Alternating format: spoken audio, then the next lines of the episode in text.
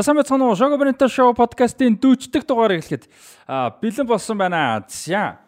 А 40 дугаартай тоглогч. За, Жак Грилиш хамгийн дөрөнд орчиж байна да.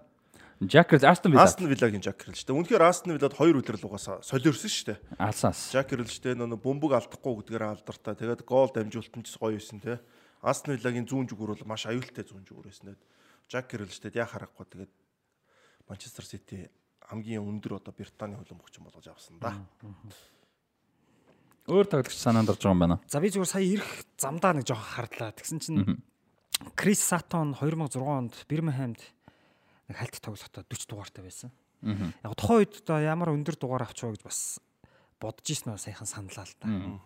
Нанжид ч нэг 40 дугаард муугаарта юу тоглолт өгсөндөө бид нар 40 шин 20 дугаартай л байсан. 40 бол нэг сүүлд гэхдээ тэрийг баг хүн мэдхгүй. мэдхгүй тий. Аа тэгвэл би анаа. Одоо ингээ бүгд мэддэг боллоо. Нэг нанжид тэгэхээр нэг 40-ын доо шууд орж ирсэн л дээ над. Тэгээд бид нар чинь нэг 24-ийн гадаа их тоглолтог өсөн шүү дээ. Заалан доо тоглоно гадаач тоглоно тэгэл. 40 мянга тэгээ шууд 40 орж ирээд Тий бас тийм юм болов. Ерөнхий ивент гэгч MMS The Future is Electric. Ерөнхий ивент гэгч MMS Green Building. За тэгээд 40 дахь дугаар эхлэхэд бэлэн болж байна. А өнөөдөр Jack Grealish бас мэдээж ярих бах Jack Grealish-ийн дугаараа. За тэгээд дэмжиж ажиллаж байгаа Westport Lounge хамт олондоо баярлалаа. Өнөөдөр хэдүүлээ бас өөр тайз бэлдсэн байгаа харж байгаа бах. Тэгээд өнөөдөр бол бидэд одоо Westport Lounge-ийн мэрэгжлийн снукер бильярдын ширээтэй тусдаа VIP өрөө байдаг. За тэнд нь бичиж чинь тэгээд яг одоо энэ камер гэрэл юу гэдэг ноутбук дээр бичиж байгаа юмнууд маань бүгдээрээ ширээн дээр нь тавигдсан байгаа. Тэгээд та ихэнд яг одоо зургнууд харагдаж байгаа байх Westport Lounge-ийн бас VIP өрөөний болон бусад зургнууд товчхон харагдах байх гэж бодож байна. Эн чин бильярдын ширээн цэмбэн гадаргуутай. Одоо яг дэлхийн оргын нөө снукрын яг нөө суперүүд яг финал тоглолт шүү дээ длаг ширээнд. Яг тэр ширээл юм байлээ л дээ тий. Тэгээд ингээд доороосоо халаад ингээд цэмбэн босч мосдог бүр. Шал өөр одоо манай хөл өмгөө зүйлгнээ шал өөр юм билээ л гэдэг шиг тий. Бүр энэ чинь нөгөө нэг дэлхийн сайн хэлдэг шиг нөгөө юу гэсэн шүү дээ. Дэлхийн аваргаар бүр хэрэгэлдэг ширээн гэсэн шүү дээ. Энд дээр тоглоорой. Бид нар цохиж үтсэн тэгээд яг мэддэг хүмүүс юуг нь гаргах бах. Би ингээд цогсон ямар ч миний урд нь мэдэрчээсээс арай л өөр юм билээ. Гэхдээ нөө бүр нарийн мэдэрч чадахгүй байгаа юм л да надад. Бүр яг байнга тоглолтог мэддэг хүмүүс нь бас бүр ялах бах те. Бүр за ялгааг нь илүү тод гарах бах. Одоо бид нар ч нөө шорон дээр тоглож байгаад нэг хиймэл зүлэгтэй болсон шүү дээ. Тэгэхэд нэг шал өөр өсөн шүү дээ тий. Тий. Тэрэн шиг л За тэгээд Westport Lounge-ийн хамт олон маань дэмжиж ажилласаар. Та бүхэн одоо энэ бичлэг хийж байгаа снукер мэрэгжлийн снукер өрөөнөөс гадна бас VIP өрөөнүүд байгаа. Караоке том жижиг янз бүрийн өрөөнүүд VIP өрөөнүүд байгаа. Зөвхөн караоке гэлтгөө тэнцээ жижигхэн хөрхөн үйл ажиллагаа найз нөхдөд цуглахтай юмнууд хүртэл хийх боломжтой юм гоё зайтай өрөөнүүд байдаг учраас та бүхэн бас ирж үйлчлүүлээрэ 90 тэг тэг 90 30 гэсэн дугаараар мэдээлэх боломжтой шүү. За тэгээ мэдээж MMS-ийн хамт олон маань ерөнхий ивент итгэжээр ажилласаар байгаа. MMS-ийн хувьд бол барилга орчин хүчнээс албар цахилгааны бүтээгдэхүүн нийлүүлдэг мэрэгжлийн ханган нийлүүлэгч компани байгаа. Та бүхэн MMS-ийн талаар мэдээллийг авах холбогдох бол Source цэгийн маань вебсайтаар эсвэл Facebook дээр Electric цэг MMS хуудасаар за эсвэл 7711 1999 дугаараар бол холбогдож мэдээлэл авах боломжтой байгаа шүү. Тэгээд Shogo Bonito Show podcast-ийн эхний сизны бүтэн сизний ивент дэгч MMS-ийн хамт олондоо баярлалаа. За ингээд 40 дахь дугаараа эхлүүлцгээе. За А өнгөрсөн дугаар гарснаас хойш бол мэдээж Европ Европын гэлтгөө бас цөөхөн хідэн шгшөөгүүдийн тоглолт болсон. Гэхдээ өнөөдрийн дугаар дээр шгшээ нэг ярихгүй. Ерөнхийд нь ярьцсан учраас. Дөрөв цаг ярьлаа шүү дээ. Тийм дөрөв цаг шгшээ. Тэгээ газар зүй ярьлаа. Тэгээд өнөөдөр нэг товчхон дурдыг гэж утсан хоёр онцлог тоглолт байна л да товчхон. За нэг нь бол Европын аврах шалрах тэмцээний урьдчилсан шатны A хэсгийн Шотланд Испани гэсэн тоглолт байна. Хамден паркт тоглосон. За Хамден паркт Скот Мактомини 2 голыг оруулж Испани шог Луис де ла Фонте тасалж байгаа шүү дээ Испаниг 2 тэг хацаад болгож авсан. За энэ дэр А ер нь Испани юу нь болж ин заг юу гэдэг ганц энэ тоглолтоор мэдээж шинэ Испаниг дүгнэхгүй л те. Гэхдээ одоо энэ Еврогийн циклд байгаа Испани хэдүүлээ нэг тийм амар их яриаггүй санагдаад байна л да. Тэгэхээр Испанийг жоохон сүлд болсон болохоор тийм Испанийг хэдүүлээ жоохон нэмж яриул. За би Шотландаа шууд эхэлчихв. За болно болоо байсан. Аа тэглэг болохоор тий. Тэгээд яг одоо Шотланд ч бол яг миний бол хоёр дахь гараг их ор болчиход байгаа байхгүй. Шотланд холбоотой юмнуудыг хамгийн дөрөнд хардаг. Тэгээд угаасаа нөө манай сургууль ч юм уу юунууд ингээд би нөө фоллоу хийцэн бодчих баян мэдээлэлүүд орж идэх учраас. Тэгээ Шотландын хувьд бол Мактомины 2 гол бас Мактомины Шотландын шат яг өөрийнхөө үндсэн тоглолтыг байрлаас өөр байрал тоглосон. Шотланд бол ерөөхдөө дасгалжуулагч бол нэг 3 хамгаалагч төлбөртэй тоглолтын 3 5 2 ч юм уу тийм. Тий Стив Брюс хувьд бол 3 5 2 ч юм уу. Аа уушлаарай Стив Стив Кларк. Кларк амт юу илээ гэж бодлоо сая. Халзан тасгалж болох байгаа шүү дээ. Кларк. Юунд Вест Бромч гэж суулж ирсэн. Тийм, Челсигийн туслах. Челсигийн олон багт байсан дөө. Стив Кларк. Тэгээд юу яаж байгаа? Шотланд 3 5 2 болон 3 4 3 хөлбөрөөр тоглодог. Яг энэ хөлбөр дээр яа тоглодог гэхээр Скот Мактомине ерөөхдөө ихэнхдээ төвийн 3 хамгаалагчийн баруун талд тоглодог гэсэн. Яг бол нэгдүгээр Шотландын яг тэр нэг хамгаалтын баруун журж жоохон сул. Зүүн дээрээ илүү Зүүн дээрээ илүү сайн. Тэгээ төвийн хамгаалагч нь гайгүй. Яг баруун төвийн баруун бол яг баруун жүгний одоо хамгаалагч одоо Вимбек гэх юм одоо right wingback нь одоо ч сул хэвээр байгаа. Яг тийм гайгүй болгож байгаа хгүй. Тэгээ Мактоминег бол энэ тоглолтноор урагшаага оруулаад одоо Celtic-ийн хамгийн гол одоо төвийн хагас хамгаалж Макрегортой тоглуулсан л да төвийн хагас хамгаалж. Тэгээ энэ тоглолтын дээр Мактомине яг өөрийнх нь одоо яг тоглолтог Шотландд гэхдээ ихэнхдээ нэг том тоглолтуудаар тоглолтгүй байсан байранда тоглоод ямар ч 2 голыг оруулсан. Шотланд дээр бол би юу ажиг гэсэн мэхээр нэгдүгээр Испани бол угаасаа бүрэлдэхүүн өвч гэсэн Шотландын эсрэг тоглоод нэлийн сул бүрэлдэхүүн харагдсан та Испани тоглолт. Тэгээ бүрэлдэхүүн сулгаар бас тоглолтын сулгарчиж байгаа юм те. А за дээрэс нь Шотландын хувьд бол угаасаа Испаниг бол яг энэ багаар удаан тоглолцсон. Испани бол яг өндөө шинэ баг орчиж байгаа. Тийм шинэ бүрэлдэхүүн шинэ баг орчиж байгаа. Тэгмэл Шотланд ингээд удаан тоглосон баг орж ирвэл энд чинь Маккин учраа болсон байгаа. Маккин Премьер лиг учраа болсон тоглож Шотландын шигийн бүр лидер болсон байгаа. За тэгээд Селтикийн Макгрегор угаасаа яг Шотландын шогийн төв яхсан үнэхээр сайн тоглолт. Айгуу гоё тоглогч. Селтикт одоо удаан тоглож байгаа. Тэгээд дээрэс нь хамгийн аюултай жигүүрлэх зүүн жигүүрлэх одоо Эндер Робертсон, Эндрю Робертсон болон Керн Тэрний. Керн Тэрнийг одоо Арсенал Ливерпулийн хоёр зүүн жигүүрээ авч учраас зүүн жигүүр нь аюултай болж байгаа. За ингээд дарахаар ерөөхдөө одоо тэ Чи Адамс төр чинь сэлгээс тоглож байгаа шин ч тийм. Одоо өндөр яг гарааны бүрэлдэхүүн бол байхгүй.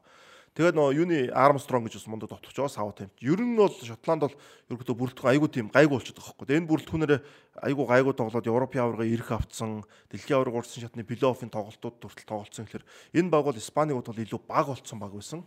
Тэгээд хамгаалтан сайн байгаа учраас энүүгээр ерөөдөө Испанийг бол би хочцсон гэж ерөөдөө дүгнсэн. За Испани шгшог шинэ дасгалжуулагчтай болсон. Луис Энрике дэлхийн аварга шалралт тэмцээний дараа ажиллаа өгөөд Луис де ла Фуэнте гэж одоо Испани өсвөр үе залуучуудын шгшээ багийг удирж исэн юм мэрэгчлэн энэ багийг авсан. Тэгээ эхний тоглолтод Норвегийн шгшөөгийн 3 тэгэр хоцсныг бид бас өмнөх дугаартаа цугсхан дурдсан. За тэгээ юу болсон бэ гэхээр Норвегтэй хийсэн тоглолтоос хойш Шотландын Шотландтай тоглоход одоо 3 4 хоногийн дараа тоглож байгаа шүү дээ. Энэ үед бол өмнөх тоглолтын гарааны бүрэлдэхүүнд 8 тоглогчийг ингээ өөрчилж гаргасан. Тэгээд өмнөх тоглолтод одоо юу гэдэг нь дубль хийсэн Хосело гарааны бүрэлдэхүүнд гарсан ч гэдэг юм уу те. За ерөн зүгээр одоо Испани гэдэг бол яг харахгүй Шотландын хажуу том нэр мэт боловч сая яг Бацааг хэлдгэр Шотланд бол яг бүрэлдэхүүнээр бас үйл хэдэн жил ингээд тоглож гисэн те. А Испани бол яг хоо ихэнх нь ингээд лалиг тоглодог ч гэсэн яг нэг цуг нэгдэс нэг баг болж исэн тохиолдол их цөөхөн баг байхгүй шахав. Тэгээ ерөн бол яг шинэ баг орж ирээд уучраа болохгүй байж байгаад бол хожигдсон. За тэр эхнийг бол их зүйлийг шийдсэн. Эхнийг бол Поро гэдэг нөгөө Тотнам аймаг. Педро Поро. Баруун жигүүрт бөмбөг эзэмшиг халтарч унж бөмбөгөө алдаад. Тэгээ нөгөө бөмбөгийг дотгошоо суулгасан дамжуулт гэсэн Мактоминай цогж За ингээ Шотланд бол их том давуу талтай болсон. Ер нь Шотландын хөлбөмбөг тийм штэ. Манай үзэгч маань санаж бол одоо Селтик ч гэсэнтэй хаяа нэг аврагын лигт нэг Барсатай нэг хэсэгт орохоор хожичдээ штэ. 10 хэдхэн хувь бөмбөг эзэмшсэн ч гэсэн түүх байдаг тий. Одоо нэг гол хийчих юм бол бас гоолоо маш сайн хамгаалж чаддаг. Тоглолтын эхлэлийг сайн тавьж чадах юм бол ер нь Шотланд бол гайгүй тоглолдог. Яг тийм уламжлалын дагуу тоглоал ер нь хожислоо л гэж би анзаарсан л да. Одоо энэ Испани нөгөө шин циклийн энэ Испани бүрэлдэхүүн тасалжуулалт за тасалжуулагчийг бол сайн дүгнэхэд хэцүү байх. Гэхдээ тасалжуулагч дээр ер нь ямар хүлээлт а биш бүрэлдэхүүн дээр ямар хүлээлттэй байна хэр явах харагдаж байна. Гол тоглогчт нь хэн байна. За магадгүй дутуу одоо шин тоглогч хэрэгтэй ч юм уу те. Дутагдaltaй байрлал юу байна. За би бол ингэж харж байна. Зүгээр э, баталгаагүй яг тийм одоо яг баттай тим гэсэн үг бол биш зүгээр миний бодол. Юу гэхээр өмнө одоо Луис Энрике энэ шгшогийг удирдаад үндсэндээ бол одоо Барселона клуб дээр бага тулгуурлаж авч явсан шүү дээ. Одоо Реалд бас сайн сайн тоглож байхад авахгүй тий. Ер нь Барса Барса Барса гэсэн За тэнгуут нөгөө нэг Луис Энрикегийн ажлыг авсан тасгалжуулагч бодсон шүү дээ. Ер нь ямар ч хүнийг ажил авахтаа одоо юу гэдэг яг өмнөх тэр ажлыг хийж исэн хүнээс нэг эрс өөр байхыг хичээдэг шүү дээ. Ямар ч салбартай. Яг л нөгөөтгөн шигээ байж болдгоо. А тэнгуут Луис Дела Фуэнтегийн хувьд одоо Луис Энрикегээс хамаагүй өөр одоо их олон төрлийн тийм олон клубээс те олон арга барилтай өөр тоглогчтой нэгтгэж нэг тийм жинхэнэ Испани шиг шоог бүрдүүлэе гэж бодсон болов уу гэж би анзаарч байгаа. За Испани гэдэг улс чи өөрөө одоо Европт бол зүгээр яг улсыг авч үзэхэд бол одоо Оросын холбооны улсыг л иш тооцох бол хамгийн олон үндэстний ястан бүрдсэн улс ч юм бол Испани улс шүү дээ. Тийм жижигхэн газар салан тусгаар л явах гад байдаг те. Испани улс одоо автономит буюу өөртөө засах хэрэгтэй 17 муж улс хоёр хотоос бүрдсэн байдаг. Маш олон үндэстэн ясны тийм үлгий улс байдаг. Тэнгүүт шигшээ багт ингээд нэг энэ тэндээс ингээд баахан дуудчихлаа шүү дээ. Тэгээд ерөөсөө нэг тийм өөрийгөө Луис Энрикегээс арай өөр гэж харуулах гад. А гэхдээ одоо юу гэдэг яг бүг ер нь явж явж одоо ер нь нэг баг дээр л тулгуурлал ер нь бас их одоо цаг хугацааны хувьд ч гэсэн өөртөө клуб бол яг ингээд 7 хоног болго ингээд уулзж идэг өдрө болгон бэлтгэл хийж идэг нэгтгэж болно. Шгшээ огчийн тийм боломж ерөөсөө байхгүй. Энэ тэндээс сугсан хүмүүсийг тэгээд мань хүн бол эхэндээ тэгж ажиллаж байна. Тэгээ явандаа зүгээр цаг хугацааны явцад энэ циклд одоо растиг инснэр хүссэн хүсээгүй одоо тэр амжилттай явж байгаа Реал ч гэдэм үү Барса ч гэдэм тэн дээр тулгуурлахаас өөр арга байхгүй. Энэ бол угаасаа угаасаа л хийх ёстой зүйл. За дефентигүүд бол бас сайхан боломж байна л да. Яг л хэсэг нь их гайгүй. Яг үнэндээ. Тэгэхээр энэ хэсэгтэр бол сайхан ингээд угаасаа Шотландтайгаа зуг гарчхал болох байхгүй нэг вэ хоёр нь ямар ч хамаагүй. Тэгээ Норвег бол бид Норвегийг биднээс аваа гайгүй тоглох болоо гэсэн Норвег бол үнэхээр юм болохгүй байгаа учраас энэ гүржтэй хүртэл тэнцсэн шүү дээ дараа нь тий. Тэгсэн. Тэгэхээр Норвег бол ерөөхдөө бас хааланд байсан байгаагүй ерөөхдөө яг байгаад мэдээж илүү сайжирч гисэндээ яг Испани Шотланд хоёртойгоо яг үзэх хэмжээнд бол арай болоо. Жигд биш үү тий. Жигд биш үү тий. Ялангуяа тэр хамгаалт болон төвийн хагас хамгаалт айгүй сул харагдсан надад бол. Тэгээс довтлохоо тэр жигүүр бол ерөөхдөө Норвег сайн. Тэгэхээр яг тэр гол байрлал дээр дутуу тэгээд Испани дээр сайхан туршилт хийж болох бах. Тэгээд юу ч юмдээ би одоо ингээд харахаар одоо Брахим Диасыг дутчихвар байгаа байхгүй Миланы. Сая энэ Наполитесэн тоглолтноор аягүй сайн тоглосон шүү дээ Брахим Диас. Тэгэхээр ерөөдөө дуудах бах нөхөр бол Аа тэгээд олон тоглолчдыг одоо турших. Яг бол энэ цикл гарахгүй болохгүй болчих болчлоо Испан дээр. Нөгөө нэг лаг баг нь 12 онд Европын орог очоод 14 онд дэлхийн орд хэсгээс гараагүй 16 онд сайн тоглоогүй шүү дээ. Тэгээд тэр тоглолч нь ингээ зарим нь ингээ явсараад ягаа өнгөрсөн Европын орд дээр хагас гişэд хагас гişэд буюу шүгүүн дөрөв деталь тоглоо хожигдсон л доо. Гэтэ ерөөхдөө нэг жоохон нэг тийм чанар гэдэг юм жоохон одоо муу байгаа байхгүй Испан дээр тий. Тэгэхээр одоо юуд чинь нэг сайн туршилтууд явах бах те эндээс тэгээ дээрэс нь шигшээ хэцүү юм те нэг дуудаал 3 хоног бэлтгэл хийвээгүй ихний тоглолт тий.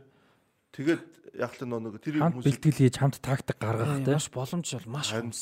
Тэгэхээр яалч нөгөө нэг ялангуяа том багууд одоо том клубтэй улсын багууд яалч тодорхой хэмжээний багууд төр суурлах нь одоо хамгийн л зөв. Одоо жижигүүд бол сайхан Сауди Араб нэг юм хоёр баг дээр тий.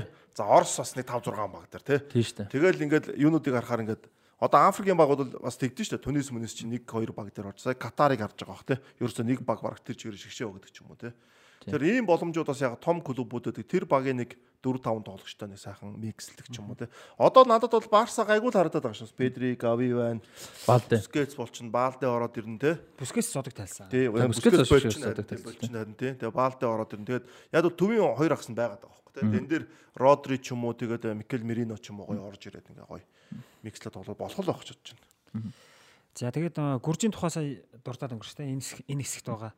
Тэгээд мэдээллийн чанартай ч гэдэг юм зүйл хэлэхэд гүрж Монголын тоглолт болоод а гүржийн шгшог яг тэр тоглолтод тогсны дараа Норвегийн шгшогтой тоглоход гарааны бүрэлдэхүүнд Монголын эсрэг гарааны бүрэлдэхүүнд гарсан 11 тоглогчийн 10-ын суулгаад цоош нь 10 10 тоглогч нэмээд тоглосон байл шүү.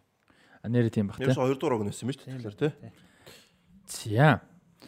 Аа тэгээд нэг дуртай гэж бодсон нь болохоор Б хэсэгт Франц Нидерландыг дөрөвдөг ярцаад болгож авсан.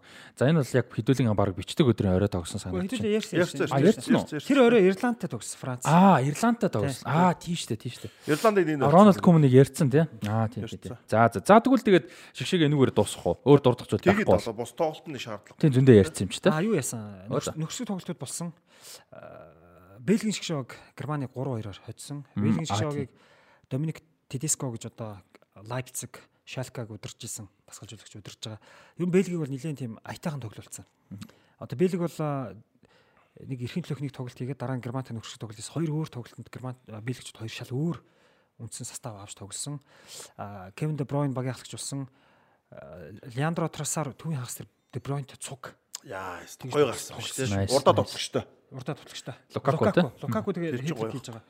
Ер нь тийм Бэлэг бол одоо бидний өмнө хэдэн жилийн өмнө хүлээдэг байсан Роберто Мартинесийн хийж чаддгүй байсан тийм тоглолтууд ер нь харагдсан шүү. Хайрын тэр сайхан голон бүрэлдэхүүн мундаг алтан үеийг л одоо Роберто Мартинес л Марк Вилмотс хоёр. Яа тий. Эхлээд Вилмотс дараа нь Мартинес. За тэгээд өөр шгшог нөгөө Месси Крусаогийн эсрэг хэтрик хийж А тийм тий. Олон улсад одоо 100 хэдэх болоо ч юм. 102. 102 102 мөн үү? 102 3 болж байгаа. Би 102 гэж харсан шүү. Тийм баг тийм. А 99 байжгаад тэгээд 100 101 102 дахь хийсэн тийм. За тэгээд шгшогийн төлөө одоо 100-аас дээш гол хийсэн 3 дахь тоглогч болж байгаа тийм. Тийм. За ингээд ихний хэсэг өндөрлж чинь тэгээ шог бонета гэдэг. За юу руу оръё. А лигүүдийн тоглолт руу оръё. За Премьер лигийн А 29 дэх тойргийн тоглолтууд болсон байгаа. За мэдээж хамгийн том тоглолт бол Манчестер Сити, Ливерпул шоудын цуглал. 4 сарын 1-нд боллоо. 4 сарын 1-нд тэгээ 4-1. За энэ тоглолт юу болов? Агуулга юу байв? Давуу тал юу байв? Сул тал юу байв? Миний харснаар бол би энэ тоглолтыг үзсэн л дээ. Тэгээ энэ дээр бол Грилишийн хоёр Махрес хоёр бол одоо зүгээр өстө чигэд дийлдэхгүй бодоо болгосон л харагдсан. Тэгээ та хоёрт юу юу сонирхолтой. Ер нь бол Ливерпул байрал болгон дээр хаалуулсан. Ялангуяа одоо Мейнли те төвийн хагас нар бол зөвнөхөр зүнхээр алуулсан. Төвийн хагасар. Тэгээд Манчестер Ситигүүд бол угаасаа яг Ливерпулны яг үнэхээр чадвартай том баг учраас хидэд удаа сөрөг товтлогоон ч маялдаа товтлогоос тэний нэг гол болсон л. Гэхдээ яг тоглолтын бүтэн агуулгаар бол тактикүүд бол Юрген Клоп бол энд бол Пеп Гвардиола үнэхээр одоо бот нэргүүлсэн те. Тэгээ Жак Грилиш шиг би бодсон. Энэ тоглогч Гвардиола дээр ирээд чууд ингээд лаг тоглолтод тоглож байдаг. Гэхдээ ховор удахгүй. Яг л тэр чинь нэг зөвхөн тамирчнаас чадвар шаарддаг зүйл биш байхгүй юм чинь хувьсах тактикийн сургалт тий тактикийн асар олон юм ингээд асар их сахилга бат асар их сахилга бат ингээд шаарддаг. Тэгэд гэрэлиш одоо яг тэрэнд нь ингээд дасаад ороод тий болоод энэ бол энэ тоглолчийн хувьд бол асар том юу хана. Одоо левел ап болно тий.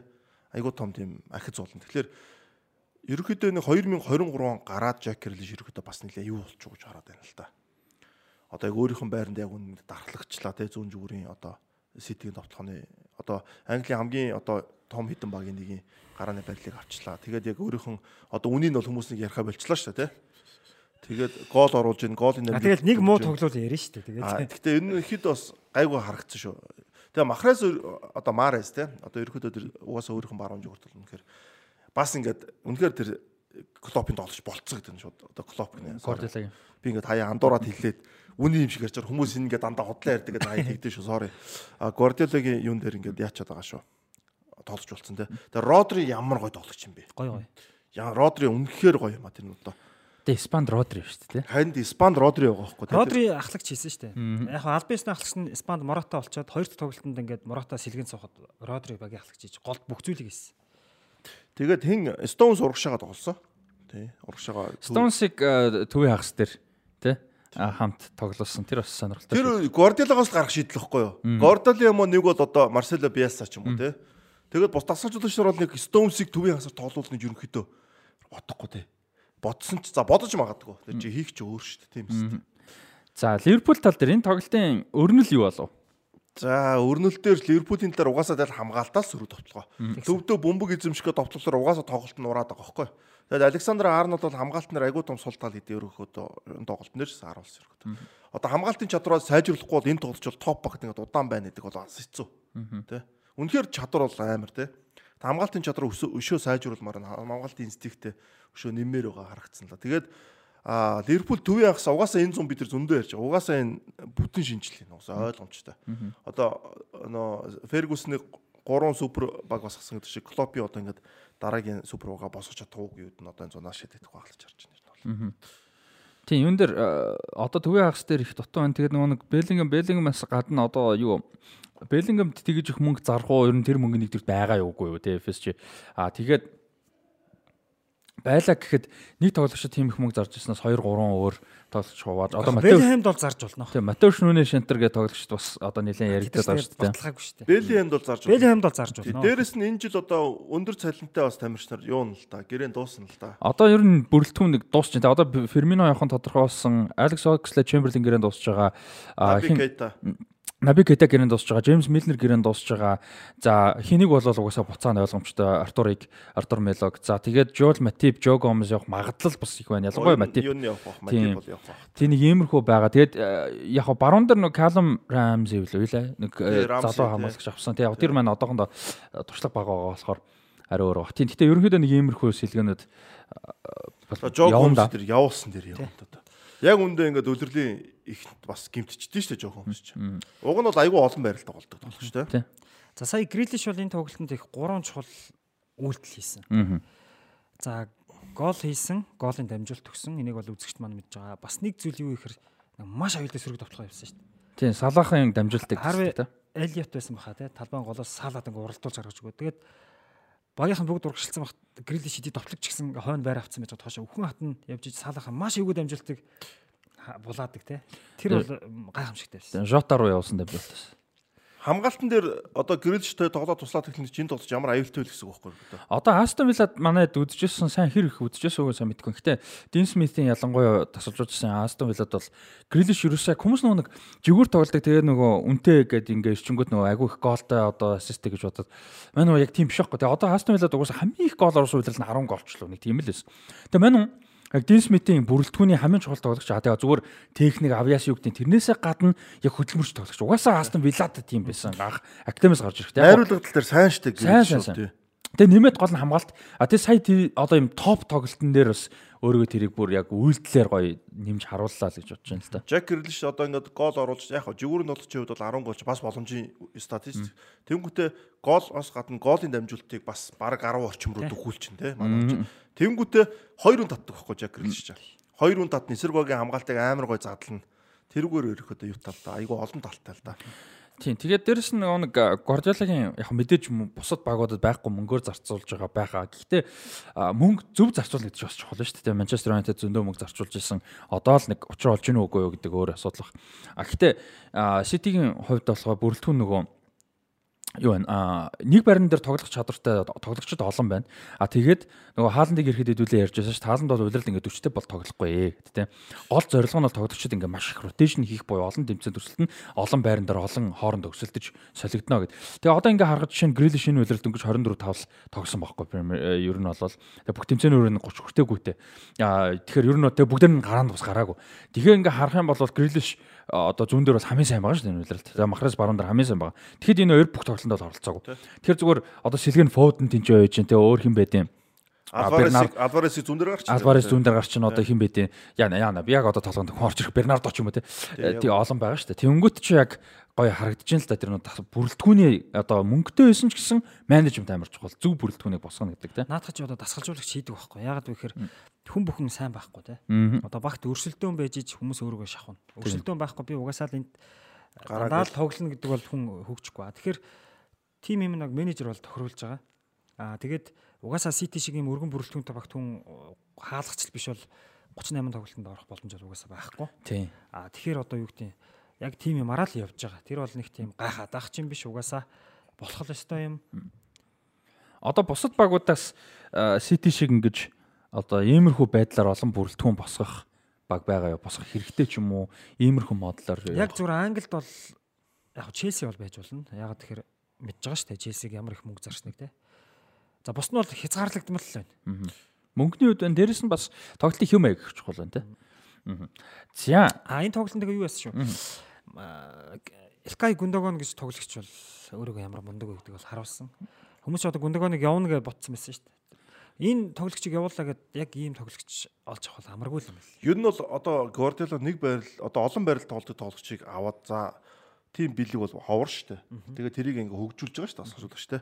2 3 байрал тоглоод. Тэгээ Гюндэг нь болохоор угаасаа нэг Клоп төр Боруссия Дортмунд төр төвийн ахсаар ингээ тоглоод угаасаа нэг тактикийн нэг геген прессингийн чадвар аяг өндөртэй учраас ирээд аягүй хурд дуусчихж байгаа хөөе. Тэгэл Гюндэг нь явлаа. Дараа нь яг ийм болж бэлтгэр ахаад нэг жил 2 жил алдсан тий. Тэг байхгүй бол. Гүндон юу юу- одоо 32 та тэгтээ. Давгүй Энэ- давгүй шүү. Энэ жил 33 хүрнэ. А одоо дараа үйлрэл эхлэе явж байгаа 33 хүрнэ. Тэ тийм болохоор бас Яг нэг үлрэл бол байна шүү дээ. Тэг нэг үйлрэл байж болно. Гэтэ Guardiola тэгж бодохгүй юу? Яг Гүндон бол угсаа амар тоглогч л та. Тэрэндээ марахгүй. Гэтэ зүгээр нөгөө нэг а, явуулах магадлал бол өндөр гэж яригдж байна. Гвардиола юу яах вэ тоо? Одоо энэ зуныг тоглогч аваад Илкайта цуг нэг жил тоглоулаад тэгээ дараа тэгэл явуулах. Илкач гэхдээ гэрэн дуусч байгаа л энэ жил. энэ сон тусч. Чанд энэ. А яг нэг сунгаж магадгүй хөө. Тэгтээ 32 та тоглож идвч нэг жил бол сонгохгүй шүү дээ. На- Нөхөр чи одоо юу Цаадч бол өөрөө олон жил сунгад юм тий. Тий, угаасаа тоглогчд угаас тэгш одоо яг нэг хэцүү Тий, өөрийгөө тий. зарахгүй. Одоо нэг Тий. нэг том гэрэл байна шүү дээ энэ тий, нэг 4 жил Тий. 3 жилийн ч юм уу. Топ класс Сити хэмжээнд. бас. зүгээр Гундагоныг явуулаад өөр хүн авал бас заяг илтгэр тэр хүний бэлтгэх гэж бас хуцаа аавна. Тэгээд э, бас жоохон хямархал бах та. Нэр Илкай Гүндоан, Гүндоан гэдэг юм биш үү? Гундон. Тэгээ Гүндоан. одоо биш нөгөө нэг э, тэрийг одоо манайхан ч бүгд хилжлээ гол. Тэгээд Гундон гэхээр одоо бусдын бүгдийг бас яг дуудгаар нь дуудах болчоод Турк нэрнүүд гэдэг гайг шүү. Тэгтээ яг нэг Соёнж байна тэр. бид нар Ямраж аам. нэг бичлэгтэн дээр одоо а гэдэг ч юм уу тийм үсгэнд байхгүй. Гэхдээ яг Гүндоны чинь нөгөө акценттэй бичдэг шүү дээ. Тий. О аа л шүү дээ. Тийм. О аа тийм Гүндон. Одоо 10 доон гэж нэг бүх бүх байлаа шүү дээ. 58 одоо манай Пүр Батрын ганц өрсөлдөгч. Тэрүүгээр л одоо яг энэ Туркийн а одоо G үсэг байгаа шүү дээ одоо англиар дээ энэ үсэг фонлогоор энэ үсгнийхээ юуг нь одоо яаж ялна шүү дээ. Тэгээ Гюндаган дээр харун догоон гэж шүү дээ. Тий догоон. Тэгээ би ч бол харун тэр чинь 5 сар дээр догоон чинь довоон чинь янз янз чинь тэгэл харж ирсэн. Тэгээ дараа нь яг Гюндаган дээр чинь таарж байгаа байхгүй. За тэгээд Сити тэгээд одоо Гюндон явуулаад шууд топ зэрлийн тоглож авах гэж. Тэгэхээр тоглож авах нь хэцүү те. Одоо заах шууд Гюндоны хэмжээнд тоглож бол угаасаа. Одоо Месси Маунт гэж амар гоо тоглож одоо Маунт Маунт сонгоц сонгоц. Огүй харин одоо худлаа болж байгаа. Яг л Грэм Поттерын тактикт нийцэхгүй байсан нэг нь юугүйсэн. Одоо бол ингээд баг үлдэх байх чийсэд одоо хийж. Өөр юм байна. Одоо одоо зүгээр зүгээр болдог бол тэгэл Педри шүү дээ. Ер нь болдог бол Педри ёо. Одоо Гави гэж чи юунд дуусч байгаа вэ сте? Чилүүтагийн тоо. Чилүүтагийн болох гээд бас нэг. Тийм. Гэтэл яг өөрөө бол Барселонд асуудалгүй байгаа. Ер нь нэг тийм явна гэсэн аа хадлагагүй байгаа гэсэн юм яа. 7 хоногийн 250 мянган паундыг Man City өгөё тоглож юугүй. Мэдгүй тэгээ харин харж л л шүү дээ. Одоо. Өөрөө тэгээ Ламасиа. Гави бол одоо яг тийм үнэнч би багтаа үнэнч үлднэ гэж хэлж мэтгэл хүн л дээ. Гави бол яг нэг характер бол тиймэрхүү. Тийм. Ер нь тэгэхэд бол гайхааргүй. Тийм. Тэгэд яг юу юм бэ лээ нөгөө нэг одоо ингээ албасны гэрэн 6 сарын 30 дуусаад ингээ өөр багт ярих боломжтой болцсон байгаа ч гэсэн Гави юуныхаа Барселоныхан бол өөртөө нэлээд тайван байгаа угаасаа санаа зовхгүй байгаа гэсэн юм бол яриг. Тэгчээ юу штэ нөгөө мэрэгжлийн үлэмсаа хин хилцсэн байла. Таны дараагийн төлөв өгч надад план байхгүй. Мэрэгжлийн спортод мэрэгжлийн үлэм өгөхд юу ч болж магадгүй. Энийг бол төлөвлөнө гэдэг айгүй хэцүү те төлөвлөнө гэдэг айгүй хэцүү. Тэгэхээр одоо би юм хэлмээр өгнө. Сая хиний ярьцлага байв да. Нэг ярьцлаган дээр ямар ч тэгсэн. Би тэгэхээр бодохгүй. Энэ бол мэрэгжлийн спорт угаасаа амаргүй те. Ямар ч нөхцөл байдал гинт үүсч магадгүй лээ. Асар хурдтай байдаг. Одоо энэ жил Премьер лиг нийт 12 дасгалжуулагч чалсан бүх цагийн одоо хамгийн өндөр юу болчихсон одоо те. Одоо so far те. За тэрэн дээр гоё юм асууна. Грэм Поттер дунд нь хоёр ч явцсан баг шиг. А нэг нь бол нэг нь халагдаа. Халагдаагүй. Халагдаагүй. Харин тийм би дүүм учраас явцсан гэж хэлээд байгаа байхгүй. Нэгд нь болоод нэгд нь халагдчихж байгаа байхгүй. За а за санитаригт өөр тоглолт гэх юм бол за би үзег үхтэй айгүй гой тоглолт болсон гэж сонссон. Brighton Hove Albion Brentford 2 3-3-аар тэнцсэн. Тэр тоглолтыг үзсэн. Заяа үзээдсэн мэт. А би ээлжиж үзсэн шүү. Арсенал Leeds 2-ыг үзчихсэн гол орохгүй явжсэн. Тийм тодорхой болсон шүү. Тэгээ солио үйжс чинь 2-1 болсон байл. Ёо л Brentford очиж явжсэн. Тэгээд явжс чинь Mitoma ч голдоод 2-0 хид болсон байла.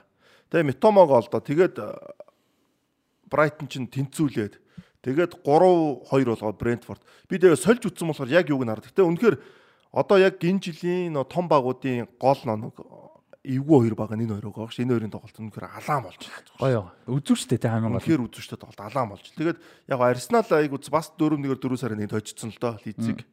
Тэгээд Арсенал дээр бол яг хаа тэгээд юу н гоё л хэлээ. Габриэл Жис орж ирснээр яг өөрийнх нь нэг юу характер шууд харуулж хэлээ. Шууд техний дээр булангийн цөлийг үнэг шиг унаал тэгээд авч хэлээ л дээ. Аа. Тэгээ дөрөв нэг те. За тэгээд Арсенал өргөжлүүлээд ярих уу? Арсенал дээр тэгээд нэг Сака эдрийг амраагаад их гой тоглолцсон.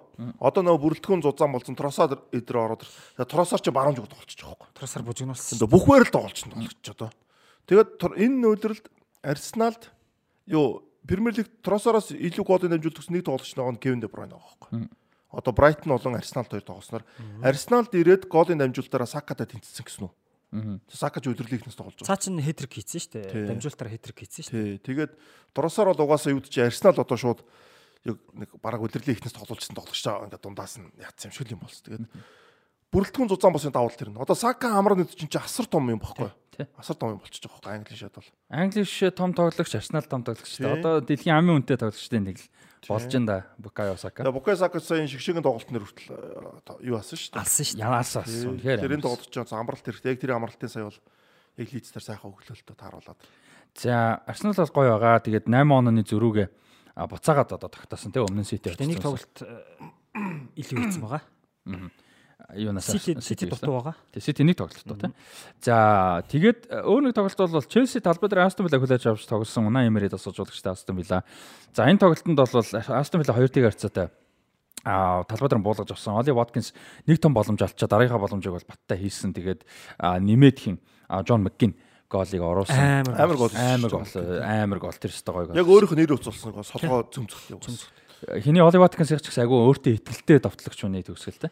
За тэгээд дээрээс Грэм Поттерын сүүлийн тоглолт байлаа. Тийм, Эми Мартинес их сайн тоглосон. За тэгээд Грэм Поттер халагдсан. Тэгээ би Ваткинсыг олыг харчаа бодсон чинь өлөж хайд штэ хүн. Юу н ойрын үед тийм дээгүүр нь давуулж хийсэн гол айгүй баг гарсан. Тийм байна тий.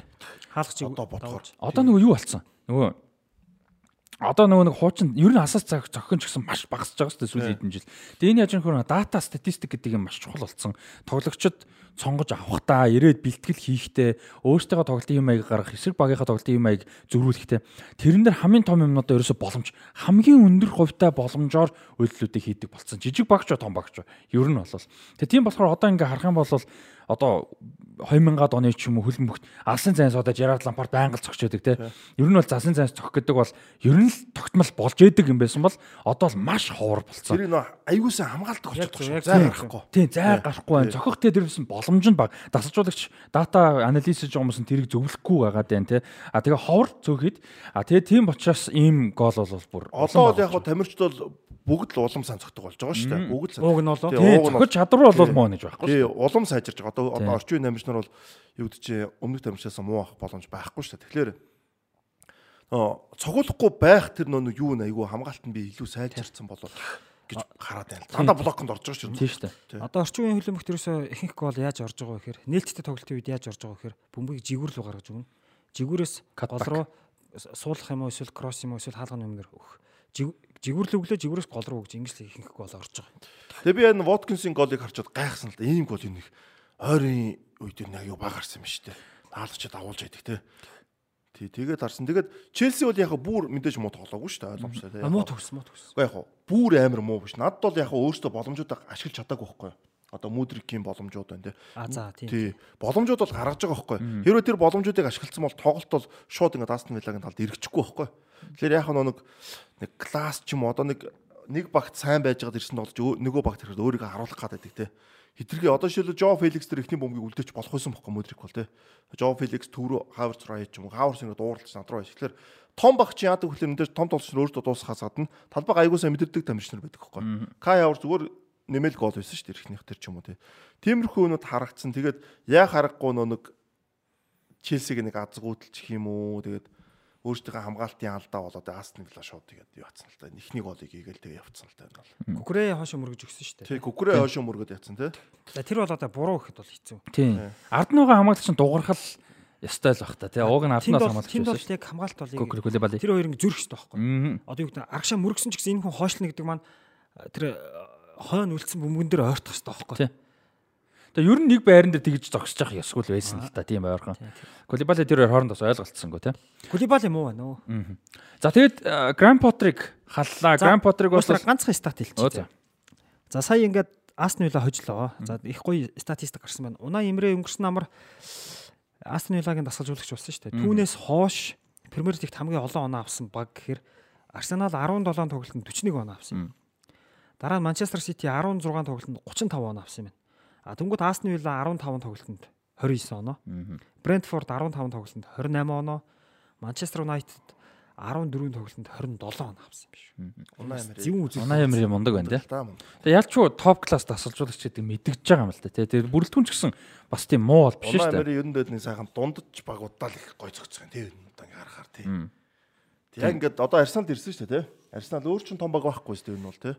А Парис Парис. Севиа, Спартак заах. За яг Парис Арсенал. Севиа тоглол супер байсан шүү Тий дээ. харин тэгэхээр энэ дундаж багтаа гэж. Дундаж олон дундаж жоохон дээг. Тий. За дундаас дээгүр л их баха. Дундаж гэж бол би яасан. Тий, унаа ямир Яг дундаж гэж бол тий, ярьсан. Дундаж тийм ээ тийм бууруулч. Дундаж болон дунджаас дээгүр өгөхгүй тий. Тэгэхээр одоо Астон Виллаг угаасаа тоглолт нь шал өөр болцсон шүү дээ. Астон Виллаж баг унах бүст орж исэн баг шүү дээ.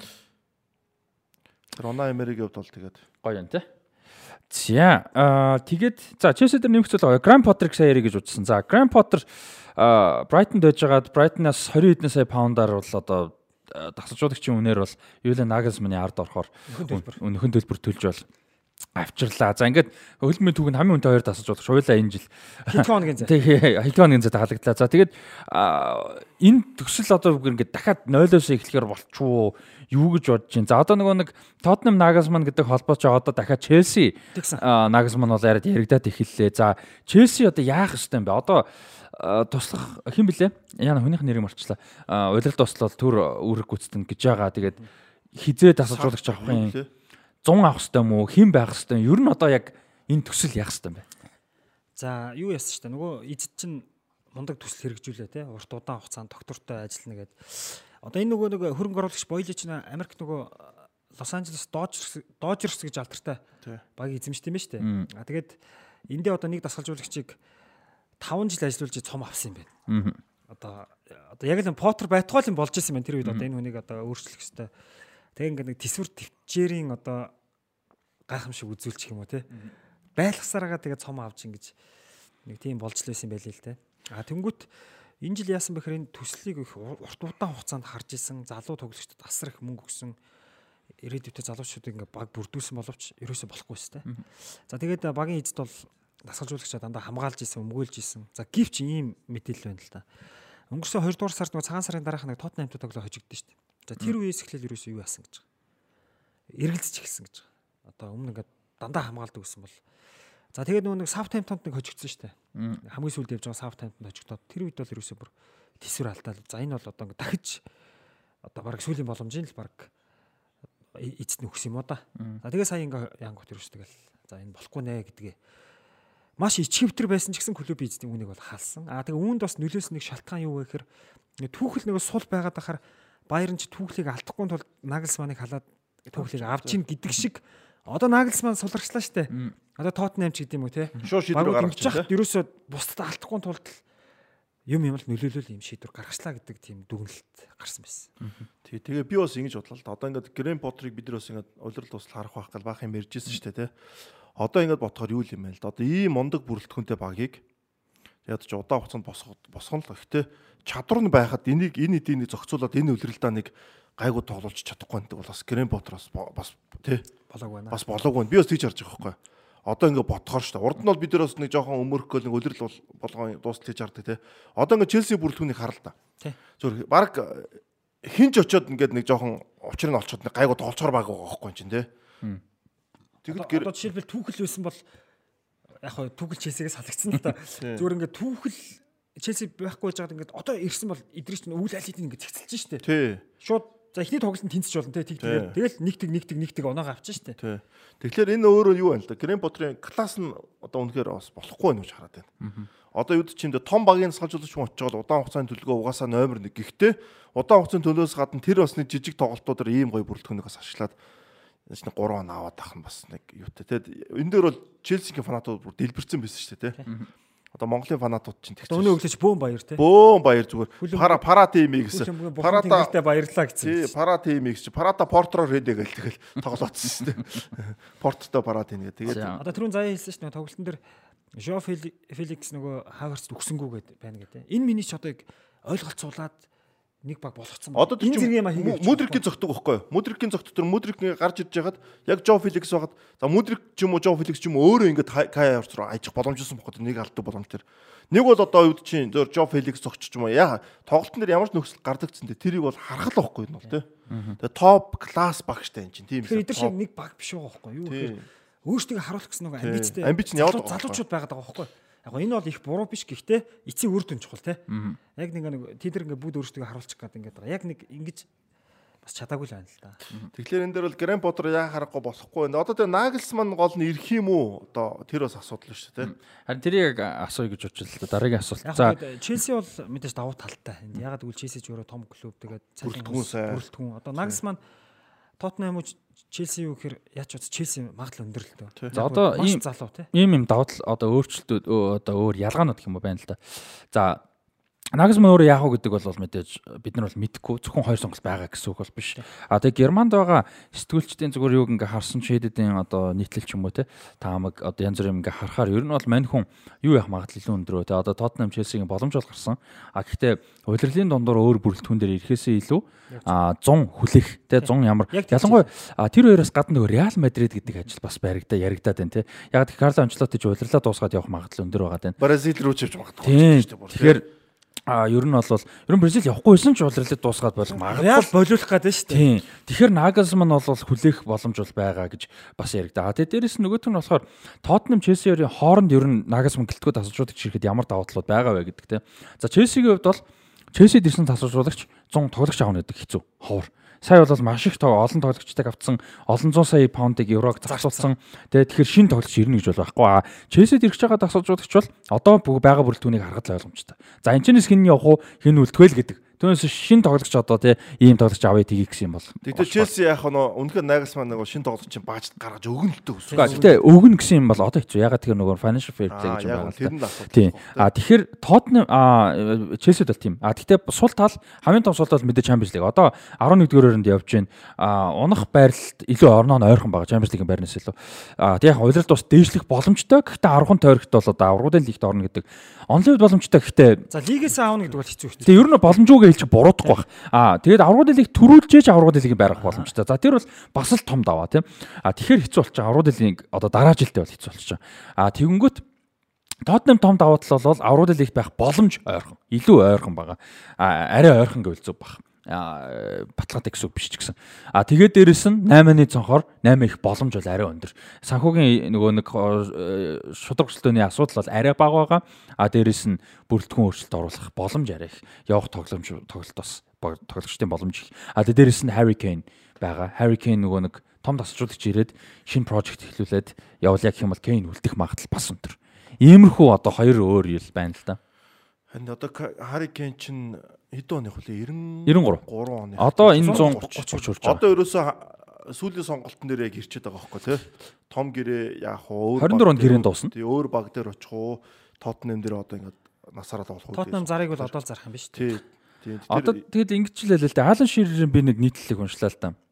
Тэгээ маань хүн гентэй холбоотой юм нэг рекорд ивцснийхэн дараахан. Тэгээ маань хүн ингэж юм л да. Яг өөрөө бол мэдээж Blackburn Premier League авчаад Newcastle-та ирсэн те. А гэхдээ яг юу залуу байсан шүү дээ. Хамаагүй залуу. Тэгээ мань өөрөө тэгсэн байл. За би үнэнчээр хэлжээ. Одоо би олон жил бодсон зүйлээ хэлье. Тэгээ одоо намайг барьж идэх нь барьж идгээ. Гэхдээ түүхэнд маш олон шид тоглох мань хүн бүр яг хэлсэн үлгэн тэр. Маш олон шид тоглогчид Премьер Лигийн цом авч яасан. Тэгээ Harry Kane-ийн хувьд бол Tottenham-ийн ингээд all time тэгээ гайхалтай домог болно гэдэг бол хэний ч авч чадахгүй юм одоо маш том гайхалтай түүхэн амжилт юм аа. Англид ч ихсэн адилхан тий. Тэгэхээр трийгээ үргэлжлүүлээд одоо миний гэхэд одоо би гэдэгтээ биш энэ том түүхэн тэмцээн гэдэгтээ тий энэ рекордынхоо төлөө явах нь чухал багийнхаа тэгээ домог нь болох нь чухал уу эсвэл нэг медаль чухал уу гэдгийг бол би болвол арай өөрөөр бодож шүү гэсэн юм ярьсан байсан. Юу н Аалан Ширрийн ярьж байгаа үгнүүд амар юутэй байдаг шүү дээ. Оновчтой амар зөвүүн. Тэгээ Аалан Ширж хамгийн гол нь өөрөө нэ хинээс ч яахгүй нэ индипендент юугаа илдэг байхгүй шууд. Одоо Гарел Линкер асуудаг шүү дээ. Асуунгууд шууд энэ ийм байна, тийм байна. Ингэж болохгүй, тэгэж болохгүй. Магтах нь үнэхээр сайн магтаж чаддаг. Яг одоо нэг Саймон Ков шиг санагддаг байхгүй надад нэг таална тийм те. Тийм учраас тэр хүмүүсийг чинь хүмүүс амар сонсдог. Удлаа нэг хоёрын хооронд ингэж байдаггүй те. Тэгэхээр Алан Ширер хэлж байгаа бол тэр бол одоо юу ч юм дэ нэлээ юутэй л гэсэн үг байхгүй. Жинтэй. Жинтэй л очинсан манай хүн дээр. Харикен дээр. Стивен Жерард чинь тийм шүү дээ бас. Яг ингэ тийм тийм. Тий. Ливерпулд Премьер лигийн цом аваагүй усаар Стивен Жерард тийм байх хүн болгонд одоо Ливерпулийн домогдож ярьдаг шүү дээ. Тийм шүү дээ. Гэхдээ одоо ийм байгаа байхгүй. Харикений хувьд бол яг гоо Жерард бол мэдээж домог те агуу. А гэхдээ Кений хувьд нэг тийм барих юмтай байгаа байхгүй. Ямар ч цом медалаас илүү бүх цагийн мэрэгэн буч гэдэг бол те. Тэр бол ер нь бол тэр нэг сэлгэн цугаад медаль зах Премьер лиг авраг гэдэг бол үнэхээр том л доо. Гэхдээ одоо Арсенал Сити митиг дундуур хаж авах гэдэг бол хэцүү шүү тоглоом бол тийм. Гэхдээ юу гэдэг хиний хувьд бол медаль цом авахгүй байсан ч гэсэн Премьер лигийн бүх цаг үеийнх нь мэрэгэн бууч нь болоо Тоттенхэмийн домгоор хөлчөл бас. Би тэгтээ одоо Кени орнд бодъё л да. Одоо ингээд Премьер лиг харлаа. Асар их мөнгө өргөлж байна. Би өнөөдөр нэг статистик харсан дээр байгаа илүү юу лээ. Одоо ингээд юу н байгаа хөөхгүй нэг. Лигийн value гэж байгаа хөөхгүй байна лигийн value гэсэн Premier League үнэлгээ 10.1 одоо тийм үнэлгээ шүү монголоор 10.4 одоо биллион гэж байгаа. Тэр бум тий. Одоо паундаар шүү дээ. Амар их мөнгө байхгүй. La Liga талаас нь баг. 478 одоо биллион гэж байгаа. За еврогоор шүү бүгд тэр евро юм биш шүү. Тэр бум. Тэр бум шүү. A 463 микрофонлогоо яриараа заах. Аа A 463, Bundesliga 433 гэж байхгүй юу? Одоо тэр бум тий. За тэгээд Франц лиг орж топ 5 лиг. Тэгээд чемпионшип орж байгаа дараа нь. Топ 5-ын дараа. Чемпионшип амар. Бодлоо Англи лиг байхгүй. 1.4 одоо тэр бум. Тэгээд дараа нь сери одоо А гэдэг энэ өөр өөр улс ах. Бразилийн сери авч юм аа. Бразилийн сери А тэгээд Португалийн лиг дээр орж байгаа байхгүй. Сери А гэх Бразилийн сери тэгж өндөр ормооргүй. Долоод орж байна. Яг хөлөн бүгч мангар хөлөн бүгч. Эдгээр чинь нэг манай бүгчүүд мөнгө өгч нэг хөлөн бүгч нарт айгүйх нөө юу зардаг. Аа Одоо бизнесийн утгаар ирээдүйтэй капиталууд байна л да. Тега А гэж үйл сери А гэж магадгүй шүү. Сери А гэж. Тий, тэгээд ингээд харахаар энэ өөр асар томын үн цэнтэй лиг байхгүй. Одоо угаасаа энэ үн цэн улам нэмэгдэж байгаа. Топ. Тэгээд би Harry Kane-ийн өмнөөс бодъё л доо. Клоп байна, Guardiola байна, Arteta байна. Энэ дундуур Tottenham авраг авахгүй. Тотнам бол аавна гэж бодохгүй л байна. юу нь бол авахгүй. Энийг бол Harry Kane одоо өөрөө дунд нь байгаа баг мэдж байгаа. Тий. Тийм биз дээ. Одоо ингээд яг үндэ ингээд нөгөө хэдэн ч гэсэнтэй за ингээд яг цомын төлөө хөдөлөө зүтгий бүрэлдэхүүн солил. Тэгэхээр Harry Kane-ийн хувьд бол угаасаа мэдж байгаа учраас үнэхээр цомын төлөө тийм учраас энийг Алан шир хэлсэн баг. Алан шир мэдж байгаа баг. За тэр үед бол Blackburn авч болох боломж байсан. Яг үндэ бол тий. Топ баг гэх юм бол за Манчестер Юнайтед гайгүй болж исэн. За да Ньюкасл байсан. За Арсенал, Ливерпул унтсан байсан үе гэдэг ч юм уу. Тэгэхээр одоо бол ерөөхдөө тэр дундуур ороод ерөөхдөө Манчестер Сити эдрийн дундуур ороод Тоттенхэм аав гэдэг бол Хэцүү хэцүү. Юу нь бол хэцүү шүү. Одоо ийм байгаа шүү дээ. Кейн Манчестер Юнайтед очиод ч авна гэдэг хэцүү. А Кейний үед Премьер лиг авч болох хамгийн гол боломж 21 онд нөгөө нэг Еврогийн дараа нэг Ситинийг авах гэж явсан шүү. Тэр бол үнэхээр бодиттой боломж байсан. Тэр үед Өөрөө ч явах байсан шүү очсон бол нэг хэдэн жилийн дотор яаж игээд нэг бол авах байсан л. За яг Манчестер Юнайтед очичвол бас арай дээр Яг боломж байгаа. Боломж байгаа. да. Тий. Тий. Тий. Гэтэ одоо Арсенал бол жишээ яг хөлөн бүтүүд боломжгүй зүйл үгүй шүү дээ. Арсеналыг бол бид нар энэ жил ингээд ингэж үзсэн чи бодоогүй шүү дээ. Арсенал гайгүй болж байна. Гэтэ Тоттенхэм хэлж арай өөр болчихж байгаа байхгүй бас тий. Арсеналтай харьцуулаад Арсенал ч юм бол ерөөхдөө бас build up хийж штэ нэг дээр урд нь түүхэн байсан. Гэтэ улирал эхлэхийн өмнө бол Тотнамыг илүү өрсөлдөхүү гэж Тэгээ яг бодож тэгж байсан. Хэдүүлээ бол ярьсан дээ. тий? Яа харахгүй болж болж байна. За тэгээд Кейн ямар ч сан ширээрийн ерөнхийдөө хэлж байгаа юм нь бол тэгээд ер нь одоо нэг багийн домог байх нь юунаас илүү үнцэнтэй шүү л гэсэн одоо утгатай юм ярьсан байсан л да. Өмнөөс нь мэдээж шийдэггүй. Гэтэ тэр бол тий. Одоо Кен Манчестер Юнайтед ч юм уу ингээд очиод тоглоод тавьж лээ нэг л төсөөлөгдөхгүй л байна яг үндэ бол. Амар эвгүүл харагдах байх юм бол. Хүмүүс ч гэсэндээ одоо нэг гоё таа. Вампирс Юнайтед явдаг шиг юм шиг. Одоо тэгээд бас яг юм биш нэг бүгжний төлөө нэг явдаг тоглож одоо нөгөө 2004 оны Lakers биш үү? Карл Мелон хүрээд ирсэн. Сүүлийн жил Гэри Пейтнер. Гэри Пейтн тэгээ нөгөө Онил Коби Тэгээд дөрүүлээ арчдаг. ахтар дөрөв яг Детройт 10 талаа хожигддаг. Хөргө тэд нар нөгөө бүгжний төлөө ирж байгаа шүү дээ Карл Мелон тий. Тэгэл биш нөгөө нэг Lakers-ыг дэмжээл ингээл тэгэл авч чадаагүй. Яг яг тэд нар чинь гимтэл их баг хоорондоо айгу 9 тоглосон гэдэг. Юу гэвэл айгу цөөхөн тоглосон байдаг шүү бас. а тийм ээ. Гимтэл бэртэл амар нөлөөсөн тийм үү. Яг тэгээд авч чадаагүй. Яг зүгээр ингээд авч болно. Гэхдээ эн чинь бас нэг үн цэний үед бас ямар байх юм. Яг цом бол цом л доо. Гэхдээ гэхдээ тий. Цом бол одоо бид нар бидний боддог шиг байхгүй. Тэд нар чинь нөө тэмцээн маш бага болдог. Цом маш бага авдаг. Тэр нөхдүүд чинь цом гэдэг бол асар үндэстэй нөө ямар өө Меркуригээс солирох гэдэг юм. Стефен Марбори. Хятад дээр цом авсан шүү дээ. Тэгээ үйлсэн шүү дээ. Миний анхны цом гэ тэ. Тэр чинь NBA-гийн дамир жоо Марбарис 2004 оны Олимпиад орж ирсэн. 2004 оны Олимпийн наадмын Америк нэгдсэн улсын шигийн гарааны холбогч.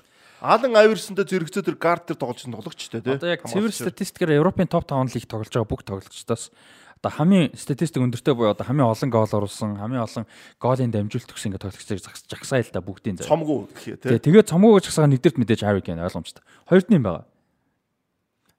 Карьертаа оруулсан гол, голын дамжуултын. Стивен Ж- а цомгүй гэхэлэр ч юм биш тий. Ямар ч цом, карьерт бүр ямар ч цом аваа. Одоо тоглож байгаа. Одоо тоглож байгаа. Яг одоо тоглож байгаа. За цомгүй баг. Тоглож байгаа тоглогч дундаас угаасаа тэгэж бодоход. хаалт цом авсан юм.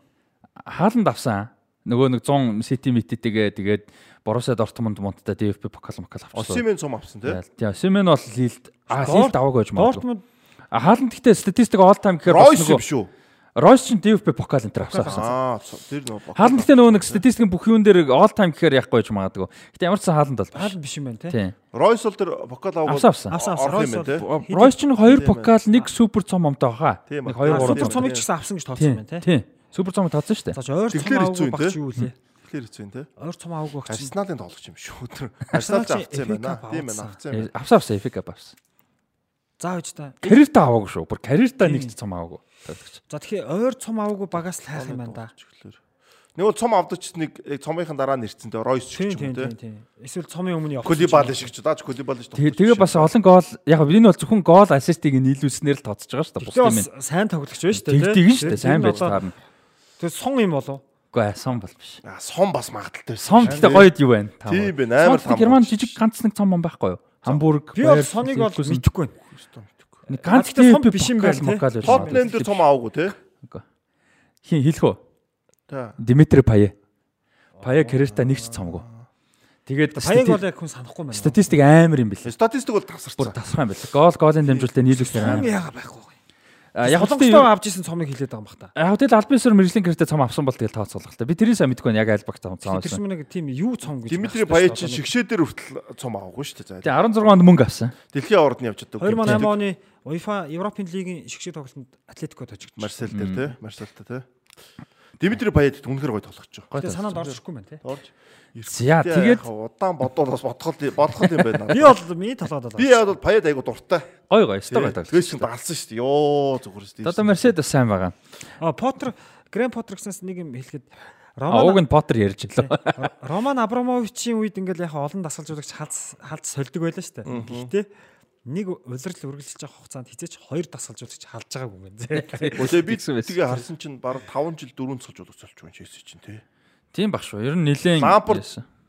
Жил хагас. Тэгээ Түүхэл тий тэгээд Грэм Поттер өмнөх нь хэм байгаа шүү дээ. Бас нэг удааг өнөхөр байгаа. За бүр юунаас нь ярил л да. Ранеригээс ярил л да. Оо тэгвэл яг Морины дээр ч бас нэг 2 3 жил болсон шүү дээ. Айгу айгу тий. Тэгэхээр Ранегер юу нь бол Челсид тасалж удаж уддаггүй. Тий нэг Ялангуяа Абрамовичийн. манай улсад ч нэг ингэдэж нэг ерөнхий сайд хідүүлээ. 1.5 жил ажилладаг. Юу гэлээ нэг. Яа үнэн шүү үнэн үнэн. Хамгийн бага 8 сар маар яддаг шүү манайх чинь тий. 8 сар ажилланд ерөөсөө байгаа шүү манайх чинь тий. Гэхдээ манай элбэгдэрч ерөнхийлөгч мурах 98 онд ах ерөнхий сайд болох тоо чинь 8 сар 3 сар байхгүй та. Тэгээд үүрэг гүйцэтгэгчээр удаан явцсан байхгүй. Тийм Нэг удаагүй тий. 8 сар болсон гэж харж байна. Тэгэхээр За за Грэм Поттер тэгээд Грэм Поттерыг л авах баг зөндөө байгаа ш. Одоо энэ бага халсан гараад байгаа шүү дээ. Тэр чинь одоо энэ Грэм Поттерийн 8-аас юу хамгийн hodсон Brighton. баг нь Брайтон л болчихлоо одоо энэ. Дезерби гэж гой дасалж болгоч тоо. Гой дасалж одоо Мөнгө. тэгээд энэ чинь мөнгнөөс гадна юу байхгүй юу? Грэм Потертойгоо удцсан одоо энэ бага ахаад Грэм Поттер 1 жил 2 жил ахаад сайн тоглож чадахгүй эргэлзэж тэнгүүл шин ингээд юу ороод ирж байгаа юу? Цусаж бич байгаа цусаж удаж. Тэнгүүтээ дээрэс нь Кукрега үнтэй зарчиж байгаа. Тэгээ ард нь Стопинян гэдэг одоо гой тоглогч байна те. Одоо тэгснэ Дезербиг том багт өгснө. Потрыг буцаач авч идэргээ. Гэхдээ Дезербиг ч угаасаа юу байгаа даа шүү дээ. Сонирхоод байгаа шүү. Тий, сонирхоод байгаа шүү дээ. Юу арах юм? Нэс харж байгаа. А за зүгээр зүгээр нөө нэг энэ чи шогагийн инстаграмаар орох гэсэн. За яг зүгээр зүгээр та ярьж ярьж. Одоо Грэм Поттерыг бол авах багууд дээ. Том багууд бол авахгүй болох л та. Энэ бол тэгээд яхаа юу багууд бол. Одоо топ класс баг дээр өөрөөхөө одоо юг жоохон Яг рейтинг те. хүн нэг алдах юм байна. Гэтэ буцаад босох юм бол те. Сайн ажиллавал байгаа байгаа. За хин очвол Грэм Поттер очвол гой баг юу вэ? Тоотнам байж болно шүү. Зөндөө шүү дээ. Тоотнам ах уу? За авахгүй авахгүй шүү. Авахгүй шүү Тоттенхэм одоо. Авахгүй хаа. Ер нь бол Поттер зүг Челсид л болсонгүй шүү. Дахиад Би бол Тоттенхэм Грэм Поттерыг аавна ерөөсөө утахгүй. Өдөөд одоо энэ Лестер Местер за Лестер жоохон мөнгөгүй болчиход байгаа. Лестер зөндөө баг биш. Брендер таа. одоо яг халсан бас биш. Яг одоо хамт mutual consent гэж байгаа. Тохиролцож байсан. а- ам тохиролцоо. Ам тохиролцоо байсан тэр ихэд. Угаасаа Лестер ч өөрөө тохиролцоо. Одоо mutual consent гэдэг чинь яг хална гэсэн үг шүү байхгүй юу? Нөгөө ярилцаад хоорондоо тохироо за болио гэж болж байгаа гэсэн. Гүр тэгтэл наач нь одоо юу гэсэн юунд орно шүү дээ. Одоо нөгөө халах гэдэг тоо. сакт сакт бол биш те. Саг биш те. Гэхдээ хална гэдэг чинь өөрөө л өөрөө бас тийчээ тодорхой хэмжээнд юугаа мэдэж гэнэ гэсэн үг л те. Тий. Одоо яг нөө Тэгтээ цэвэрхэн л алдсан юм биш Тий. те. Ер нь бол. тий хоорондоо тохироод одоо Лестерийн нөө юу байхгүй нөө. Лестер ч одоо жоохон санхугаас султаа байгаа шүү дээ тий. Тэрнээсээ ягаал тэгэл Тэгэл яг тохиролцоо тэгэл мөнгө төгрөгөөч гэсэн дундаа хийгээл. нөгөө дасгаж энэ хин ч гэсэн удсан шүү дээ Брендер Рожерс ч хөрхөн тий. Тэгээ заа заа одоо ингээ бойлигээ тэгэл болчлоо л доо. За. Очих баг бол одоо Премьер лиг нь зөндөө баг байж болно. Алин ч гэж болно шүү дээ. Тийм үстэй. байж болно гэж аа. За а тэгтээ юу яадаг бол одоо Мануны юунд бол Brentford ч юм уу Brighton Brighton шиг багш гоё те. Эсвэл юу гэдэг Everton унахгүй үлдээд Эвертон Бас- гоё удаж болно шүү дээ. яхан бол байж болно те. Everton бол те мөнгөтэй багш та бас. Уг нь бол. Вест Хэм дээр чинь Хойсоо. Дэвид Мойса тэгэхээр гайгүй юм байна те. Тэгтээ Вест Хэм ч одоо сонирн байгаад байгаа шүү дээ. Горон гар. Сая яг хожлоо л та саад юм тийм. West Ham 14 рүү дэше дэвшсэн. Тий, Мойс орж ирээд тэгэхээр ээ Премьер лигийн багууд одоо бол бүгд мөнгөтэй шүү. Нотинг Форестыг харж байгаа шүү дээ. Мөнгөтэй л байгаа шүү дээ. Амар олон тоглогч авлаа шүү дээ те. Бүтэн баг 20 хэдэн доллар ч ингэ солилоо шүү. Тэгэхээр ч болох байх юм. За Челси шүү дээ.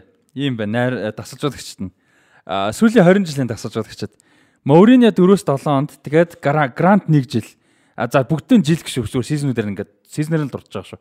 Scolari, Hiddink, Ancelotti, Villas-Boas, Di Matteo, Benitez, Mourinho, Hiddink, Conte, Sarri, Lampard түүгэл а Potter гэсэн. За энд нэг тайлбар өхөн зүйтэй баг. Хитинг нэр хоёр удаа гарч байгаа тийм. За хитинг бол юу гэдэг нөгөө эхлээд хэнийг халагдахад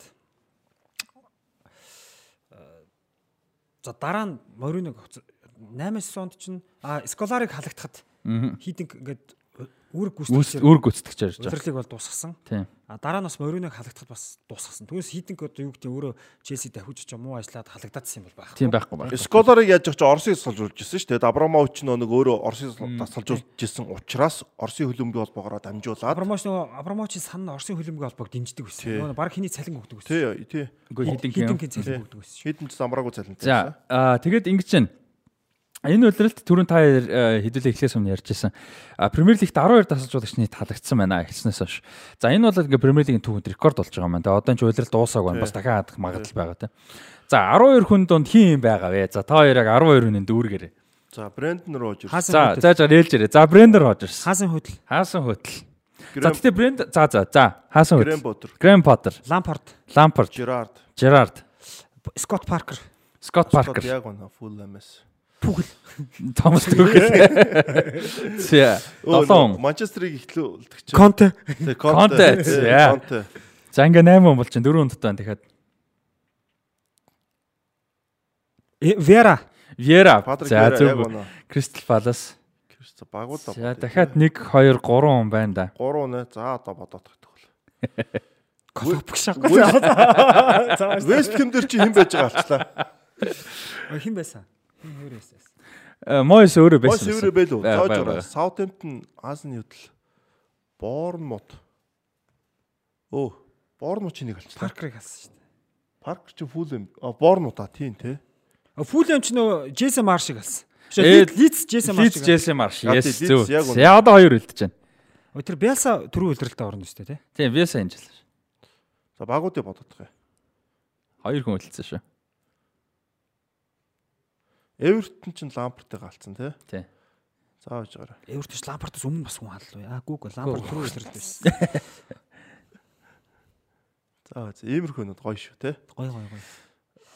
За одоогийн байдлаар хилцэн байгаа нь Поттер, Рожерс, Конте, Вьера, Марш, Лампард, Хаасан хөтл, Жерард, Түүхэл, Паркер.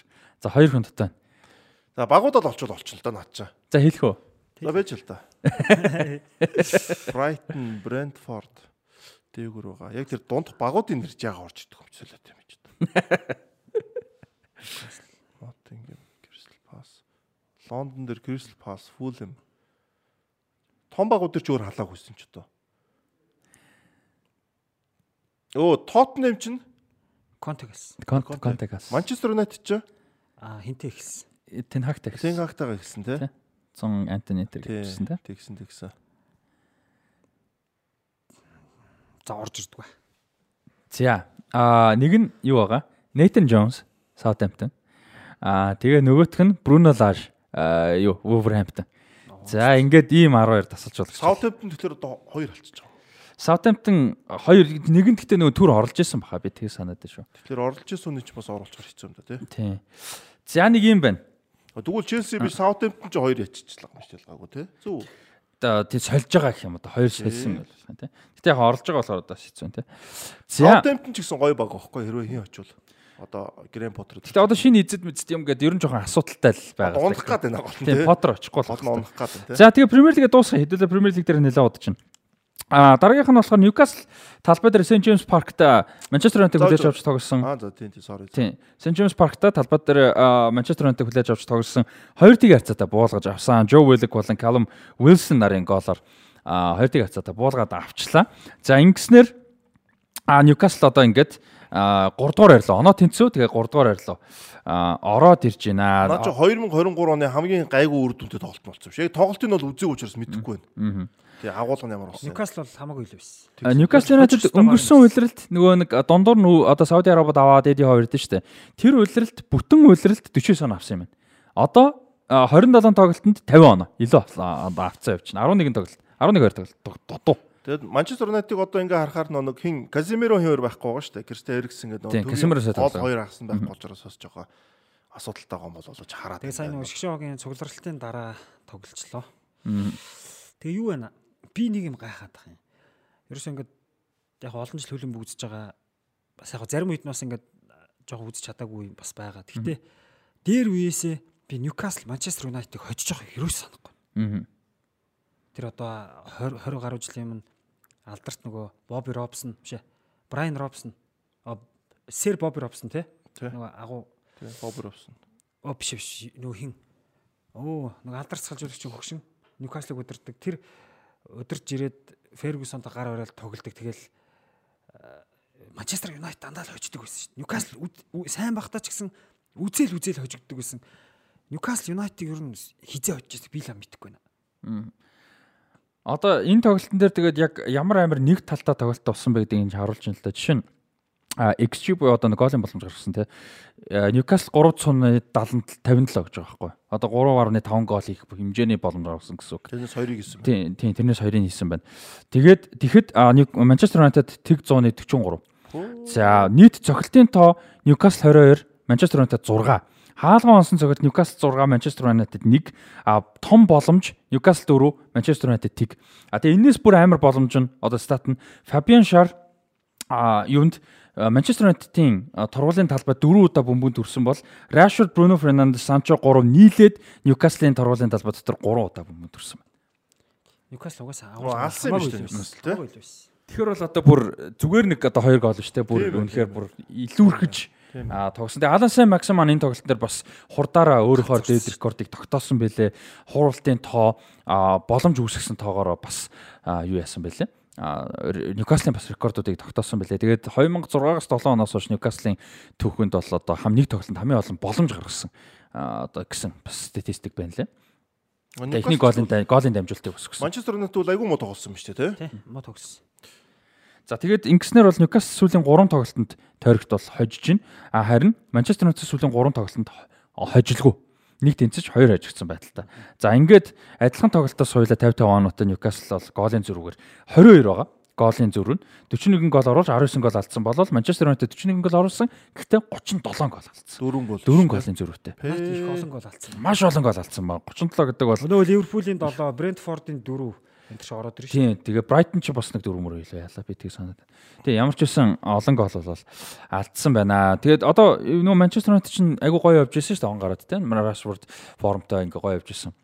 За Касемиро бол дутж байгаа нь ойлгомжтой. Гэхдээ энэ гурван тоглолт дараалаад ингээ оноо алдчихаар хэр нөлөөлөх үйлрэлт нь нөлөөлсөн. Нөлөөлнө шүү дээ. За нэг тоглолтоос бол хэдүүл нэг сүртэй заа яг гайгүй гэж бодно те. Одоо жишээ нь Ливерпулийн хавж хөтлөл. Аа тэгвэл тэрнээс хоошоогоо үргэлжлээд эн чинь яг өөрөө нөө 3 дугаар байр дийн төлөө тоглож байгаа багийнхаа тоглож байгаа ингэж муу тоглож. Тийм гол өрсөлдөөн нь те. Одоо сая Ливерпул Сити хоёрыг харал та. Одоо ингээл уг нь саяхан гол өрсөлдөгөөс хоёр багт ямар амар зааг гарчв те. Тийм шүү дээ.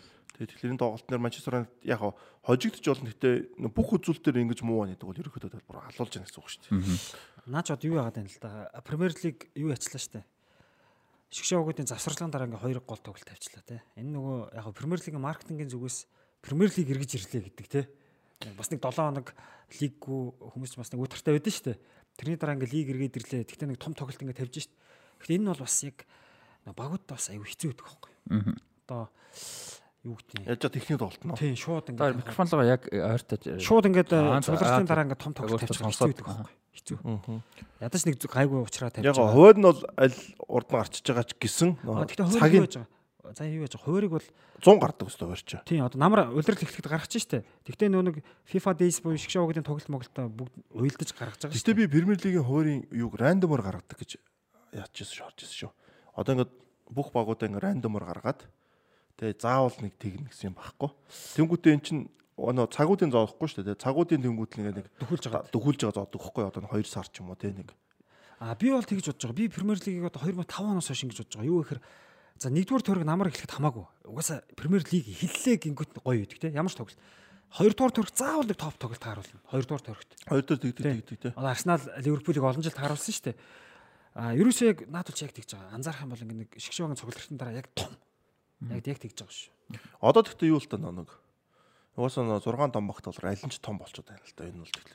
Тэгээ би рандомор гардаг гэж харсан шүү. Би буруу санаагүй бол.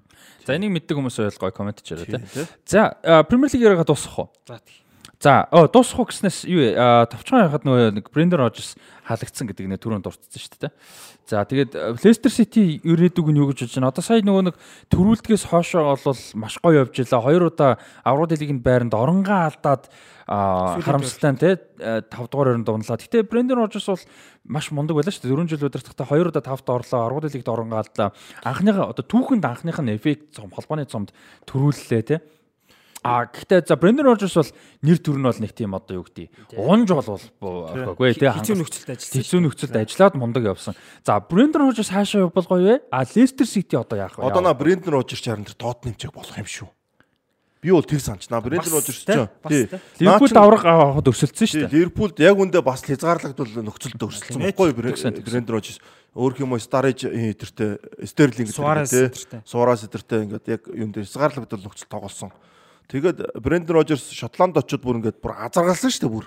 Тэгсэн тэгээд бүр бүр утгаар нь бодоо болгосон заяа. Тэгээд Лестер гэдэг багийг одоо ингэж гайгүй ингээд өдөр. Тэгэхээр би бол Брэндон Рожерсыг бол ерөөдөө одоо ахаад нэг том баг од үзүүл яатаа гэж бодчихно яг. Тоттенхэм юу явах вэ? Нөгөө Нагelsmann гэдэг юм уу хитэ хараас яваад Тоттенхэм бас дараагийн төлөвлөгөө гэж болно тий. Би бол Брэндон Рожерс бол айгүй дайггүй сонголт. Өөрөөс нь тотхон хөлбөмбөд болдог байхгүй. Тоттенхэмд бол яг тохирно энэ. За Лестерийг яана гэж бодож байна одоо. За ч яста битгэхгүй. За Лестер бол ингэх баха. Одоо угаасаа энэ жил Саутгемптон бол ерөөд унчих бах. Унтахаар байгаач угаасаа тий. Одоо болт. Лестерүүд бол хамгийн гол санхүүгийн асуудал нь ковид хамгийн одоо их нөлөөсөн байгууд энэ Лестерт. Яг бол эцэст нь нэг ковидтэй холбоотой бизнес одоо ковидтэй холбоо sorry. Жуулчлал аялал жуулчтай холбоотой бизнес гэдэг учраас ковид дээр аялал жуулчлал явахгүй учраас ингээд юу болсон. Бараг бизнес нь дампууран галарсан. Тийм учраас нэг Лестертэй хөрөнгө оруулах ч юм уу тэр ингээд асуудал болсон. За тэгээд юу байгаад байгаа одоо энэ баг ерөөхдөө хөрөнгө оруулалт нэмэх юм уу нэг бол зарах ч юм уу тийм рүү орохгүй бол одоо Лестер доошоо унчих бол одоо тэр доороос ч гарч ирнэ гэж сая хэллээ шүү дээ. Европын топ 5 лигийн дараагийн 6 дахь лиг нь юу вэ? Дахиад Английн лиг байгаа байхгүй юу? Тэгэхээр тийш нэг доошоо орсон баг чиний хүл алдвал дахиад ч доошоо явчих. Тийм, эйгүү байхгүй. Тэгэхээр энэ нь бол Лестерд одоо дахиад нэг хөрөнгө оруулалт дахиад хэрэгтэй. Өөр хөрөнгө оруулчихгүй бүр гаднаасаа тий одоо энэ Таиландын одоо Вишаийн хүүгээс гадна өөр хөрөнгө оруулж ирсэн. Нэг бол одоо зардаг ч юм уу тий. Яг бол Премьер лигийн багийн зарнад шинж ашигтай байхгүй. Бүгд аавна багийг бол. Тэгэхгүй бол энэ баг чи өөр гоё баг штэ. Тэгээ Рожерс явц одоо бүр айгүй нөхцөл юу болцсон. Тэгээ одоо унмааргүй штэ. Тэгээ саяхан төрүүлсэн баг. Одоо одоо зүгээр энэ жил тогтлоо хэд том өөрчлөлт их бол дараа жил дахиад бас л унгон төлөөл өрсөлдөх гэдэг шүү дээ. Тэгээ яг үндэ Брэндон Рожерс тулд авч үлдээд байгаа байхгүй юу? Өөр дасгалжууд ч уучлаарай. Тэгээ дээрэс нь одоо Брэндон Рожерс байсан учраас бас тоглогч нь үлдсэн баг. Одоо явах боломжтой маш сайн тоглогч хэд хэд байгаа шүү дээ. Мэдиснаас эхлээд тий хэд хэдэн сайн тоглогчд байгаа шүү дээ.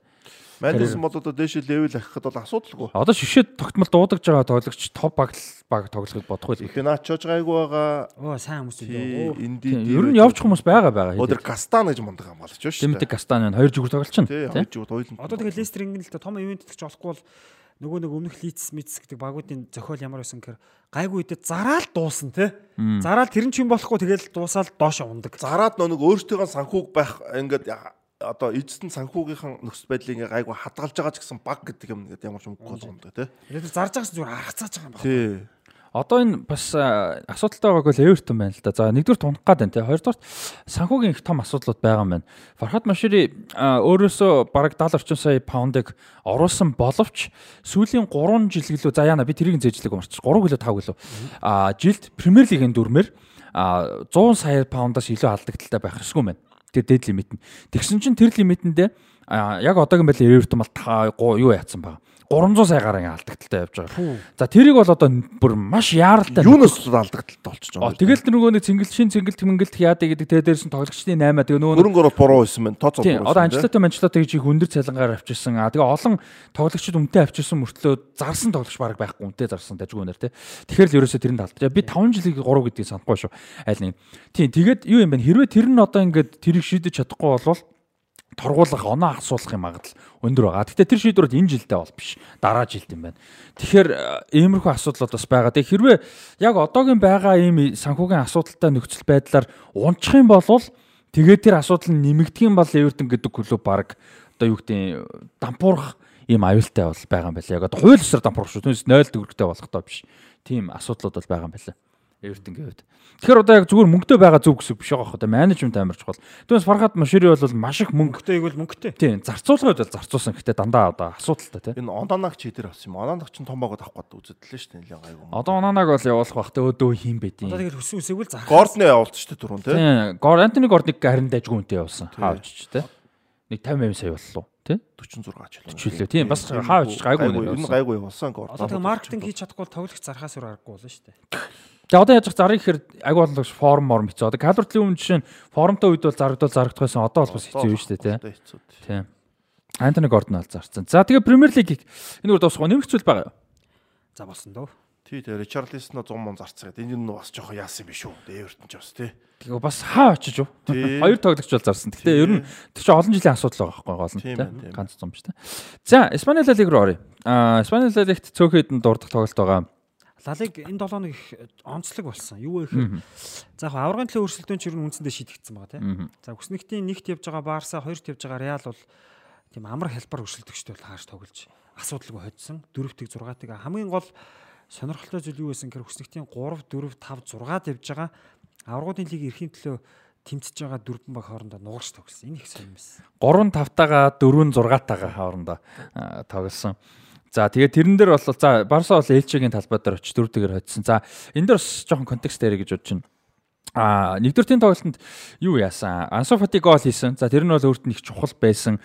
12 3 тоглолт гол хийгээг байсан гэж санаж шүү. өнгөрсөн 9 илүү 10 сараас 10 дугаар сараас. Тийм тэрнээс хойш гол хийгээг байсан. Тэгээд асуудлууд их яригдчихсэн тий. Форм муутай байна. За тэгээд дээр нь Бори Фати гэж одоо аав нь бол ярьслага өгсөн. За тэр ярьслага бол яг энэ тоглолтын өмнө нилээн одоо олон шууг өгсөн тий. Тэгээд тэр ярьслагт бол өөрөө хэлэхдээ Миний үгслэр бол одоо яв- явуулмаар байна. Яг ийм байдалтай удах юм бол явуулмаар байна. А одоо ямар их том ихтгэл найдвар юу өгчөөд одоо ингээд фит байхад нь тоглохгүй байна. Түнс нь одоо нөө гимцэн бахад нь тоглосон гэдэг утгаар шүү дээ. Одоо фит байгаа тийм байхад нь тоглохгүй байна. Тэгэд ингээд тоглохгүй байх байсан бол ингэхгүй байсан. А тэгтээ одоо юу гэдэг Шавигийн ч юм уу юуны эсрэг зүйл бол биш ээ. Зүгээр тог хүүхдээ бодож байна. Тэгээд сэтгэл зүй хэцүү байсан учраас одоо сүүлд аль нэлээ нэг тоглолтыг нь бол би очиж үзээгүй Камп Ноуд те сонирхол байгаагүй. А тэгээ хүүхдээ бол би бүрэн дэмжиж байгаа. Өөрөө бол Барселона клубтэй хайртай. Өөрөө бол ингээд тоглохыг хүсэж байгаа, үлдэхийг хүсэж байгаа явах сонирхолтой байгаа гэж ярьслаа гэсэн. А тэгээ тэр нь бол юу гэдэг нэг тийм зарим нэг нөхцөлд эцэг их ч юм уу эйжентүүд нэг үг хайдаг, яс хайдаг, нөгөө явуулах гэж тэгээ янз бүр юм ярьдаг юм байсан. Байдаг. А тэгээ энэ дээр бол би тэгж бол хараагүй. Энэ дээр бол ярилцлагын ч бас үтсэнд яг хилийн ойлгохгүй ч гэсэн нэг характер нь яаж гаргаж гэх те. Тэр талаас нь харах юм бол яг илүү зүгээр хүүхдэд жоохон санаа зовсон талын л яриа байсан болов гэж би ойлгосон. Гэхдээ яг тэгж ойлгох хүмүүс ч байгаа бах. А тэгээд Ансо Фати ч гэсэн нөгөө гимтэл бэртлээс нь угаасаа л муу байсан энэ жил тэр нь бас үнэн. А тэгээд сая бол гол оруулсныг чухал. Гол оруулсан гол нь ч бас нэг тийм юу гэдэг нь зүгээр нэг хоосон хаалганд нэг тапинд бас хийжээгүй 16-ын гаднаас бас нэг явж ирээ зохиод бас нэг өөрт нэг юм сэтгэл зүй баярлсан шүү дээ. их баярлсан тийм. Тэгээ багийнхан ч гэсэн бүгд явж чаад бүр ингээд бүгдээрээ их одоо тэр бол нэг тийм том баг жижиг бага 3-0-оор хожиж байгаа үед хийж байгааг бол тэр нэг тийм нэг сүртэй баярлахаар бол биш аа. Гэтэ Ансу Фатигийн үед маш ач холбогдсон 3 гол зүг биш үү тийм. А 2 дахь нь тийм. Тэнгүүт ач холбогдлын үед тийм сүртэй ч гэсэн Ансу Фатид айгүй их ач холбогдол өгч бөөнөр очиж баяр тэмдэгч ингээд урам зориг өгч Багийн байгаа. 10 дугаар голд орч одоо аргагүй юм да тий. Тэгээ дээрэс нь бас өөрт нь хэцүү цаг үе байсан учраас тийм. За тэр нь бол а, Барселона клубын үед их ач холбогдолтой байсан. За Месси 90 гэдэг мэддэгдэл бол их яригадад ихэлсэн. А дид ер- ерөнхийлөгч дид захирал тийм. Хэн блэ нэрийг марчиж. А Матео Алиманигийн яг одоо баруун гарах юм да. А мань хүн нэг ярьслаа өгсөн байсан. Бид нар бол яг хууль ёсоор албан ёсоор Месситэй контакт тогтоосон одоо буцаж авчрах ажлыг бол эхлүүлсэн. А бүтэн гэсэн үг бол биш. Санхүүгийн одоо шудраг өрсөлдөөний асуудал бол бай мэдээж байгаа. Месси өөрөө ирэх. Одоо энэ бүхнээс илүү Месси өөрөө ирэхийг хүсэх ёстой. Тэр нь хамгийн чухал зүйлээ тий. А тэгээ Месси бол энчээ өөрөө өөрийнх нь одоо гэрн гэдгийг Барселона гэдээ бол гэрн гэдгийг мэдж байгаа. За тийм учраас одоо юу байгаа гэдэг. Ер нь их юм яригдсан. Одоо яасан гэсэн чинь юу яасан юм бэ? Сая тэр нөгөө Мессигийн ихнэр 3 хүүхдээ аваад юу яатсан юм бэ штэ. Барселона хот руу нүүсэн юм байна буцаад. Аа тэгээ тэрний яг нүүсэн гэдэг нь юу гэдэг нь бүр Парис хайсан гэсэн үг бол мэдээж биш. Гэхдээ нилээн бас юу гэдэг нь хит хоногор ш одоо юу гэдэг нь нилээн л юмтай л нүүсэн юм байна л да. Тэгээ тэгсэн чинь нөгөө Мундо Депортивогийн нөхдөд чинь Марка Антрийн ч штэ. За инглээ тэглээгөө бөө юм болоо. Испани сонь сэтгүүлэр бол бас нэг сая 7 хоног бол нилээн л юм яригдсан юм байна. Барсад өөртөөх гэрн байгаа ш тавгаасаа хаус. Тийм мэдээж бол байж байгаа. Тэр лугаа яхад нэлийн юмтай очлоо юм л да. Яг бол сая нөө яг тэрний дараа үг нь мэдэхгүй шүү. Барис Жермен ч сая юунд очигчлоо шүү дээ. Леонд очигдсан. Леонд очигчлоо шүү дээ. Ярин ярин тий ярин тий. Энэ тий. Аа за за. Тэн дээр ярин ярин тий. Тэгээ ямар ч байсан Барселонагийн эргэн хойр тойронд бол нэг юмрхүү. За харин а, Реал Мадридын хувьд бол Ваядолидыг хүлээж аваад бодоо болгосон 6 дээр хоцсон. Ваядолид одоо энэ жил унах хоо. Тэр Роналдогийн одоо эзэмшдэг баг шүү дээ. Ваядолид. Гэтэ унахгүй унахгүй гайгүй явж байгаа. Гайгүй юу? Гайгүй гайгүй. Энд чинь Ваядолидыг одоо унч магадгүй гэж. яг унах өрсөлдөөнд бол байгаа. Гэтэ гайгүй явж байгаа. юу? Одоо жишээ нь Унахгүй төлөөх өрсөлдөөн гэж. унахгүй төлөө өрсөлдөөнд явж Унахын байгаа. төлөө өрсөлдөд байж. Тийм тийм бас гайгүй байгаа шүү. Бас унах магадлал байгаа. Гэтэ гайгүй. Аа тийм тийм Тоглолтын харахаар үнэхээр одоо тийм нэг хэцүү хэцүү. Надад чи юу яа нэг томчууд алуултай. Тэгснээр яг доошогоо. Нөгөө хэдтэйгээ оноо зулгаад юм аа. Доогоороо чи нэг тойрчдээ шүү дээ надад ч. Тий, тэгээд Реал Мадрид бас гоё юм хэм бол 10 хэдэн минутанд байсан баха. 17 гэсэн үү хэдэн минутанд байсан. А манай сонсож байгаад илүү сайн мэдэх бах. Бензема хедрик хийсэн их бага хугацаанд ямар ч байсан. Тэрнээс ч баг богино бах. Хедрик хийсэн тэгээд юу мэрэгэн борчийн өрсөлдөөнд бол хинээс Левандовскигаас 2 хон гол ярд, 2 3 хон гол ярд ингээд хүрээд ирж байгаа. Реалд бол бас их чухал хожил бол байсан. Гэхдээ одоо бол 11 2 онооны 13 ч юм уу онооны зөрүүтэй явж байгаа. 12 тийм. Онооны зөрүүтэй явж байна. За энэ тоглолтод их чухал болсон шүү дээ. Одоо түрүү нэг Ансу Фати гол ихэд бөөн баяр боллоо гэдэг шиг. Эден Азар буцаж ирсэн. Ээ за. Азарыг Бенземагаар сольсон. Тэгээ Бензема ч Азартыг хүндэтгэл үзүүлсэн, багийнхан ч их хүндэтгэл үзүүлсэн. Тэгээд Азар голын дамжуулт өгч. Аа одоо маш олон хүнийг баярлуулсан. Өөрөө ч бас их урам зориг авсан баха. Азарч одоо дэлхийн хөлбөмбөгт яг цэвэр клубийнхаа цалингаар эхний 10-д орд юм байл шүү дээ. 6 болоод 7 болоод явдаг юм байна. Сарын 2 сая гэж үт 7 хоногийн 2 сая ч ч амар цалинтай байлээ. Тэгээд өөрт нь бол тэр нь их сарын л та. Сарын л байх л та. 7 7 хоног Мбаппе чинь 7 хоногт 2 сая гарсан байсан юм. Тэгэхээр 7 хоног еврогоор. Тийм 7 хоног байхгүй юу? 7 хоногийн эхний 10-д орж исэн. Сая мая хавцаа байсан юм аа. Үгүй баха. Бич бич бич. Уу хамгийн өндөр цалинтай тоглогчд гэж жагсаалтан дээр бол Эмбапе ч 2 сая 7 хоногийн 2 сая евро 2 сая биш биш. Азар бол 2 сая биш байхгүй. Азар бол нэг сая хавцаа байлоо да. Тийм ямар ч ихний 10-д орд юм байлаа. Сая ч өндөр сонсогч ш баслаа. Гэхдээ угаасаа тэр чи амар үедээ ирсэн шүү дээ 19 он тийм. Тэг гэрээгээ тэр гэрээгээр тэр хавцаа байсан шүү. За сая биш магт 8 900 мянга ч л нэг тийм байсан шүү. Амар өндөр сонсогч сая гэж тийм. Ерөөсө топ хит топ хит ч угаасаа сайн юм бэлээ. 2 сая гарцсан ганцхан Мбаппе байд юм байна. А тэгээ бос нь ерөөсө араас нь байд юм бэлээ. Неймар одоо Де Бройн байна. Одоо хин юм байлаа. Месси зэсэ ингэ тэр ингэ. Де Бройны сая хүрд юм уу те? Саяга хүрд юм бэлээ. А хааланд тэр чи амар юм бэлээ шүү дээ. Хааланд Де Бройн ч номер 1 цалинтай байсан. А тэгээ хааланд юм байна. 7 хоногийн гэдэг чи байна ч одоо. Эмбапе ч сарын 5 сая байсан мэлүү. Нэг тийм тоо явуулсан шүү. Сарын 5 сая. Ямар ч сан би харахад 2 сая. Би тэгвэл гэтээ сар бол биш. Эмбапе 2 сая, сард сая 2 сая гэдэг бол утгагүй. Трансфер маркет руу орж харах юм бол илүү тодорхой болно. Би эсвэл трансфер маркетаас ч илүү юунаас илүү харсан юм а. Тэгт ямар ч байсан Окей за би тэрийг бэлдэг гэж би нэг ярина гэж бодог болохоор а зүгээр юу хэлэх гээд юм гэхээр ямар ч байсан хамгийн өндөр цалинтай тоглогчдод Европын топ 5 лигийн тоглогчдод эхний 10-д орд юм байлаа. Шууд Килиан Эмбапе гарч ирж байна. Хоёрт Тэгээ наа чи орлоготой байж магадгүй шүү. Зүгээр Google гэх юм бол орлогоор трансфер маркетаар гарч байна. Аа за трансфер маркетаар яах вэ? Value нь гараад ирлээ. За гэж байгаа. Трансфер маркет руу оруулаач илүү тодорхой харагдана. Тийм ямар ч үсэн тэгээд хин бол Азар ямар одоо эргэж ирээд бас нэг форумтай тоглох сонирхол бол мэдээж байгаа. Одоо улирал дуусах төгсөж байна. Ялангуяа лалиг тоглох сонирхол бол мэдээж байгаа боломж ч илүү байгаа гэж бодож байна. Ягаад тэгэхээр аврагын төлөө өрсөлдөөн бол жоохон хэцүү болцсон. За тэгээд аврагуудын лигт илүү ач холбогдол өгөх нь ойлгомжтой. Тэгэхээр лалигт бас нэг арай жоохон боломж гаргаад тэ фит байгаа дэвэл бас Азарыг тоглоулах юм юу гарах баха боломж бол их гарах гэж бодож байна. Одоо Азар бол харамсалтай байна те тэр нөгөө нэг юунаас хойш Реалд ирснээс хойш те яг юунд бол Европа лиг төрүүлдэг улирал 19 онд бол Азарчин бүр карьерийнхаа карьер бест улирал байсан шүү дээ тий. Яг одоо статистик талаас бол тэгээд 100 саяар ирсэн. Тэгээд одоо харамсалтай нь бас гэрээ нь 24 онд тусвал уу? Тийм багсан баха 20 25 жилийн гэрээтэй ирсэн санагдаж байна тий. Тэгэхээр бас одоо дараа жил сүүлийн руу орох нь тий. За тэгээд түрүү ярьжсэн а 2 2 3 дугаар энд явжсэн нь 5-таагаа 4-т явжсэн 6-таагаа тоглосон Villarreal Sociedad хоёр эхлээд тоглоод Villarreal Sociedad-ын тоглолт өстой гоё тоглолт болсон.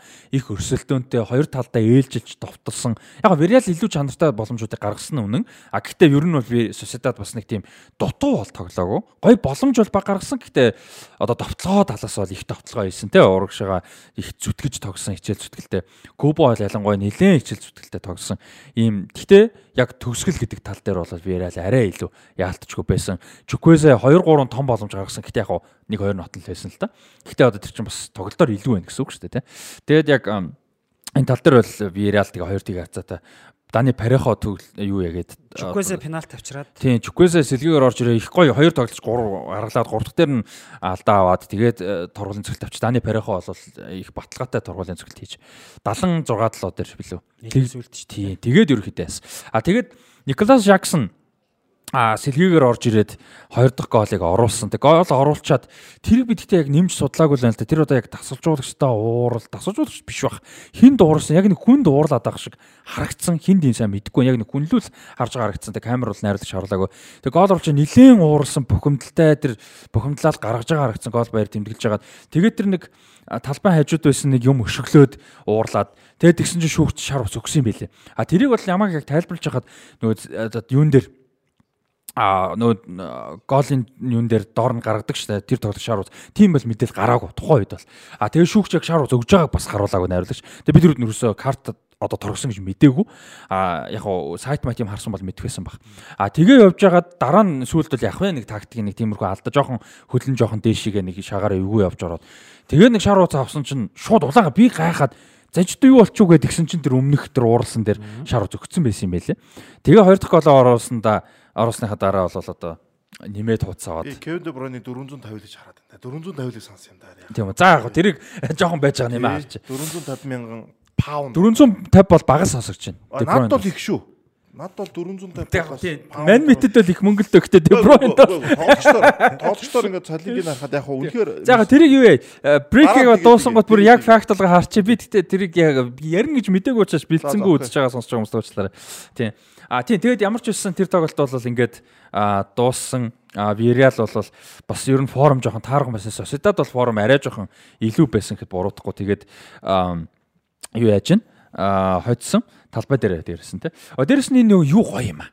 Ингээ нөө лалиг үзэхэр нөө техникл юмнууд айгуу гоё зурагсан юм. Сая тэр Вириалын тоглолтын дээр чинь одоо ингэдэг штэ бид нар хөлмө тоглолтын хүмүүс бүгд мэдэнтэй яг гоё талбай дээр тоглох гоё. Монголд ховор мэдээж. Юу гэдэг шорон дээр тоглож байгаа цэнгэлтгэж ч юм уу тоглох нэг нэг өөрөөдөг та нэг те нэг ингээл нэг үзэгчийн суудал модалтай бүтэн өөр үзэхгүй ч гэсэнтэй сэтгэлд нэг гоё байдаг. Тэгэхэд бид нар ингээ том цэнгэлтүүдийг дандаа л хөндлөнгөөс тоглогчдыг жижигээр харж байдаг. Яг тэр тоглогчдод тэр цэнгэлдэх ямар том нүсэр эсвэл ойрхон те яаж харж байгаа гэдэг өнцгийг бид нэр дэх мэдэхгүй.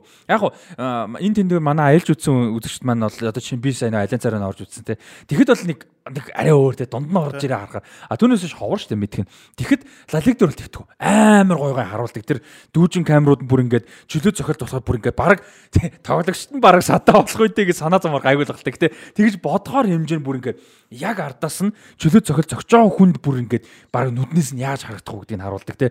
Заримдаа тоглоо явж явах бүр ингээд дээрээс нь дунд нь орж ирээ зэрэг явангууд одоо тэр Stadio della Ceramica чи ямар ч гоё юм ойрхон юм. Тэгээ үзэгч нь цэнгэл талбайтайгаа амар ойрхон тэгээ бүх юм шар.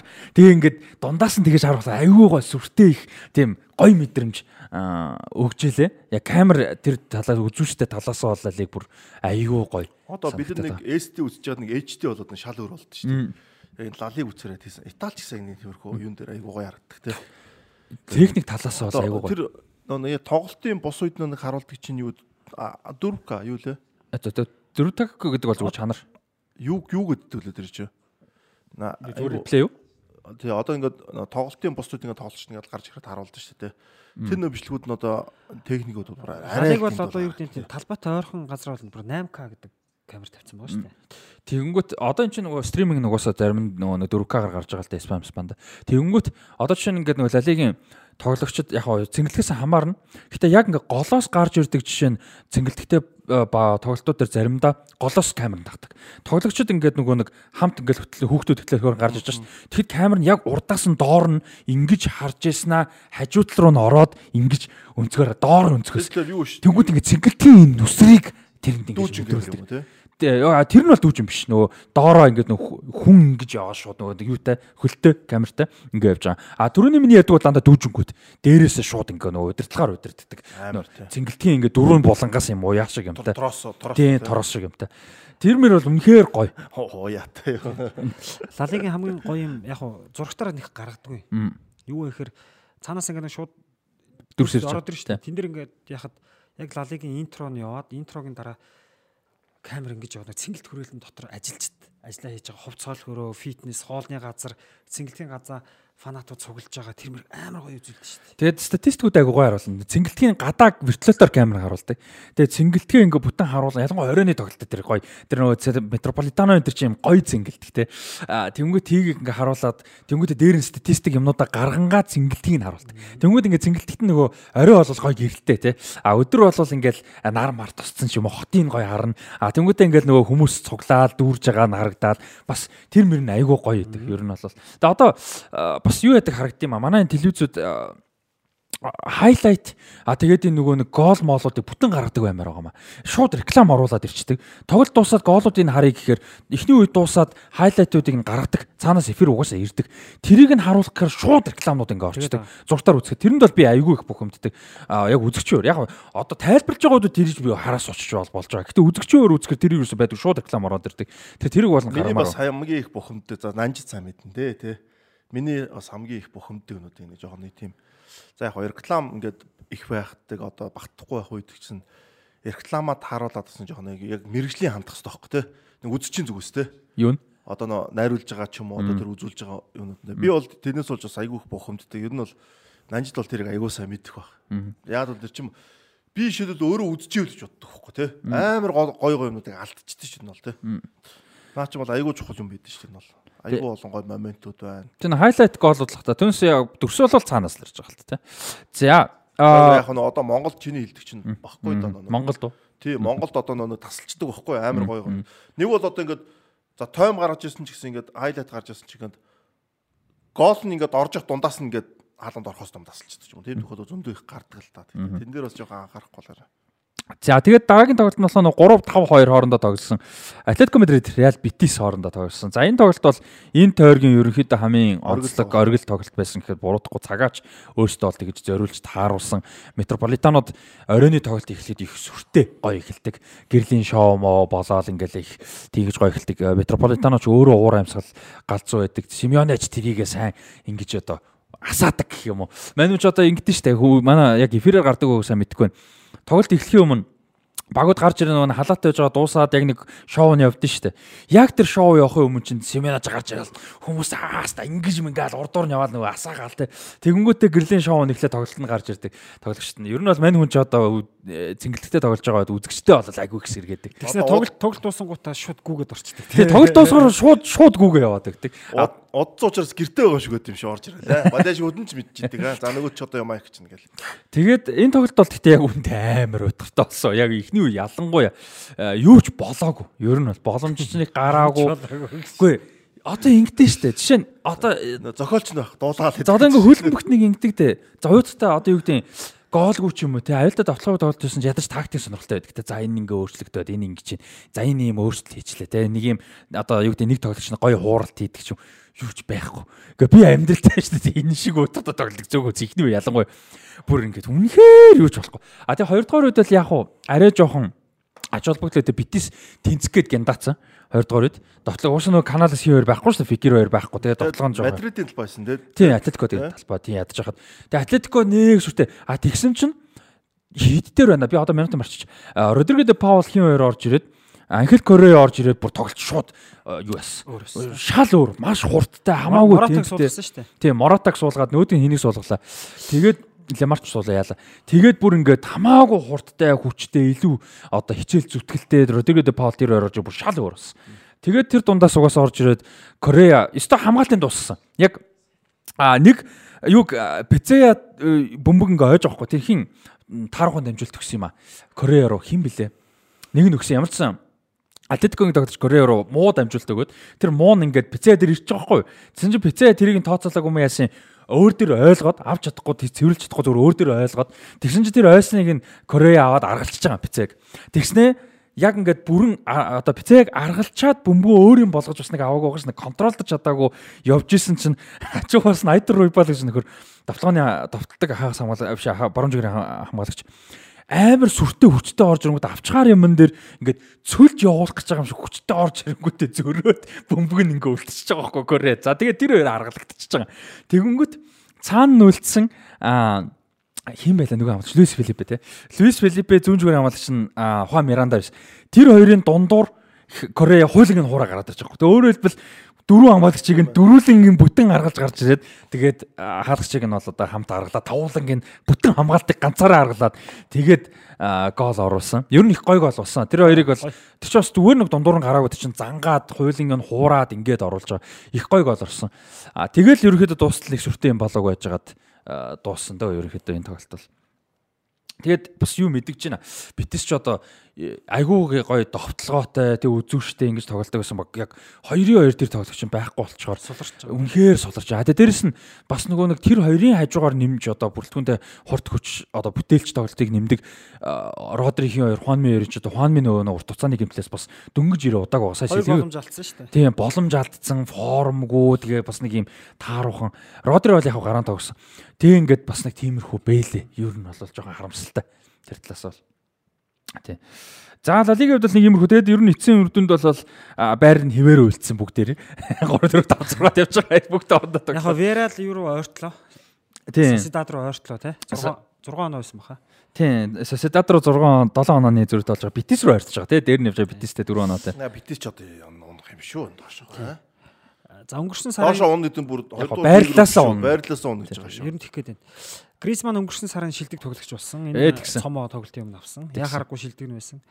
За Барса 27 тойргийн дараа 20 удаа 20 үлээ 21 удаа клин шит хийжлээ тий. Тэгсэн. 21 хожил 20 удаа клин шит. Аа яа. Мундаг шүү дээ. Хоёр хожигдсан, хоёр тэнцсэн. Одоо алтан бэли явж байгаа хаалгач ихтэл 17 18 тоглолт нэг гол алдаагүй л ирэхэд авдсан шүү дээ. 19 тоглолт моголт тийм биз дээ. 90 тал тий. Тий, 90 тал гэж явдаг. Тэг наа чи одоо бүр талд хүрсэн шүү дээ. Одоо 11 11 2 13 тоглолт шүү дээ. Тэгэхээр бол тэрштэг нь ялч тэрштэг нь гэлтгүй хамгаалт ер нь их э, мундаг байна. Өөр Араухо күндээ тэр чинь юу юм блий? Энэ Барсад бол зүгээр шүү дээ. Үнэхээр зөгцсөн 8 минут л. Кристес энэ үйлдэл Кристес айгуур амар. Тэгэд юу вэ нэр Европын топ 5 лигийн түүхэнд яг бүтэн улирлын хүрээнд одоо 38 38-аас дээш тоглож байсан түүхэн хүрээнд хамгийн цөөхөн алдсан статистикаар нэг үл хоёрт явж байгаа юм л яг одоогийн байдлаар. А гэхдээ дахиад 13 тойрог мэдээж байгаа л да. Гэхдээ одоогийн байдлаар ягаад гэсэн чи Ардаа 25 тоглолтод 8 хон гол алдсан. Тэгээ сүүлийн хэдэн жилийн хамгийн амар рекорд бол нөгөө бүр Солито Мориньогийн юу штэ Челси штэ 15 гол алддаг. 10 гол штэ. 10 хон гол алддаг үлээ. 2004-өөс 5 онд 10 хон гол алддаг санагдаад байна. 10 арай биш санагдаад байна. Би 15 гэж санаад байгаа. Би 10 гэж санаад. Тийм үү. Ямар ч тэр хавцаа ямар ч сан маш баг гол алдсан шүү дээ. Бүр солиотой 38 төгрөгт те. А би бол 15 гэж санаж. Гэтэ тэр хавцаа ямар ч байсан. Тийм. Тэгээ тэрнээс хойш бол хамгийн мөндөр амжилт юм болж байгаа. Бас амар баг сонсогдсон биш үү те 38 дээр 10. 38 10 ална шүү. Тийм яг 10 биш байж магадгүй. Гэтэ ер нь бол 10 хэд л үгүй. Айгу баг байдаг байхгүй. Тэгээ одоо бол ямар ч сан Барса бол 8 хон гол алдсан байгаа. Тэгээ тэр нь бас их том амжилт болж байгаа юм байна шүү.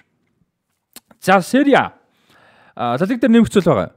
За Сери А дээр Интер Фьорентинад хожигдсон. За ер нь бол Интер хожигдсноосоо илүү Фьорентинагийн форм мундаг байгаа. 6 тоглолт хожигдсангүй. За дээрэс нь сүүлийн 5 тоглолт дараалж хоцсон.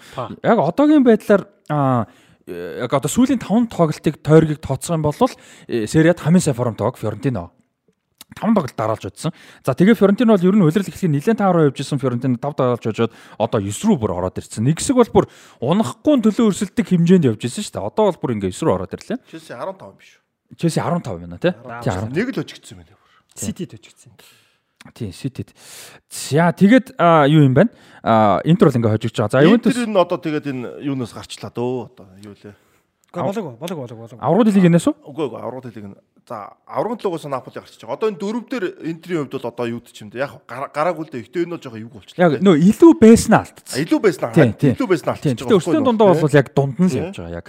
Аа гэтэ яг илүү байснаа алдсан. Интер бол амар дун боломж юусэн шүү дээ. Аюугүй очиач оноонд алдаа тэгээд. Тэгс тэгс. Яг шаардлага гайгүй болсон байсан шүү дээ. Энэ яг хоёр дээр интер л байна л гэж ярьж байна. Оо интер чинь нөгөө хожигдоход Лукаку ч нөгөө ажиллаа хийж л үлээ. Лукакудах гэдэг нэг ажил байгаа шүү дээ. Алддаг уу? Тий. Нөгөө Интерт боломж алддаг. Өмнө нь Интерт мундаг байсан Лукаку одоо бол энэ үйлрэлт ерөөсөө ер нь нэлээд муу байгаа. Аа одоо ингэж байгаа байхгүй зүүн чигээрээс хүнлэн дамжуулт ирж байгаа байхгүй. Энд одоо нэг хүлэмжийн үндсэн микрофон руу яриараа. Зүүнээс хүнлэн дамжуулт ирэх хүний баруун хөлөө тавьж чигдэг шүү дээ. Тэгэхгүй зүүнээ тавихарыг оройтч шүү дээ. Бүр ингээ баруунаа тавиул хоос хаалганд голох зүүнээ тавьж оройтол алдчихсан.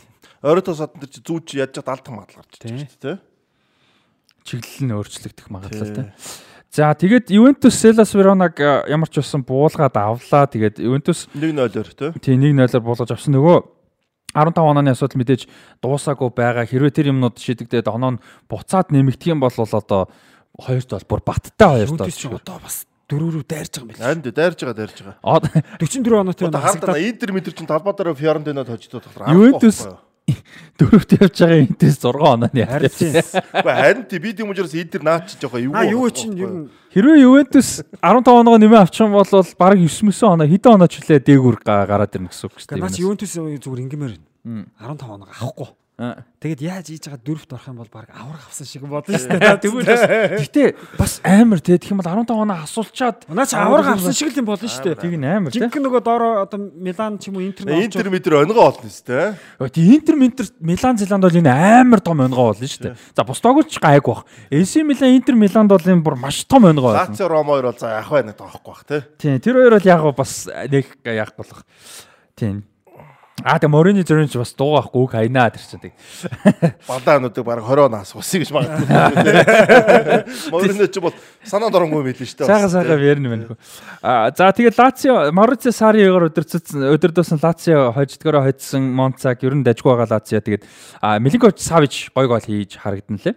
Рома Самторыг 3-1 харьцаатай хоцсон. За тэгээд энэ удирлын биш энэ тойргийн том тоглолтод Наполи AC Милан байсан.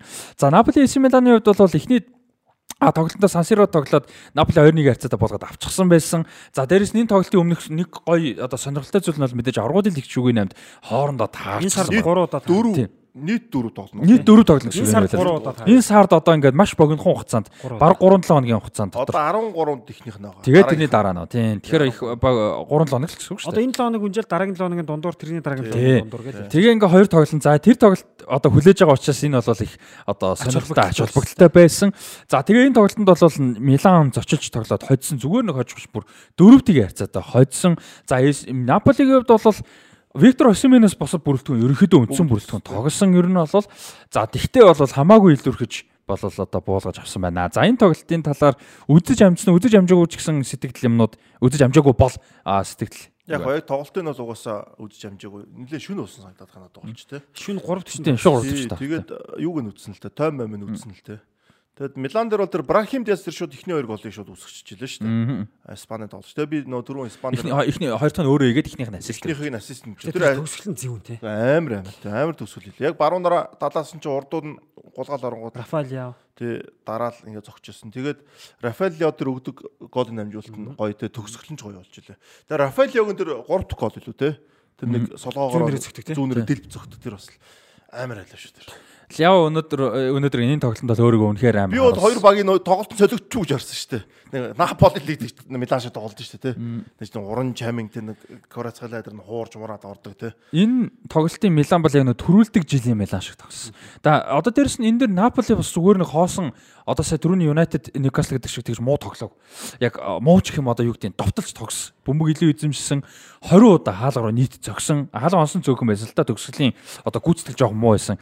Giovanni Simeone нэг хоёр боломж бас алдаж байгаа харагдсан. Жованы Симоны алдсан алдсан. Тий. Бүрэлдэхүүнд гарсан те. Тийм гараанд гарсан. Юу Наполи 2 тэг болчоод би шүн бас жоохон харсан л да яг хожигдож явах үед нь.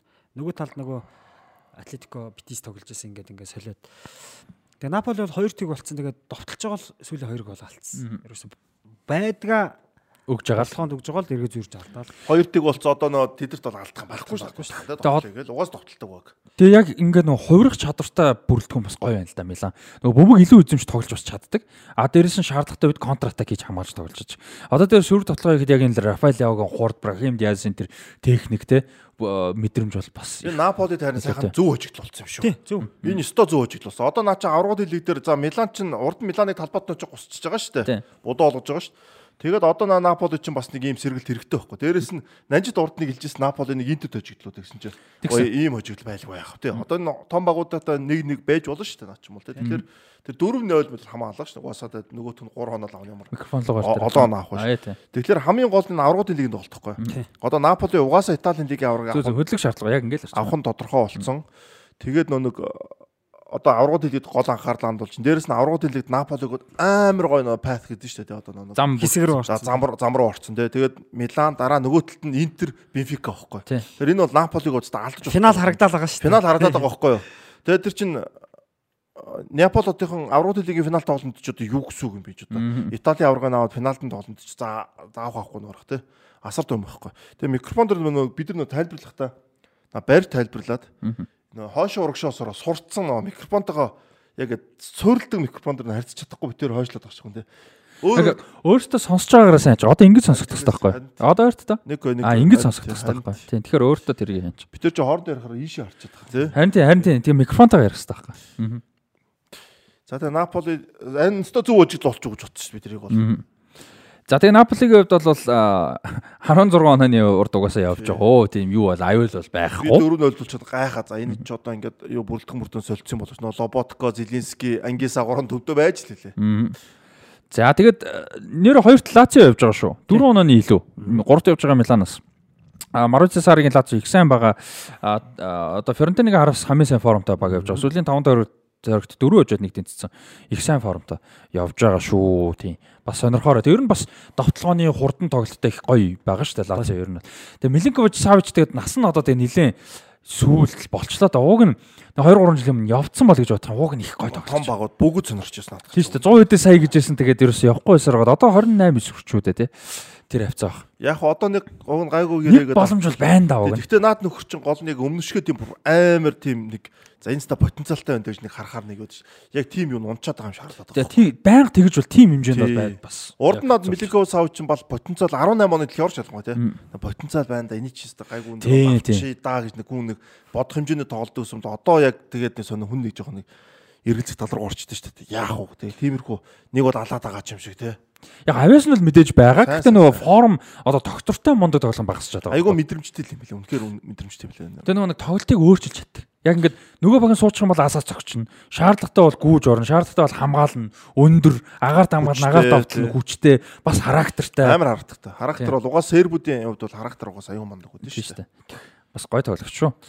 За A товчондоо нэг юм их байна. Тэгээд Juventus ч одоо баг 15 оноогоо хасуулаад Европын байр авахд бас боломжтой явж байна. Одоо 6 оноо Интерийн доор эхлээд одоо Интерээс 21 он илүү байх юм бат. Юу? Одоо 15 авчвал зүв үү? 9 9 9 оноо илүү Sorry. гэсэн. Шал буруудчих цааш байгаа.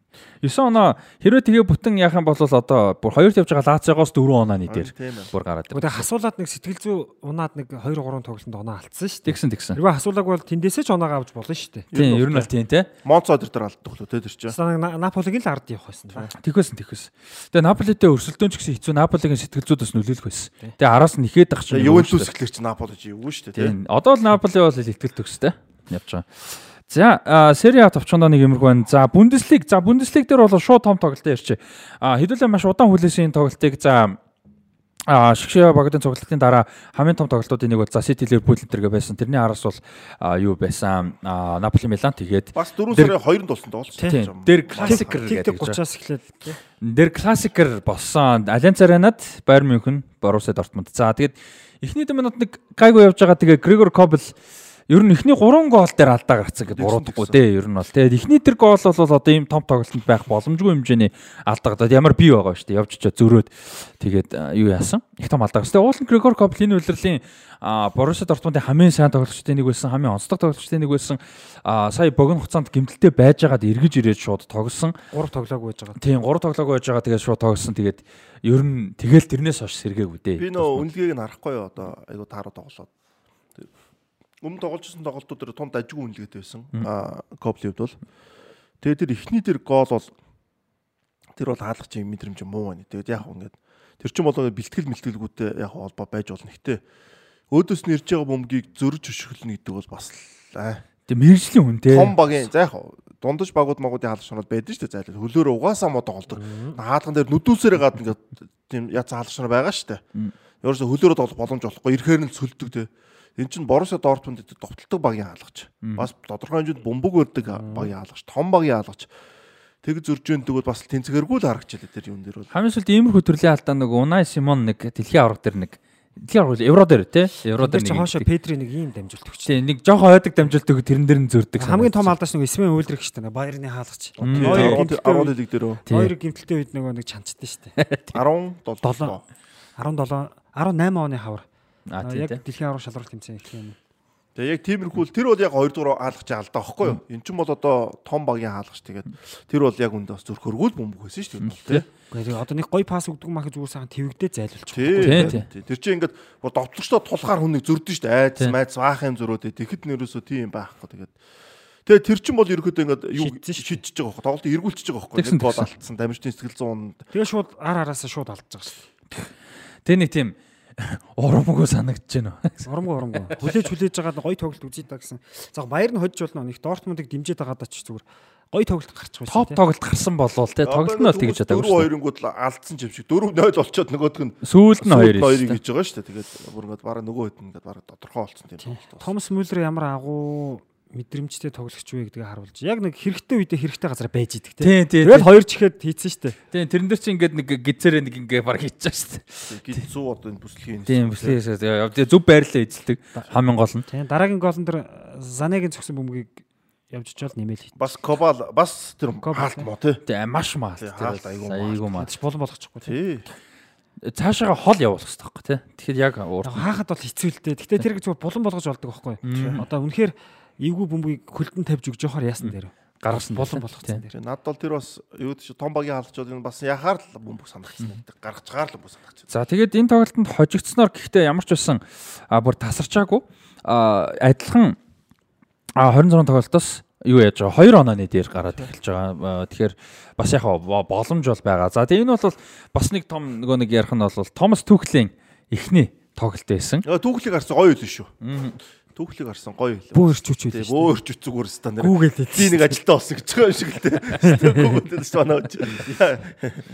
За одоо тэгээд Bayern München чинь Тэгээд энэ Bayern-ы салж үзэж болсон герман хүн ч одоо ямар байх ойлгомжтой байсан тийм шүү. Дээр нь одоо ганц шигшээ баг л байгаа шүү дээ. Тэгээд Hans Flick үдцэн сууж байгаа харагдаж илээ. Тийм. Матиас Самар их ярваацсан сууж илээ. Тийм Матиас Самар ч ярвахаас одоо явах тий. Тийм.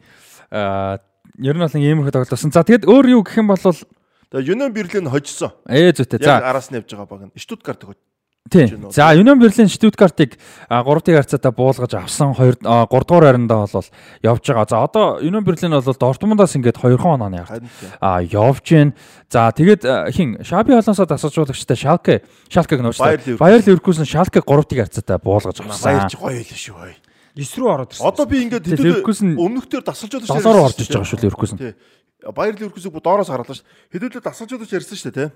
Тэгэд одоо ингээд харахад Испанчууд айгүй мундаг гарчиж байна. Тийм шүү дээ. Одоо Гвардиола, Шави, Артета. Артета одоо энэ Шаби Алонсо. Тэгээд эдгээр чинь зөвхөн Испанда биш бүх лигүүдэд ажиллаж байна. За Италид л ажиллахгүй нэрэ, тэ. Одоо Унаа Эмери эдрийг одоо ингээд Парис Сен-Жермен дэж байгаа. Одоо Лопетеги эдрийг одоо Англи Банглиас. Тэгэхээр нөө Испани хөлөмгийн нөө юу айгу мундаг байна л та школ те. Дасгалжуулагч нар үнэхээр мундаг школтой байж тэндээс ч мундаг дасгалжуулагч нар гарч ин те. Испани хөлөмбөг дээрээс нь айгу нэг юу тоглож байна. Орчин хөлөмбөг тоглож байна. Тийм учраас дасгалжуулагч нар ингээд энэ тэнийгээд очиод ажиллаа. Одоо чанараараа Германы араас л орж байна. Герман дасгалжуулагчтай араас л орж байна. Илүү шүү. Юу штэ. Ер нь бол Герман аим. Бид нар бол сайн ингээд нэг Герман сайн л да тэгтэл олон нийтийн мэддэг дасгалжуулагчийг ярьж штэ. Ер нь Европын, Америкийн одоо Аз ч гэсэн ер нь арабын тийм араб мараб дунд доод төвшөнд ер нь дандаа Испанц салж өгч байдаг шүү дээ. Хэмчлэн. Тэгээ германчууд бол яг мундаг одоо юун дээр бол байна л та одоо том нэрнүүтэй. Тэгэнгүүт л одоо германчуудыг бодлоо. Германчууд одоо өөр улсын лиг дээр яг испанчууд их ингэж олноор ажиллаж Испани бол тардаг. Тэгээ Испани бол тардаг тийм тэр бол нөө. За. Томоро ирсэн ч бас Испанд утгааргүй л харагдаад байна шүү дээ. Одоо бол Гвардиола Артета хоёр Англи лигийг одоо Гэтэ Артетаг одоо Томас Түхэл Клоптай зэрэгцүүлж бас арай ярихгүй баг л та. Топ топ дээр нь яриул тэгээ Герман илүү шүү дээ яг хөө сүүлийн үед бол яг Германс олон топ байна те. А яг хөө масс юу гэдгээр бол яхааргүй Испани. Тийм тийм. Тэгээ хөлбөмбөгийнх нь нөлөө их байна те философи. Бидний үдчихсэн үе хөлбөмбөгч бол Испанчууд их байна те. Тийм тийм. Би бас тэрийг бас айгүйх бодлоо. Одоо Раул Маул ч академиад асуулж болж байгаа гэсэн те. Бебаг бебаг. Тийм бебаг. А бебаг. Одоо Артата Алансо өдөрч бол яг л үдчихсэн хүмүүс байгаа байхгүй те. Яг үндэ Гвардиолагч үдчихсэн шүү дээ бид нар бол те. Германчууд гэсэн те. Тоглогчт нь биш хүмүүс одоо энэ клоп байна сайн тоглож биш те. Түүхэл мөхөл те. Түүхэл Нагelsmann гэдэг. Нагelsmann ч бүр тоглогч ч байгаа. Энэ чи зүг баггүй. Яг тэр шүү дээ.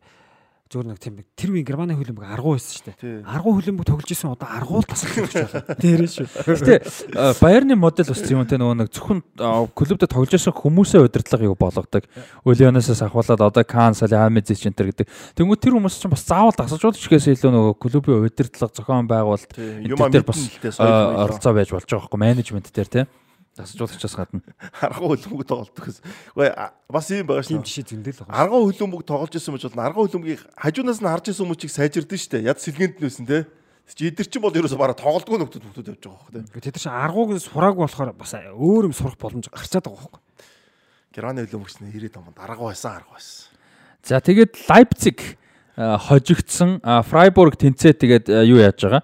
А, Лайпциг бол одоо 5 ер нь жоохон зайтай болоод ирж байгаа. Англи бас нэг аргуу болгоноос хүмүүс гарч ирэхгүй байгаа юм шүү Үнэн шүү дээ. Англи хөлбөмбөг аргуу байсан шүү дээ. Англид бол ер нь зүгээр хин их нөлөөтэй шүү. Рафаэл Бенитес их нөлөөтэй шүү. Ер нь Испаний хөлбөмбөгч гадагшаа гардаггүй байсан. Испандал тоглолдог. Техник сайтай. А тэнгууд Гайска Мендета 2001 онд Ювентуст очиод Микрофон лугаа яриа хоёроо. Гайска Мендета Таад өөртөө сонсоод сайн юу яа. Тэгээд амжилтанд хүрээгүй те. Мендета ч Англид очсон шүү дээ. А яг за тэр бол яг жоох нэг тийм Мяарч үдээ. тийм 2004 онд а, Бенитес очихдоо Шаби Алонсо, Луис Гарсиа хоёрыг авчичоо. Тэгээ ер нь Испанчуудыг гадагшаа гаргаж. Моринциг. Моринциг өвлөн, өвлөн, өвлөн. те. Ер нь тийм үе таалгыг нээгээд Испанчууд ч ер нь өөр усад тогж болдсон байж тээ гэдэг ойлголт. Тэр чинь бас Испанчуудаас гадна Өмнөд Америкуудыг бас залцж байгаа байхгүй. Өмнөд Америкууд ч нэг сайн тоглож тий, чаддаг ус тий, юм бол тий. Оцсон хүмүүс нь тэгэл нэг явдаггүй. Тэгээд нөө хөл өмгийнхаа юунд нөө өөрчлөлтүүд орд юм уу одоо яа тиймдээд агуур өдрөөс эхлээд бүр ингээд Ситигийнхаа бүх цаг юм мэрэгэн боцож авчиж байгаа байхгүй тий. За тэгээд Bayer Leverkusen яг одоо Германы юунд болвол А Бундеслиг сүүлийн 5 тойргийг бодох юм бол хамгийн формтой баг байгаа. Дөрөв хожиж нэг тэнцсэн байдалтай явж байна. Шаби Алонсогоор өдөрдүүлсэн. За Майнц их сайн байгаа. За тэгээд Майнц айгүй голтой. Union Berlin-ийг хэсэг оноо алдсан бол хоёр тэнцсний дараа одоо сая ингээ хоёр дараалж хожоод Union Berlin ер нь бууж өгөхгүй байна. Оо явж За ер нь одоо нэг дуусч гин удаа гээл тэгэхээр ерөөсө буцаж очроо болчоод тэгээ аврагд лиг байр авчаасаа гэж бодчих юм. Үнэхээр сонирхолтой гоё. Яг тэгээд хөөхий аврагд лигт ороод нэг мундаг явна гэсэн үг биш. Гэхдээ л гоё байхгүй эн чинь те. Энэ жил Лайпциг чинь нэг сонин юу байна да. Яста орон гар. Амар орон гар. Орон Муу гар тасалжуулагчтай юм чи харахгүй шүү. орон гарангийн үлдээ Лайпцигийг л хэлэх юм бэл. Наа чи нөгөө Марк Розе, Мм. Марк Розе ч хамгаалдаг шал утгагүй хөлбөмбөг тоглолдог. Лайпциг жуган товтолдог баг штэ. Розе бол утгагүй, утгагүй. Манчестер Ситиг аврагд лигт мулталсан баг их те. Манчестер Сити гэнэ юг. Манчестер Сити чинь Лайпциг л үү? Лайпциг чи Манчестер Юнайтедыг мулталсан шүү дээ хэсэгтээ. Ээгөө юун дээр ковид үеэр Гэхдээ Манчестер Юнайтедыг байхгүй хэсэгтээ. Нөгөө башиг шиггэр Манчестер Юнайтед Парис. ковид үеэр нөө шүүгийн 8 дээр чинь нэг томыг мулталдаг чинь Лайпциг Лион Лион хоёр чинь Лайпциг чинь Атлетико Мадридыг 2020 онд шүүгийн 8-д мулталтай. а Мадридыг үлээ те. Тэгээд дөрөв дээр очигчдэг. Лайпциг чинь шүүгийн 16 Тоттенхамыг шүүгийн 8-д Атлетико Мадридыг. А тийм байна. Лион ч юм биш та те. А Лион ч болохоор э, тэр чинь шүүгийн 16-ад Ювентусыг шүүгийн 8-д Ситиг үстэй. Ситиг тий. Тэгээд дөрөвт Байернд очив. За тэгээд Лион гэснээс Францын лиг руу оръё. За а юуны Францын лигийн энэ тойргийн топ тоглолт ер нь лигүүд болгон дээр баг топ нэг тийм том том тоглолтууд байсан юм байна. Одоо ингээ анзаарсан чинь Paris Saint-Germain талбай дээр а Лион зочиж очиж тоглосон тоглолт болсон. За энэ тоглолтод а юу Олимпик Лион нэг тийг харьцаатай буулгаж авсан. За энэ тоглолтод за нэгдүгээр тоглолтын талаар тэгээд хоёрдугаар нөгөө нэг тоглолт дуусаад яхад тоглолтын дундуур ер нь хожигдоод ихсэн хойно 20 дугаар үеийн ихэнд ер нь гол алдсан. Тэгэд 20 дугаар үеийн ер нь дуустал юу яасан бэлээ. Мессиг бөмбөг хүрэх болгонд Paris Saint-Germain фэнүүд бүүлсэн бэлээ. За наа чинь нэг юм болсон. За. Лион агуу Мессигийн өнгөрсөн 7 хоног бол тийм Иренте Баранте 7 хоног байлаа. За. 7 хоногийн ихээр одоо шигшээ огтагаа цаг Крисавогийн эсрэг тоглоод ингээд э, 100 хит гол хийлээ штэ. Баяр маяра Баяр маяра бол ингээд тэмдэглээд эх орондоо нөхөр аз жаргалтай байсан хүн чи Парис дээрээ шал өөр болоод Парис Амар шүү мэрэгжлийн спорт. Парис Лионы тоглолтын ихэнд ингээд э, гарааны бүрэлдэхүүнийг зарлахад Месси одоо 30 дугаартай Месси гэхэд хөгжөөнд дэмжигч нь бүүлсэн. Гэтэ бүгд биш л те тодорхой хэсэг нь. За энэ бол одоо Мессигийн ер нь замналтаа үзүүлсэн их ховорхон муу тоглолтын нэг байсан. Месси энэ тоглолтод 26 удаа бөмбөг алдсан. За тэгээд э, угаас аач маань хүм муу тоглосон, уур амьсгалч тиймэрхүү байсан. Муу тоглолтод тэгээд нөгөө Барсаараа бас явж магадгүй гэсэн нэг шуум дэгдсэн байсан шүү дээ. Тэгээ Парисын дэмжигчд бол тоглолтын төгсгөлд дунд дунд тэр 2 дугаар үеэс эхлээд бүүлээд төгсгөлд бүүлээд Месси тоглолт дуусаад хинтээж гар барилгүй шууд л хувцал хөрөг зориул явсан да. Аа. За одоо энэ байдлаар баг Барса Марс руу явж болон магадгүй юм шүү. Аа. Санхүүгийн шулраг хөсөлтөний асуудлаа давбал. Тий. За энэ тоглолтод Лион клубыг Лоран Блан удирж байгаа юм ба штэ. За Лион бол угаасаа бүх талаараа илүү тогссон. Аа Лаказетыг тургуулийн цогцолд алдсан. За дараа нь тэгэл Лион өөртөө гол хийсэн. За энэ тоглолтын дараа Блан нэг үг хэлсэн л байлээ л дээ. Парисын тухай асуухад нэгдүгээр зорилго энэ багийн нэгдүгээр зорилго билээгүй тохиолдолд бус бүх юм норж унд юм байна гэж хэлсэн. За нэгдүгээр зорилго гэдэг бол угсаа аврагуудын лиг. Аврагуудын лигээс хасагтаал ерөөсө Парисын дэг бус бүх юм ерөөсө одоо яасан ч явах болсон гэдэг утгатай зүйлийг бол хэлсэн байлээ. Өөрөө цалжуулж сайн мэдж байгаа л да л орон булан тий. За тэгээд Ер нь Монакогийн тоглолтууд их гоё байгаа шүү. Даанч манай одоо нөө Парис Сен-Жермен гэж байгаа шүү. Тэ одоо энэ Галти чинь одоо уусаа 100 баг явах байхгүй юу. Тэгэхээр 100 ахаад нэг юу авах бах та. Аа одоо Нагelsmann гэж байгаа дасгалжуулагч нэг юм гарч ирэх байх шүү. Яарад ташна Парис төр ч юмс. За sorry. Тасалч уу. Зүгээр микрофонлоо ойрхон ярья. За окей. Одоо инкер сонс илүү тод сонсогдож байгаа сте. Өөрийнхөө аюуг анзаараад үз. За тэгвэл өөр өөр ягаад нөө сонсож байгаа хүмүүст аягүй хэцүү. Зарим чанга царуу найрхан болчих гээд. За. Аа тэгээд Монакогийн тоглолт нэлээд гоолтой 4-3 харьцаатай дууссан Монако хожил байгуулсан. Ер нь энэ үлрэл Монако айгүй олон гол оруулж олон гол алддаг юм юутай аа үзүүштэй байгаа. Paris Saint-Germain-ийн ард явж байгаа оруулсан гоолынхоо тоогоор ер нь бол за Paris Saint-Germain болохоор сая сүүлийн хоёр тоглолтод ингээ хожигдоод а Ланс багаас Рен тожигдсон шүү дээ. Ремс те, Стада Ремс. Рен баха. Аа. Стад Рен баха. Тэ тэ Ремс биш шүү. Рен тожигдсон. Тэ Ремс чинь нөгөө нэг залуу тасаж уулзсан өмнө тэлсэн байхгүй юу? Тэ Стад Рен тожигдсон. Рен тожигдсон. Тийм. За тэгээд сая юунд тожигдоод Леон тожигдоод ингээ 6 онооны зурагтай болж байгаа. Ланс аа юу яаж байгаа? Марсел хоёроос. Араас нь тийм нэхэд явж байгаа. Марсел бас тэнцсэн сая. оноо. Тэнцээд 6 штэ тий. Тийм тэнцээд тийм. За ингээд 60 оноотой 2 баг Монако 50 оноо 57 оноотой ингээ араас нь явж байгаа. За тэгээд нөгөө нэг стад юу болвол Рэм одоо нөгөө залуу тасаж болж штэ хэдүүлээ хэсэг ярьсан. За тэр баг бол Нант багийг гурдыг хацаад болгож авсан бас хожилтой ер нь. Хожоолох юм Хожоол. Тэгээд нөгөө нэг мундаг 10 сараас ч хойш нэг ч хожигдолгүй явж байгаа санийг хожигдсон штэ. Тэгчээл одоо шууд буцаа хожиж. Уил стил гэсэн тий. Тийм Уильям стил гэж байгаа. За юм байна Францын лигүүд. За товчхондоо нэг юм хөө. За эхний хэсэг ингээд өндөрлж байна. За эхний хэсэг. А Шого Бонито шоу подкастын 40 дахь дугаартай хамт байгаа та бүхэндээ баярлалаа. Бид хэд энэ ч нэ товчхон завсарлаад 2 дугаар хэсгээ эхлүүлэнд 20 дугаар хэсгийн эхлэлд нэг донешнтэй холбоотойгоо шин мэдээлэл өгнө шүү. Тэгээд тэрийг бас а сонсч тэгээд хүсэж байгаа юмсан дэмжих бэлтэж байгаарай манай. Тийм дэмжих боломжтой шүү. Тий. За тэгээд 20 дугаар хэсэг рүү орцгоё.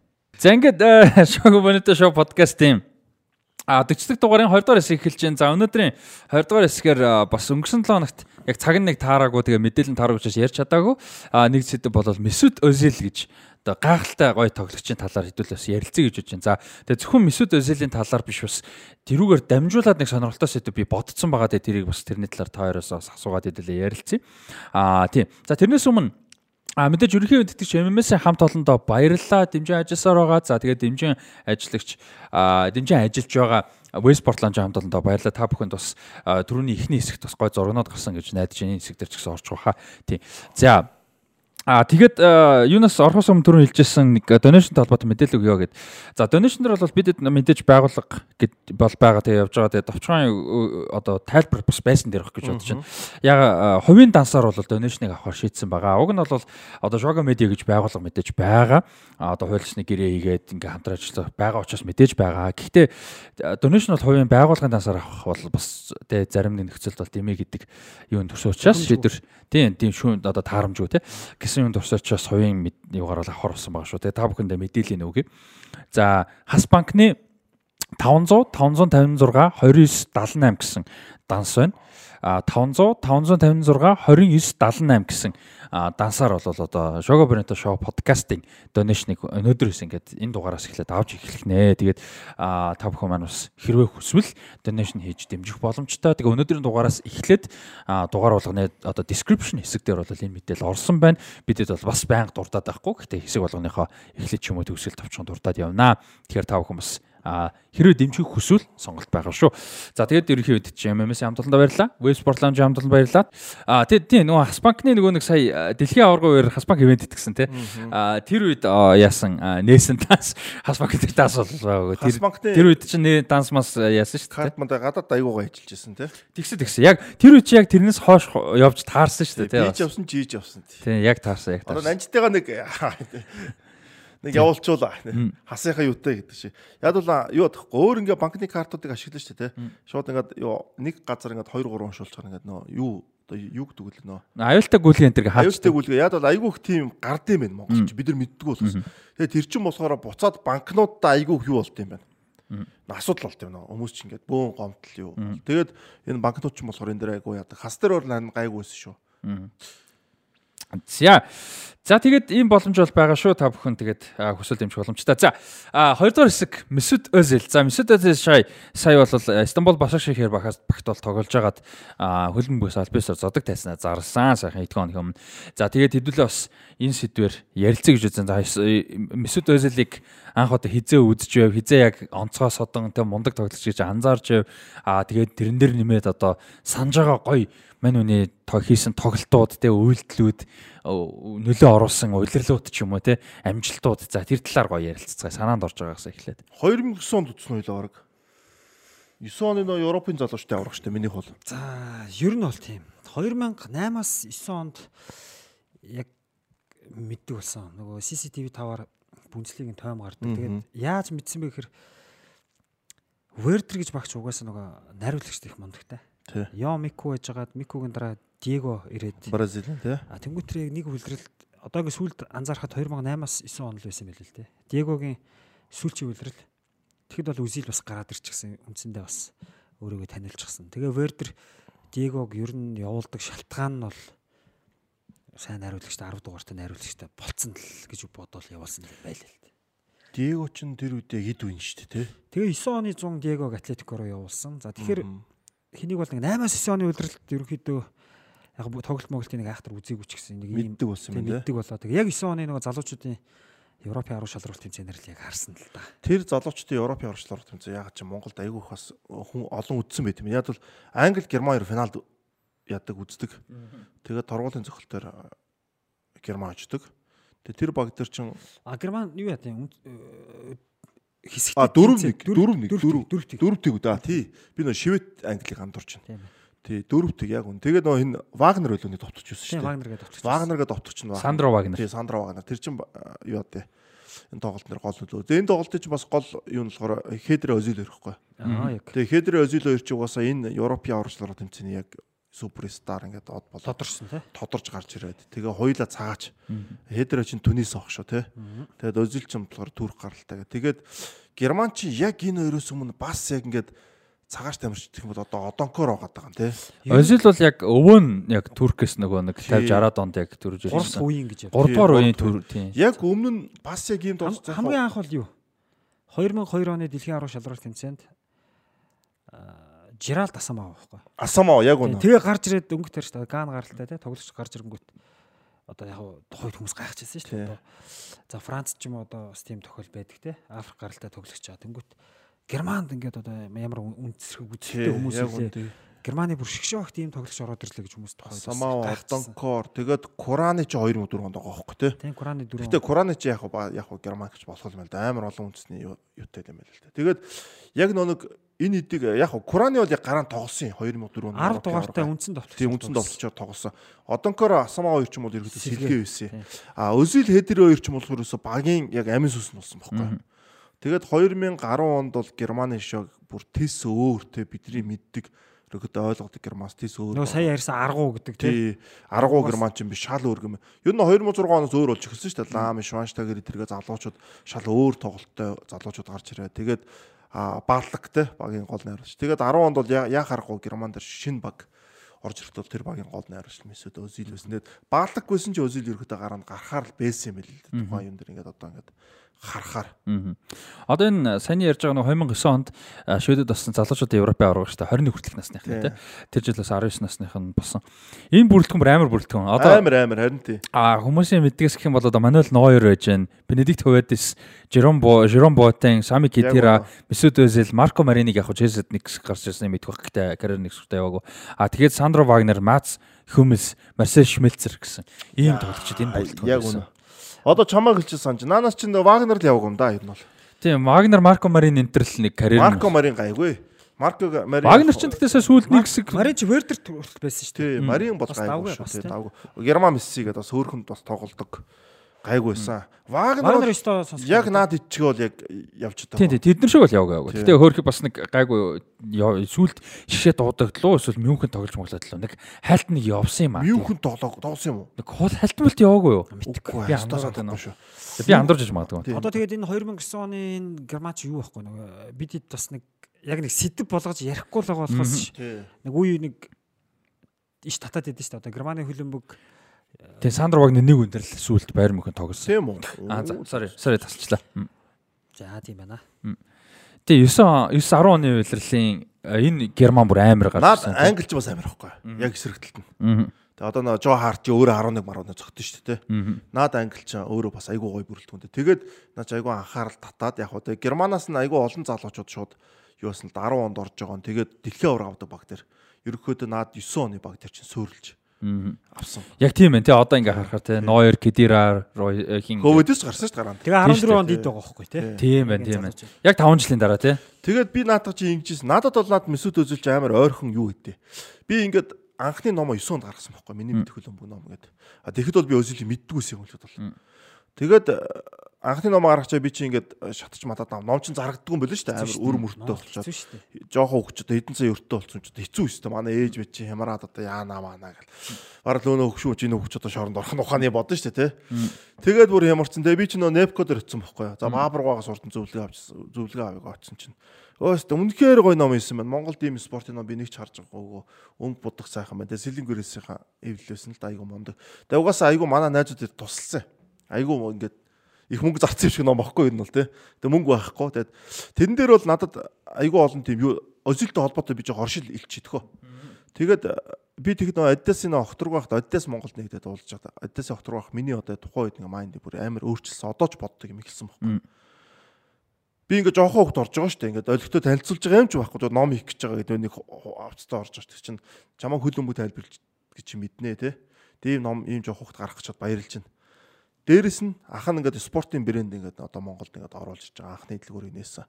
Чам шиг спортын төлөө явдаг хүмүүс алдартай болох нь манай брэндэд ашигтай гэж байгаа юм. Яг бол энэ амар алсыг харсан надад юм санагдсан байхгүй. Одоо ч гэсэнд одоо ингээд спорттой холбоотой залуучууд алдартай болоход бид нар ч аягүй хэрэгтэй байхгүй. Тамирчид одоо хэн бэ тийм те. Тийм учраас би тэрнээс хойш аягүй олон сайн тайлбарчаар гаргаж ирэх юмсаад аягүй олон залуучууд тийшээ ажиллаж исэн ч юм уу те.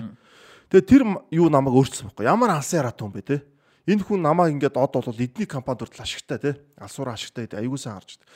Тэгээд нэг тим юу болоод тэгээд дараа нь Баабул руу очиод Баабул руу ч намайг за чи ийм сан амиж унч манай дэлхийн аварга ном хийгээд тэгээд дэлхийн аварга ном хийгээд нэг палкад яасан юм аа нэг сэтгүүл би нэг олж авсан. Тэгсэн чинь тэн дээр Месут Өзилийн амар гой зураг өгсөн байхгүй юу? Айгуу том хэмжээтэй.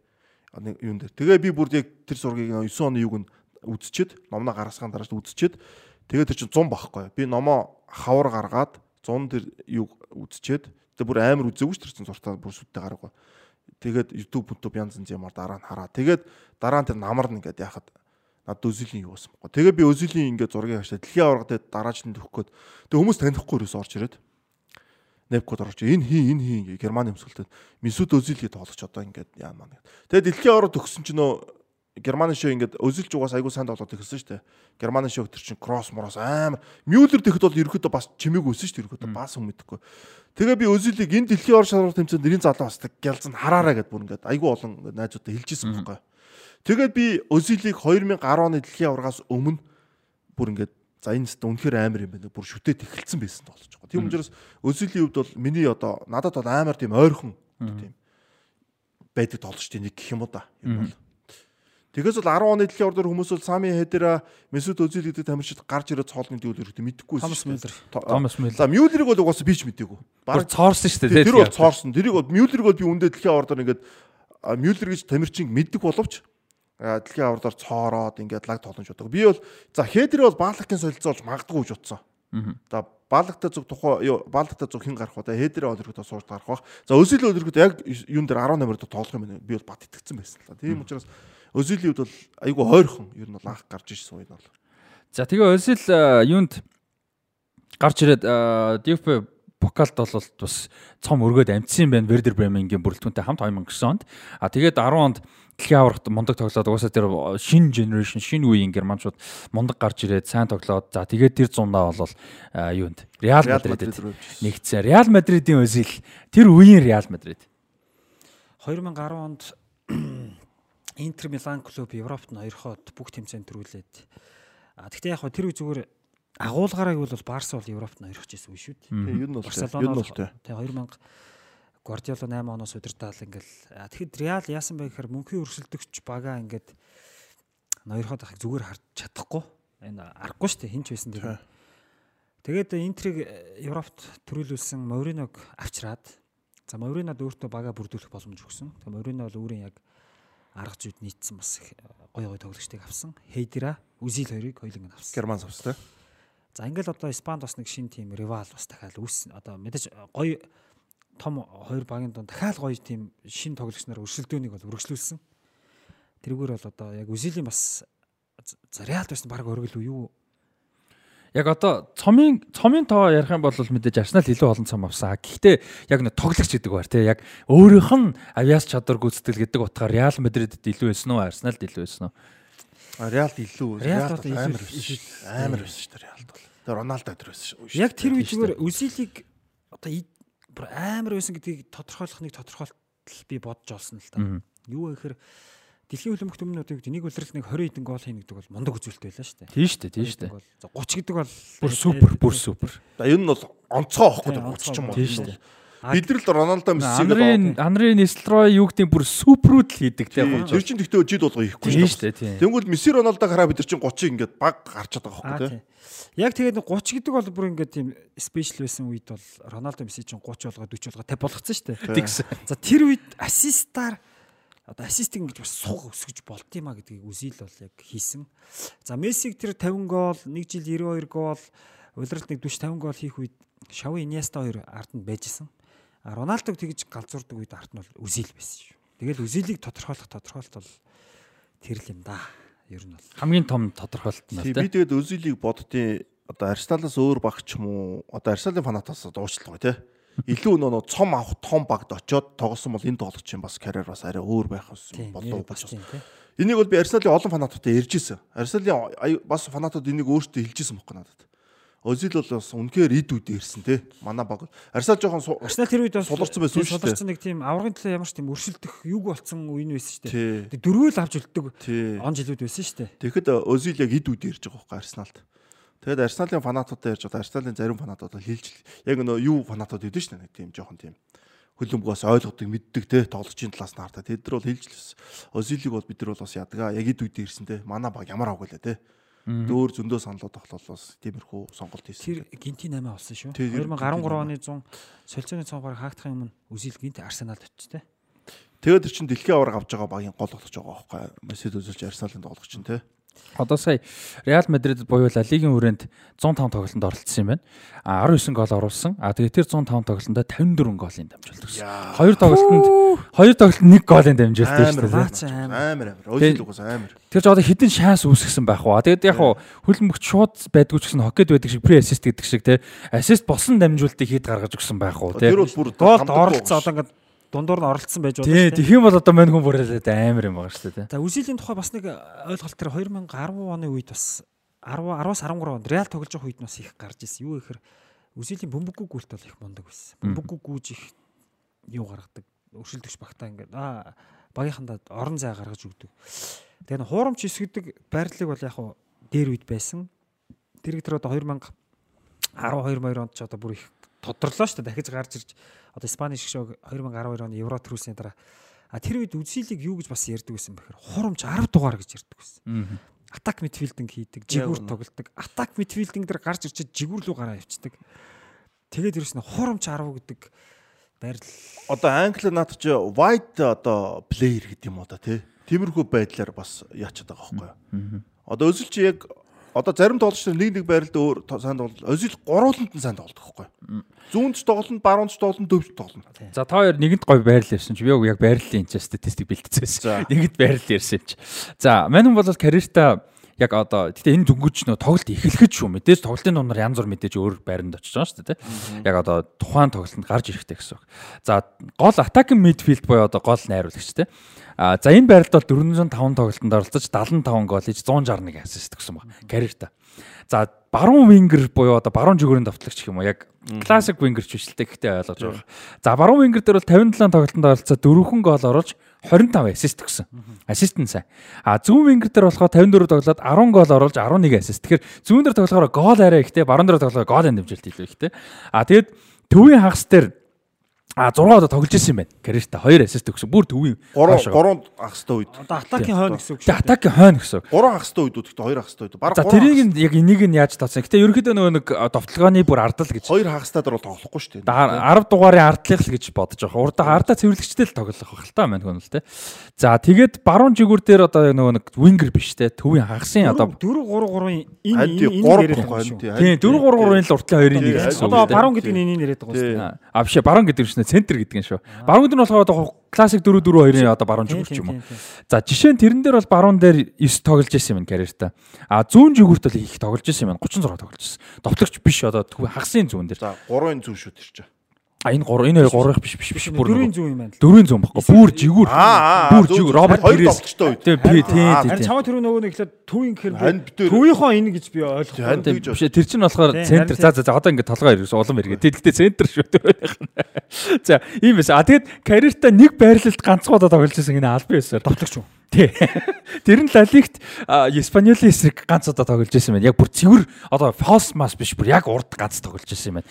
Тэгээд тэрэн дээр ассист бас өгсөн байлээ шүү. Наа чи угаасаа фолс тоглосон. наа чи угаасаа нөө юу л та нэг ассист буюу гоолын дамжуулалт өгөх одоо одоо баг Özil шууд орж ирнэ шүү атакийн мэдээлэл юм уу гоолын дамжуулалт гэхэлэр яг го Мессици орж ирнэ л дээ.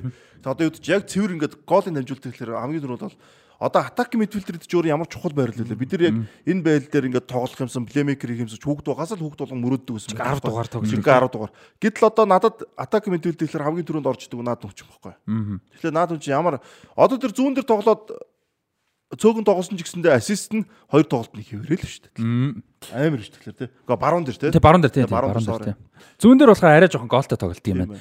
Тэгэхээр бас нөгөө нэг ямар багт яг зүүн дээр тоглохоор нөгөө бүрэлдэхүүн ямар байсан бас хамаарч л байгаа л да мэдээж тий. За тэгээ манай нүний цомын хувьд бол за түрүү иржсэн залуудаа Werder Werder Bremen-д бол DFB покал төрүүлж ирсэн 2009 он, тий. 9 онд. За тэр жилдээ бас UEFA-гийн цомд шигшээд шалгарч хожигдож Вердер шахтарт очигдсан. Тийм тэгэхээр бас мөнгөн медальтай тий. За ийм байсан байна. тэгээд би 8-9 онд мэдээд байгаа байхгүй юу? Тийм ээ Тийм. UEFA-гийн финалд гарсан гэ тий. Тэгэхээр чин шүүгэн дэрэгт Украины хоёр үзэг Германы хоёр хоорондоо таардیں۔ Мм. Тэгээд Динамо Киев юунд очигдоо шахтар шахтар гараад шахтар Вердрийг хождیں۔ Özil олон тэгэхээр тоглосон байна. Тоглосон, тоглосон. Тэгээ би Өзилийг мэдээд байна. Дээго ч амар өсөв шүү дээ. Амар бас, байсан, тий. амар байсан. 10 оны Бразил юу Бразил дээр орж идэг. А Диего ч Вердерт яг бүр яг гол Амар. Амар байсан. За тэгээд Реал Мадридд бол 3 цом авсан. А 3 улиралт тоглолтоо 2 улиралт нь бол цом авсан байдаг. 2012 он супер цом аваад а юу 2011-с 12 онд Ла Лиг авсан. За энэ бол бас их том мэдээж амжилт. 10-аас 11 онд Изааны цом тий. Тэнд Ро- Роналдо мөрөгдөг. тий тий тий 10-аас Тэгээ 3 жил 3 цом өдөж нь бол Реал байгаа байгаа. Яг Барсаг нөгөө яг эзэлжсэн л үеийн л Яг тэр үед таарцс те. Тэгтэл Лалиг бас авсан гэдэг бол бас мэдээж мундаг. А тэр үед бас Реалын бүрэлдэхүүн бол гоё байсан. Тэр төрүүлдэг бүрэлдэхүүн. 11-ээс 12 оны Реал бол бас Лалигийн олон дээд амжилт тогтоосон байдаг шээ. тэгсэн тэгсэн. Тэгэлээ өмнө нь бас ярьжсэн. Энд бол мэдээж Роналдо байна.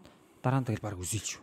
Özil тийм тийм. Яг ард нь ялангуяа. Мориньо зайлуул нэг цомоо авч байгаа ш тэр чинь тий. Жинхэнэ чичирж байгаа. За тэгээ Арсеналд бол карьерийнхаа хамгийн олон цомыг авсан буюу одоо 4 цом, 5 цом бочлоо. А авсан. За нэг нь Community Shield 15 оны. За тэгээ 14, 15, 17, 20 оны холбооны цомд болол одоо дөрөв удаа төрүүлсэн. Лигийн цомд 18 онд шигшээ шалгарсан. Европа лигийн финалд 19 онд шалгарсан. За энэ бол ингээд хоёр удаа 10 жилийн зайтай хоёр удаа UEFA-гийн цом буюу одоо Европа лигт бол хоёр өөр багтаа нэг нэг удаа шигшээд нь шалгарсан. Гэхдээ Европын цом бол карьертаа авч байгаа. Яа дэлхийн аврах гэдэг золтой шүү те. За тэгээ шигшээдээ тийм. За шигшээдээ бол мэдээж 14 оны дэлхийн авраг а 10 оны дэлхийн аврагын хүрэл медаль анх гарч ирж байгаа та. За тэгээд түрүүн залуучууд ингэж дурдчихсан 2012 оны еврогоор хүрэл медальтай бас дээрээс нэр. А тэгээд юуны 20 21 хүртэлх насныхны Европын арга шалралт тэмцээнд 2000 онд алтан медаль. Тийм. Үсэлийг тэгдгэлтэй нөгөө 2013 онд явчихж байгаа шүү дээ. Реалаас. Тэнгүүт яг түүний дараах 5 жилд Реал аврагын лиг дөрөв төрүүлж байгаа байхгүй. За үсэл ингээд бас жоохон юу гүч гэдэг юм уу те.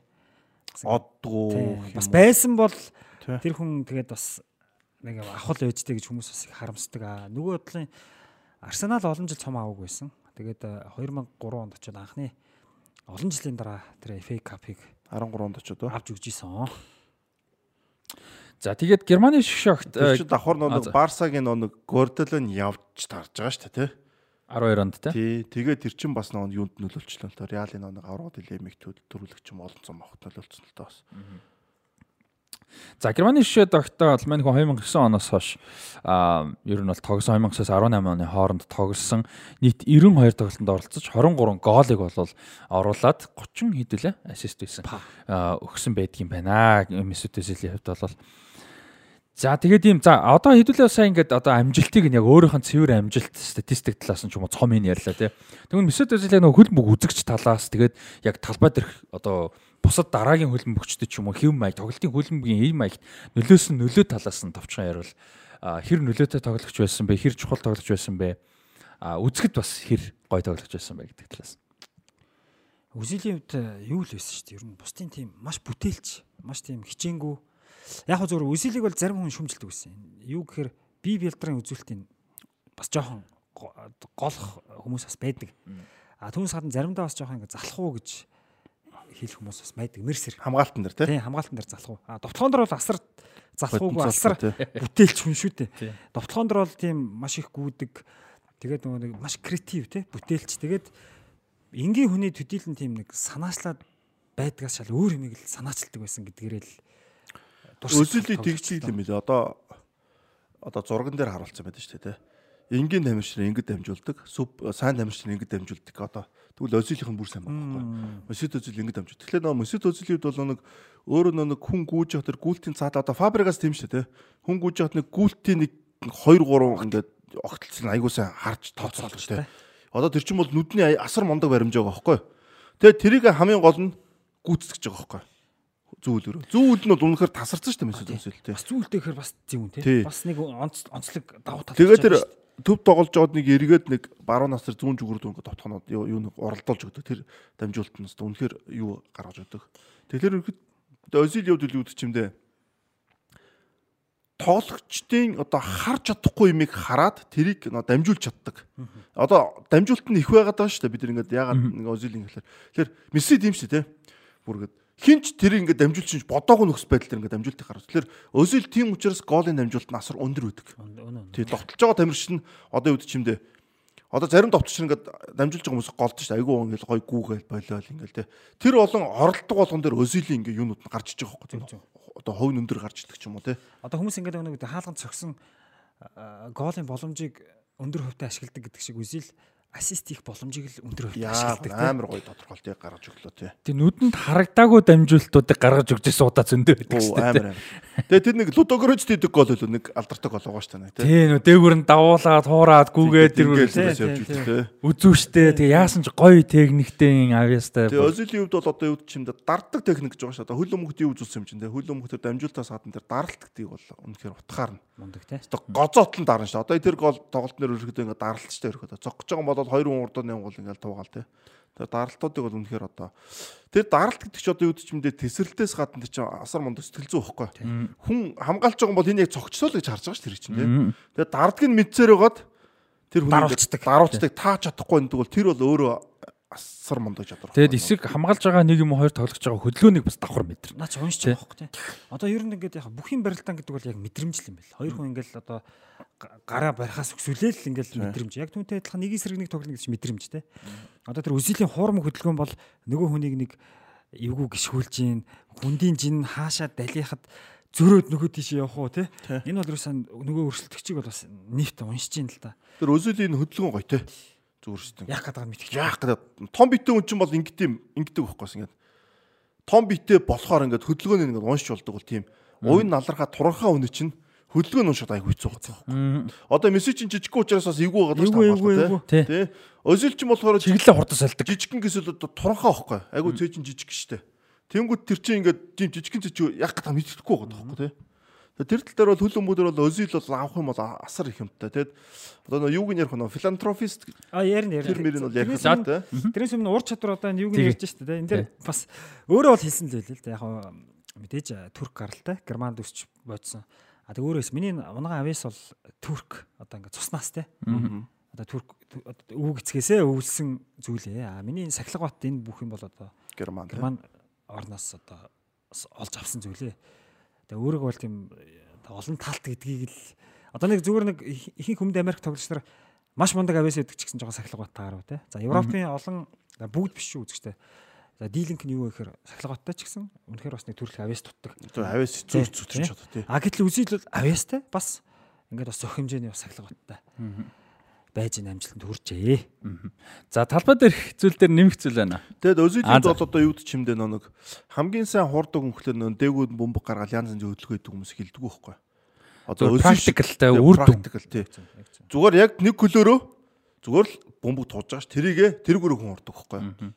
Тэгэхгүй ингээд одоо юу чи ингээд зарим хүмүүс тэр чинь ингээд хуурч одоо хүн хөдөлгөөнд нь хүн урдахгүй байгаа учраас хөлөөд ягуун гарвалал ингээл одоо явуулаа шүү дээ. Яг гоо энэ дэр нь хүмүүс ингээ Роналдо тийх гээд юм бод. Ерөөсөө тийм байхгүй. Яг бол энэ ч болохоор төгс эзэмшсэн тий.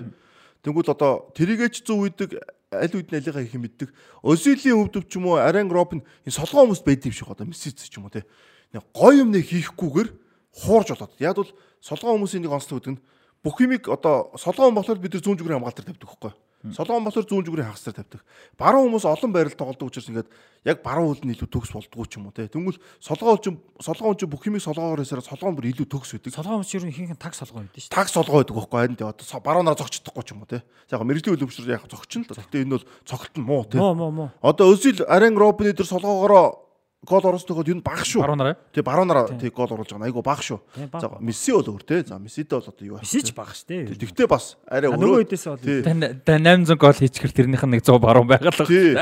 Робин ч баруун маруунаар зохино чинь илгийн байгаа шүү те. Чол гээл нэг юм авдаг те. Нэг бол ийш юм биш явдаг те. Тэгсэн мөртөө тэр солгоо. Тийш. Тий. Тэр солгоо өлнө яадаг вөхлөөр арай Робин хэлдэг шүү хүн хоёр хөлөөрөө хийдэг юмыг нэг хөлөөр хийж байна. Өзилэг тийм байхгүй тий. Солгоо хөлөөрөө хүн баруун зүүнээр ингээд холбож хийдэг юмыг нэг хөлөөр ингээд. Ди Мария бас байна тий. Гадаадагч байл. Зүүнтэй хүмүүс бас онцлог тий. Тий. Станисто таг солгоо гэдэг тий. Энд чи бас юу гэж хэлээ шүү. Одоо нөгөө э, солгоо төрн гэдэг шүү дээ. Юутэй холбоотой гэж. Үн чин тарих гэдэг зүйлтэй холбоотой байд юм байна. Яг гоо энийг мэдээж одоо баруун хөлтэй хүн одоо маш олон практик хийгээд зүүн хөлөө сайжруулж болох ч гэсэн зүүн хөлтэй хүн хэрвээ баруунаа сайжруулахын тулд түүнээс илүү их давтамж тийм баг шүү тий. Хэрэгтэй гэдэм байх шүү. Одоо манай энэ хөл солгоо хөлөн бүчтэр зөндөө шүү дээ. Одоо бааднаах байна, гату байна. Зэдэн бол. Зэдэн бал байна. Одоо таг таг солгоонд байгаа хөөхгүй тий. Одоо ингээ бодохоор шигшээ тоглож ирсэйдэг харахаар. Гэхдээ ер нь тэгээд яг тийм шигшээ тоглоогүй тийм алдартай болоогүй ч гэсэн найз нөхдөд харгаж гэсэн тийм л үүдэн шүү дээ. За тэгээ мань хүн э, мундаг тоглож байхаас гадна талбайгаас гадна бас те нөө филантрофи гэдэг чинь одоо Тэгээ юу юм бэ? Филантроп одоо сайн санааны үйл хийдэг гэх юм уу? Тэр чинь л одоо хамгийн хандив өгдөг юм? Тэгээ хандив их өгдөг. Тэгэхдээ филантроп тэгэхээр зүгээр нэг хандив өгөөд идэг шүү. Айгу актив бүр оролцоотой хүн юм шүү дээ. Тийм. Тэгэхээр одоо тийм ер нь бол одоо сайн санааны үйл хандивлагч гэх юм уу? Тийм. За яг хандвасаа нэмээд бас их нэг оролцоотой байдаг тийм морал өөрөө баш хач холбогдол өгдөг. А гэтээ гоё юм нь болохоор мань хүн тэр нь юу гэдэг тэр нэг popularity хүмүүст харагдах одоо амар чимэг үлдсэн байдаг тийм. Тэр нь гол нь ерөөсөө хизээж байдаггүй тийм. Гэтээ гол юм нь юу гэдэг баяжсан ч юм уу амжилтанд хүрсэн хойно биш. Угаасаа хүүхд байгаасаа тийм байсан.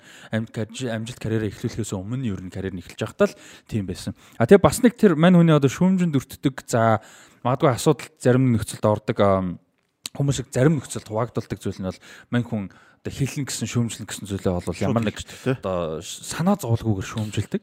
А тэр нэгтээ хамаа намгүй юм ярина гэсэн үг биш. Яг одоо чухал гэсэн зүйлээ бол заавал хэлжээд салдаг. Улс төрийн өндөр байр суурьтай тий. Яг үнэ. Улс төр ер нь өдөө үндэс усаагаар ялгуурлах, шашнаар ялгуурлах, арьс өнгөөр ялгуурлах гэсэн сэдв одоо юунд дээр нийгмийн асуудлууд дээр бол дуу хоолойгоо бол заавал одоо хуваалцдаг те тэрийг бол би тэрийг ингэж утсан шүү дээ. Одоо нэг дэлхийн 2 дугаар дайны дараа Герман эрэгтэй өнгө болчиход аюул олон туркуудыг авчихсан шүү дээ. Озилийн одоо өвөө өдөр чинь тэр үед очсон. Тэгсэн яг 60-аад оны ихэр өвөн атсан. Тэгээд нэг Германы сэргийн бус холтын ихлээр яг тэр үед чинь ингээд Герман улсад нэг солонгосууд хүртэл очсон шүү дээ. Одоо уурхаад нь айгүй хочдог, эмэгтэйчүүд нь совилогч хийдэг мэдэг те.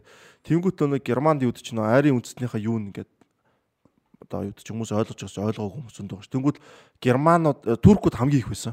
Тэнгүүт туркуудыг багаас нь ингээд жоохон ялгуурлах ч юм уу. Тиймэрхүү хүн замыг өвөөн аав ээж нь Өрөөч багтаа Тий. Тэгтээ харьцангуй бага юм шиг байгаа. Өөрийнх нь юм. Тэгтээ нөө нэг үдцсэн өөрөө үдцсэн. Тэгтээ нөө өвөө нь болон эмээ өвөө нь тэгэд аав ээж нь харцсан. Тэр ингээ бүхнийг ингээд харцсан учраас тэр яг тэр тал дээр амар хүчтэй дуулах өргөж яад юм болоо гэж би ягаас. багаас нь тогтцсон тий. Тэгээ яг бүгд зөөн тийм зөндөө бай- байдаг шүү дээ. Тэгтээ нөө гэр бүлийнх нь яг тэрийг айгуу сайн ингээд миний хүү бас тийм мэдэрсэн юм шиг байгаа юм л та. Тэгээ мэдэрж байгаа мөртлөө тийм имийг ингээд орж байгаа мөртлөө мэдрэг хүмүүс зөндөө байдаг шүү дээ. Тэ ойлгоогүй ч юм уу. Тэгээ одоо нөгөө нэг орчин үед Ийм л байх хэрэгтэй гэж бодсон те. Тийм тэгээ орчин үед л юу гэдэг нөгөө нэг ингээд нээлттэй болж тэрэн дээр дуугарч ингэдэг болж бол суучин цагаас байсан нэг юм юу гэхээр нөгөө нэг хүний identity те одоо болвол заавал нэг улсаар нэг үндэснээр тодорхойлогдох шаардлага бол байдаггүй. А тэгээ ихэнхдээ мэдээж тийм байл байгаа. Ихэнх тэр нь majority нь ялж ус юмд ихэнхдээ а гэхдээ тэр заавал тийм ёстой гэсэн үг мэдээж биш те. Тэгээ Озилийн хувьд бол одоо юу гэдэг нь Турк үндэслэл гарал те соёл улсаа бол хайртай гэдгээ одоо байнга орчиж гардаг те тэр үндсээрээ бахархдаг гэдгээ бол хизээч нууж байгаагүй. А тэглээгээд тэр хүн герман хүн гэсэн үг биш. Тэ герман биш гэсэн үг биш. Тий биш гэсэн үг ш. Тэр чинь герман хүн. Тэ 3 дахь үеийн герман хүн. Тэгээ төрж өссөн те ялгаагүй шүү дээ. Аа тэгвэр тэгсэн мөртлөө өндөс угсаагаараа бахартай. Тэр чинь өндөс угсаа иргэншлээд чинь бас нэг өөр юм биш үү? Тийм бахарж болохгүй гэсэн юм. Аа тэг хүмүүс л тэрийг ялгаас олгож чаддгүй. Герман юм байж Туркийг инглээ гэдэг ч юм уу. Эсвэл Турк юм бол Германаас инглээ гээл те. А тэгээ нэг мань хүний хэлсэн үгээд Тэр шүү дээ. хүмүүсийг бид нар бас ингээд ойлголтыг бас ингээд өөрчлөх байгаа хөөхгүй те. Одоо Монгол ч гэсэн бид нар тэгж байгаа шүү дээ. Сүүлийн 15 20 жил гадаад дотоод руу гарсан монголчууд мэдээ зөндөө байгаа. Тинч гадаад дотоод төрж өссөн монгол хүүхдүүд зөндөө байгаа. Одоо Монгол хөгдөөч тэр чинь зөндөө тэд нар үндэс угсаагаар Монгол мөртлөө иргэншил юм өөр улс хүмүүс ингээд өссөн хүмүүс зөндөө байж байгаа. Тэд нар чинь эхний одоо хоёр дахь генерашн ингээд Америк ч юм уу юу байдیں۔ ингээд хүүхдүүд өсөж байгаа байхгүй. Монгол үндэс ухсаа нь Монгол а гэхдээ Америк хүн солонгос солонгос одоо хаанах байдیں۔ Тэ би зүгээр Америк жишээ авч шүү. Тийм ус зөндөө. Яг тэр л байхгүй. Ер нь бол тэ. Нөхцөл нь өөрчлөгсөн. Тийм. Тэгээ мань хүн нэг зодог тайлах ер нь бол 18 он зодог тайсан тийм шигшээс бас сүрприз тодорхой хэмжээнд байсан. Ер нь сүрприз шүү. Дэлхийн аврал шалралт тэмцээнд нөгөө хасагдаад Тийм. зодог тайлхтаа нөгөө алдартай үг хэлсэн шүү дээ. За тэрийг хэлчих шууд. За тийм. Тэгээ маань үн чинь нөгөө 18 оны дэлхийн аврал шалралт тэмцээнд Герман хэсгээс гараагүй. Тэгээд хожигдсан дараа их алдартай үг хэлсэн энэ юу гэхээр бид нар хожих юм бол Герман гэж дуудулдаг. Хожигдох юм бол цагаач гэж дуудулдаг. Яг үнэ. Тэнд нөхцөлд бас ганцхан үйлсэл биш те олон тоглогчд яг энэ цаг удаад Одоо Герман ирж олон болцсон шүү дээ. Тийм. Тэгээ Тэр бол амар үгүйсэн те. Бас л. Тэгээ мань хүн тэгээ тэрнээс гадна бас их юм ярьсан. Яг тэр бол алдартай үг те. Тэгээ тэр ярьслан дээр нэмж явахдаа бол ингээд Германы хөл бөмбөгийн холбоо, Германы хөл бөмбөг гэдэг нь одоо юу гэдэг нь зөвхөн нэг баг, нэг одоо байгууллага ш. Тэр ер нь нэгддэг гэсэн утгаар те. Ялгуур бол их байдаг. А тэгээ тэр нь юу гэдэг нь ил улаан одоо ил гэхээсээ илүү далд ийм систематик ч юм уу те ерөнхийдөө ингээд ийм нөлөөсөн ийм зүйл бол маш их байдаг. А энийг бол одоо юу яадаггүй юу гэдэг чухалчилж одоо ингээд засахгүй байна. Энтэй тэмцэхгүй байна гэсэн юг бол одоо хэлсэн те тэр нь бас их нөлөө болсон те их хүмүүст ч хүрсэн баг. Тэр үедээ бол тийм. За тэгээд одоо юунаас яг нэгэн тал өндөс багс ярьж байгаа чи одоо Турк гарагтай тоглогч дундаас одоо э, Месут Özilээс илүү тоглогч түүхэнд байна уу ер нь? яг төрх гаралтай үндэс урсаагаар нь ярил. За энэ байхгүй байна. Хэцүү тий. Э, төрх гаралтай өөр улсын юмнаас тоглосон. Дээж тоглосон. Тий, жишээ нь тэгэж ярил. Одоо Гүндон мундаг тоглолчтой Сүүлийн хэмжээнд. Гүндон ер нь нэлээд дөхөн шүү. Хамгийн цомороо болохгүй илүү гарч байх. Яг тоглогчийн өөрөө. Тий, ер нь бол нэлээд дөхөн шүү. Тий, гүндаасаа бол тий. Цом бол төрч айгүй нөгөө айгүй компликейт асуудалхгүй. Хэцүү тий. Тэр Кейн ярьдаг шиг. Манчестер Ситид байсан бол яах вэ гэдэг шиг тий. Тэр нэг ширээр нэг э, иш үсгэр хэлсэн нэр хэлээд тим тоглогч нар зөндөө байгаа гэдэг шүү дээ. Тэгээд тэр хүмүүс чи Кени дээр цомор хэмжүүл гарчих гээд байгаа байхгүй юу? Тий шүү дээ тий. А мэдээж э, цом бол чухал а гэхдээ энд бас олон зүйлийг харна. Яг тоглогч гэдэг утгаараа бол Өзил илүү л За дээ. хуучин Туркээс нутгамд хамгийн алдартай нь Хакан Шүкүр шүү дээ. Хакан Тийм, Шүкүр бол одоо Өзилийн хэмжээнд хүрэхгүй шүү дээ. Тийм тийм тоглож- хэмжээнд тоглож Яг байгаа. Турктэй сайн байсан Туркийн одоо Марадона эдэр гэж одоо нэрлдэг байсан болохоос яг Хакан Шүкүр бол яг Итали метал тоглож байсан ч гэсэн яг Өзилийн хэмжээнд тоглож байгаа. Арда бас арай хөрхгүй. Арда хүрхгүй. Ер нь Арда бас төгөх юм биш үү те? Арда 3 тийм үү баг. Тийм Тий. байна. Гүндооны араас. Атлетико Мадрид, Барселона тэгээд тэр 8 оны юунд их сайн Еврогоор сайн дээ. Уруугаар өстө галзуурсан шүү дээ жоох. За тэр одоо юу гэдэг нөгөө Хамид Алтын топ, Халил Алтын топ А, энэ тэр бүнцлэгт сайн байсан ч гэсэн. Оо хим Мехмед Шол Турк үстэй. Мехмед Одоо үндэс ухсана. Шоол хөрөхгүй л дээ. Шол мундаг байсан юм өстэй тий. Шоол мундаг байсан. Шоол чинь тэгээд нэг тим юу Яг байна? түүхгүй. За би нэгдүгээр түүх Мехмед бол байна. нэр. Тийм Мехмед Шолыг бид санаж байна. За яг мөн байлаа гэхэд Яг тэр хэмжээнд арай өрхөө өрхөө тий. Яг ер нь топ 10-ыг бодсон. Одоо шууд Мехмед шоол бол мундаг байсан шүү те. тийм Шол би би бол их мундаг байсан гэж Расти сая их гоё. Харин тийм үнцэг байна. гаргаж Өсто байна. яг. За миний бодлоор Үзил Гүндөн Арда Туран л Тийм, гэж тийм санаж байна. Тэгээ топ 10-т нэг алтын топ явах юм байна. Тэгээд оо хиний а, яг топ 10 гэх юм бол нөгөө нэг оо нөгөө Турк гаралтай ах トゥ ирч юм билээ Швейцарын. Хакан як Мурат як. Тийм Мурат Якин, Хакан Якин хоёр ч. Тэгэхээр манай хоёр тоглогчийн хувьд бол бас нэг тийм Хакан Якин арай сайн. Швейцардаа л ихээс клубын хэмжээнд бол нэг байхгүй шүү дээ. арай бодлоо. Яг Швейцар шиг нэг Швейцар муу ах үед нөгөө хоёр чинь сайн байсан. Байсан гэдэг утгаар тийм. Яригадаад байгаа болохоос. Хакан Шүкүр бол ихний 10-д орчих хоо. Тийм байна. Хакан шүкүр бол. Хакан Шүкүр чинь бас л домог шүү те. Тийм байна. За ер нь бас төө нэг Турк гаралтай тоглогчд ярьж байгаагүй болохоор бас гоё юм тийм. Тийм үү. Өөр чин Нихат. Эмрэ Нихат орно шүү дээ. Нихат орно, орлого. Эмрэ 10 руу бол орж магадгүй Эмрэ Белесолу. тий. Эмрэ Жан гэж бас байгаа те. Оо Эмрэ. Жан. Жан мундаг шүү дээ. Тийм Эмрэ Жан. Одоо ч мундаг байгаа тийм.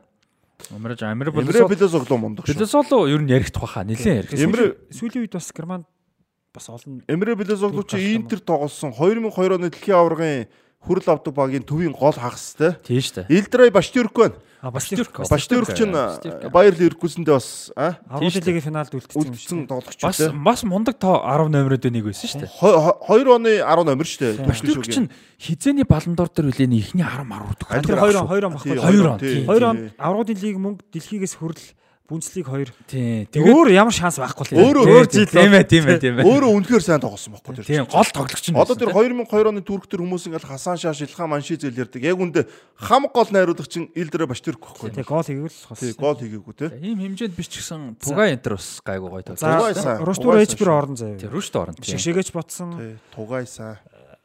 Одоо нөгөө нэг хаалгач биш үү? Демирал, Вулкан Демирал. Вулкан Демирал. Балкан орох уу? Яг гоо дурдаг яг дүү Турк гаралтай гэдэг дундаа бол дуудагдал юм байна. А эхний хэдтэй орохгүй л тий. Чихний харуулга. Вулкан ч энэ дүүртэл тоглосон шүү дээ клуб хэмжээндээ те. Тугай ч болохоор англи мангал тоглолцсон шүү дээ. Тугай бол Тий, англи тогс тийм. тий, Тугай сайн тоглосон. Тугай Кремогло үлээ тэр чинь те. Тийм баха. Тугай Кремогло төвийн хагас зүүнч тоглолцдог. Тэр өстө гоё хагас байсан шүү дээ. Тугай Тунжай гэж байгаа шүү дээ тий. А Тунжаа Шанли тэр чинь. Тунжаа гэж. Тунжаа Шанли сайн. Бид нар ч нэг Тункай гэж. Бид нар. Тункай гэдэг байсан. Тэгсэн чи Тунжай Бас байсан. англи тоглосон. Тий. Тунжаа Шанли. Манчестер Юнайтед алганд унж татчих тий. Амар гол. Тунжаа Шанли. 2004 оны аврагын лиг хэсгийн сүүлийн тоглолтод. Одоо ингэж ярихаар бас оо гарч ирэх юм байна те. За тэр Гоё 11 бол гарч ирэх юм байна. гоё тий. 11 үнэхээр гоё Амар, 11 амар, амар амар 11 гарч ирэх тийм байна. Туркийн 11 гарах ч юм уу? А бас гоё юм байна. Соёнжуу моёнжуу ч одоо бас гоё шүү дээ. гаралтайгаа бас оруулаа гарах ч юм. Тий зүгээр үндэс угсаагаар нь За рүүштүү хаалган дээр. За Рүстүр Эжбэр ойлгомж. 14 хамгаалч өстэй. За нэг нь соёнжуу баг. Тий соёнжуу. Соёнжуу орж болно олон. Яг одоо бол жоохон тархан багтаар 2 жилийн өмнө соёнжуу бол зодооч юм билээ. Залпаа явуулаа. Албаа Язалан. Алпаа ч сайн байсан. Албаа чи англи баг тоглосон баг шүү. Гитал тоглож байсан шүү дээ бас тий. Англи би санахгүй. Англи дээр байсан шүү. Амар хатан бохгүй. Талбайд шууд хун усаад авдаг. Видео чинь нөхөр. Алпаа алпаа соёнжуу хоёр юм шүү. Германд дүү хамгаалж байхгүй тий. Англи юу Эмрэ Жаныг болж болно. Гэтэ Эмрэ Жан хагас дээр л ирэх байх та. Тэгээд зүүн баруун зүгүүр Нүрийн шахиныг дурдаг шүү дээ. Ээ нүрийн төвийн яг. Нүрийн шахиныг бас дурдаг. За баруун зүгүүр тэр хий. За одоо Хоёр жигүүр дээр л Сар Сабри Сариоглу байж болж Сариагло 8 онд нэг тоглосон. Тий, сайн тоглосон шүү дээ. Бараг альтин топ ч баруун тоглосон шүү. Тийм ээ тий. Альтин топ баруун хамгаалагч шүү. Альтин топ баруун баггүй юу? Хамид альтин топ. Хамид альтин шүү. топ. Халил нь биш шүү. Хамид альтин топ. Альтин топ баруун баруун зүв зүв. Зүүн дээр нь хэн байх вэ? Жохон хүчлээд хаашаа татчихмал хасаа шааш юм шиг. Аа цааш бол биш. Шаш болохгүй. Хаашааш 2002 онд л. Тэр зүүн дээр Хакан Унсаал аягүй сайн тоглосон юм. Өөрөө Туркийн лигт ч олон жил бас Галацарах байсан баг Хакан юу Унсаалч. Тэгээд дэлхийн орд Зүүн дээр чинь дээ. 8 онд хэн тоглолоо? Энэ ингээд тустай пост болох нь шүү. Зүүн дээр за бодчих. 11 гээд. Өгүр бораал урд нь тоглосон тий. Өгүр бораал яар чин тоглосон юм бэ? Бурак Илмаз бас гоё те. Чи Бурак Элмаз гэж. Тийм. Аа тий Бурак Илмаз явах вэ? Гайгүй. Туркдээ л явсан тоглогч. Женк тосууна гэж юм ба. А Ченг тасуунах те. О Бурак Элмаз чинь лиг нэг төрөлцсөн юм шүү бас. Зүүн дээр би тэр 2002 оны унсаал Эргүн Пембеөрийн нэг л орж ирэх болов. Эргүүн Пембе болно шүү дээ. Ер нь бол их том нэр шүү. 2002 онд оноос ч өмнө ер нь Европт бас Туркийг төлөөлж ирсэн. Эргүүн Пембе бол их том нэр. Яг дэлхийн аврал шалралт тэмцээндээ Сүүлийн дагаагүй болохоос Эргүүн Пембе бол том нэр шүү. Эргүн Пембе л бах та. Тэр юуных тэр чин Гохан заан Сэрөө читийн хоёр төв тоглоод баруун Гохан инлэр гэж зүүн гарсан шүү дээ. Гохан инлэр тийш тий. Тэгээд зүүнд нь өө яг энэ байна. Нэг нэр нь байна. Тэгээ барууд нь альтинтоо тоглож байна. Дараа нь сариглуу орж ирсэн байхгүй. Эргүн Пембе мэн. За за дөрөв хамгаалагч. За дөрөв хамгаалж болчихлоо. За хоёр хоёр Эмрэ Блэзоглоо. Эмрэ Жаан. Гюндэг нь орж ирнэ. Гүндэг байна. Нүүрэн Шахин орж ирнэ. Эмрэ Жан. За ингээд бахан центр За үү те. Гюндэг нь орж ирнэ шууд. Гүндэн нь бол шууд те. Гюндэг нь шууд орж ирнэ. Бараг Шахин юм шүү. Жаан уу? Нүүрэн Шахин бол Одоо нэг цэвэрлэгч хоёр центртэй юу? Тийм тийм. За тэгвэл ардлынх нь хин. За атак нь бол Тийм. байгаа шүү дээ. Ойлгомжтой. Тэгээ нэг нь бол гүнд хин юм байна. Шахин ч тэгээд алга болцсон шүү дээ. Бас тийм Удаан болж байгаа. Жаан гэж. Жаан л юм биш. Жаан шүү дээ. Жаан ч том том баг. Гохон илэр биш үү? Инлэр чинь яг Швейцарын шгшэд нэг сайн тоглосон. Наполи сайн байсан. Гэхдээ яг Жан арай илүү олон яг клубээрээ бол Ювентус, Ливерпул, Дортмунд. Эмрэ Белезоглууд орохгүй юу? Лесогло чинь шгшээ багийн ахлагч тэр хүрл авч ирсэн болохоос яг юун дээр орохгүй байна. Жаан л тий. За тийм ээ. Жаан Гюндэг нь орол амар сонголт. Жан Гүндэн тэгээд өсөөлөө. За Гурван. зүүн зүүн турaan. ард дотор ойлгомжтой. За баруун тийм. Нихатыг тавьчихлаа тий. Нихат Тунжай мунжай нихат бүгд баруун тоглоод тоглоно шүү дээ. Чингис өн дээр байгаа. Яг яригдахгүй бах гэдэг тийм тоглож байгаа. Тий. Тэгээ хин довтчод баг хакан шүкүр үү тий. Шүкүр л товтлогч баг те. Хакан Хин шүкүр. арай л авахгүй. Бурак Илмас арай л. Тийм арай баг. Бурак. Домгийг арай л. Гэтэ мань хүн бас гоё гоё. Францын лигт очиж төрүүлж мөрөөс бас гоё л та. Тийм гоё гоё тий. Баруун дээр чинь одоо тэгэхээр тэгэл юу юм шүү. Нөгөө нэг Биор нихатыг л тавих юм байна да. Нихат уг нь бол зүүн их тоглолт. Тийм ер нь зүүнээс. Арда тэнд орчих. За нихатыг тавьж болно шүү дээ. Тий. Тийм Талбадор бол болно шүү дээ. Яваас гоё бүрэлдэхүүн гарч Өө ирсэн. өзөлтөө солигдол тоглоно шүү дээ. Угаасаа өзил. За Бастюрк арай орохгүй байна те. Тийм. Баштюрк өзил Сүүлийн байгаа. сүүлийн арай хөгжчлөө те. Баштюрк ч хамгийн гол нь юу байгаа тоххой. Яг өзилийн барин дээр тоглодог байхгүй. Тийм яг яг аралт. Өөр барин дээр орохгүй л дээ. За яг тооцоолоог гоё сэдв юу. Баштюркийг түрүү оруулж ирээ өзилийг баруун руу гаргахгүй л бол одоо. Тийм байна тийм байна. Тийм байна. Тэгээ нихат нэсэн дээр хуу. Арай том юм үзсэн. Sorry нөө. Мехмэ шоол чинь түрүү орж ирэхгүй юу? Шоолч баруун баггүй. Шоол баруун баг. Шоол ер нь орлоо яг үнэхээр гарал үүснэ мөн болоод виза авах бол баруун Тий, баггүй. хан тийм баруун шүү. Тэгээ хуучны нөгөө 4 4 2-ын баруун. Мехмэ шоол чинь тэгтээ бас төвдөр тоглодог гэсэн юм А шүү. ер нь сүүл тоглодог гэсэн. Тийм. Ер нь бол баруун 7 дугаар. Тийм. Яг яг хуучны долоо л да тий. Тийм. За ер нь тооцоолоог гоё яриа явчлаа шүү. Баруун тэгвэл халил алтын топ болох юм биш үү? Халил чи хамгаалтан дээр тавьчихсан. Хамитиг үү? хамгаалалт. Халил тийм амар гавтай юу? Халил тэтгэр өч бас л эвгүй байсан үе байгаа дээ. Бага бага. Хамит нь илүү байсан. Тэг Казим Казим гэдэг нэг хөрг хөрг Казим Коллинс Ричардс тий англи хөрг гаралтай орж ирнэ тий. Яг дундаж дунджаас дээгүр тоглож бас хид зөндөө байгаа л тий. бараг шоол орж ирэх юм биш үү? Яг гарна. Мехмэ тэгэхээр угаасаа түрүү. Яг яг 4 3 3 гэдгээр вингер болчоор шоол арай биш л дээ. Шоол чи яг нөгөө хагас байсан. 4 2 3 нэхлэр чинь Тэгээ 4 3 дээр байж 4 2 3 нэг дээр бол байж л тий. А бүр урагшаа вингер болчих юм бол болохгүй тий. Тэгвэл тэгээ Нихат Нихат арай аардаа суухгүй шүү дээ тий. тий Ниха юу Нихат л юм шүү. Нихад арда хоёр юм байна. Нихат яга баруун гэж болно шүү дээ. Өзилтэй сайхан сольж тэр шөөл орох гэдэг юм шүү. Шөөлийгөө хасах юм уу? Ниха шөөл хоёр л байгаа байхгүй тэгэхээр тий. Шойл бол том баг тоглосон гэхдээ Нихат бол хоёр ур чадвар зөвүүн шүү дээ. Амар. Евро Амар. Евро дээр бүр амар. Тэр Испани ла лигийн мэрэгэн бууч авангаа алдсан. тий Реал Сосдад Сосдад янз бүр байсан, янз бүр. Чек Турк Евро дээр тоглоход Нихат чинь Нихат бол тоглогчид бол үнэхээр амар тоглогч юу. Нихат кахвч. гахвэж. За Хакан Шүкүр бол яхахгүй зүрт. Тий шүкүр бол хэргэлцээг баг. Шүкүртэй одоо Шүкүрийн зэрэг сэлгээ яалч тэгэл Бурак Элмас Ченг Тосун одоо хин бэдэ өөр тэгэл бас Мерсер тоглогчд байгаа л бах санаанд болох. маншиз орж ийн манай маншиз орж ийн Тийм, түр маншиз гайгүй товтлогч нь герман германч байхгүй юу те Яалч шүкүр тэгээд эргэлзээгүй юм байна л да. эргэлзэг өргөлцөж амар хэсэм ч Амар л да. За Өзилийн яриа нэг аа, иймэрхүү гоё гоё далилаа тийм. сонирхолтой л За байсан үндэс угсаа ярьснаас тэгээ үзил рүүгээ орсноос манай ч бол улс төрийн байр суурь бол амар идэвхтэй бас хүн штэ. Ер нь бол одоо өвөг дээдс нутаг Турктэй их илгэмсүү байдаг бас нөгөө шашин те. Шашин нэгтэй хүмүүстэйгээ маш ам нэгтэй байдаг. исламын шашин те Тийм. Тэгээд тэр 2008 оны УЕФА-гийн Европа лигийн шгшээ тоглолт бол анх шгшээ тоглолт Атлетико Арсенал тоглож байхад одоо хүмүүс банан манаа шиддэж нэг талах шидсэн чинь а, Дайны алюсныг банан шидсэн ч аваад идчихсэн шүү дээ. Үнэхээр гоё Озил мөрөгдөг те. ингээд үнэрлээд тэр чинь нэг яг исламын шашинд бол тэ хоол идэхтэй бол ингэж бурхандаа талархдаг. Тэрийг ингээд үзүүлсэн ч гэсэн хүмүүсийг бүр хайлуулсан шүү дээ. За тэгээд э, юу яасан? Тэр хүн чинь хурим хийсэн, нэг алдартай хүнтэй хурмилсан, хурмын дээр Туркийн ерөнхийлөгч Эрдоганыг одоо хурмын тийм одоо юу хэмтэй нэг гол хүнээр Хүндэт зочноор. одоо нэг их гол хүнээр авчирсан. Тэр нь бас нөгөө Германд бас жоохон шуугилсан шүү дээ. Тэгээд Тэгээ Эрдон ч бас нөгөө баруун баруун одоо Эрдон юм ба шүү дээ. Эрдон Гундон Режип Режип Таyyip Эрдон.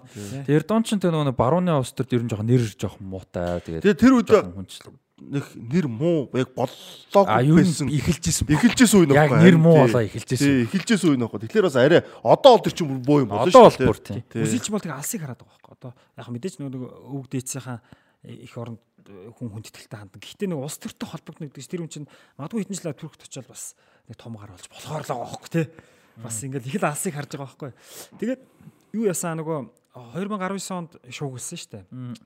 Нөгөө уугруудыг уугруудын төлөө дуграад Шинжаанд. Шинжааны уугруудын төлөө дуграад тэр нь бас нэлээд шууган тариад тэгээд нөгөө нэг хятад улс чинь хэнийг хориглоод Озилыг бүр оруулахгүй гэсэн шүү дээ. Тэнгүүтээ хятад улсад Өзилийн Арсенал тухай тоглож байсан Арсеналын тоглолтыг үзүүлэхэ болоод манай э, PES одоо e-sport тэндээс remove хийлгээд те Тэрэн дээр гэхдээ Арсенал бол хэвээр айгүй. Тэгээд ер нь та хоёр юу гэж бодож байна. Одоо тэгсэн шүү дээ. Яг хятад ингээд нөгөө нэг Арсеналын тоглолтыг гарав. Яг тэр өдөр нь ядчих тэр чинь маргааш нөгөө өдрөмжлөөн тоглолтоос.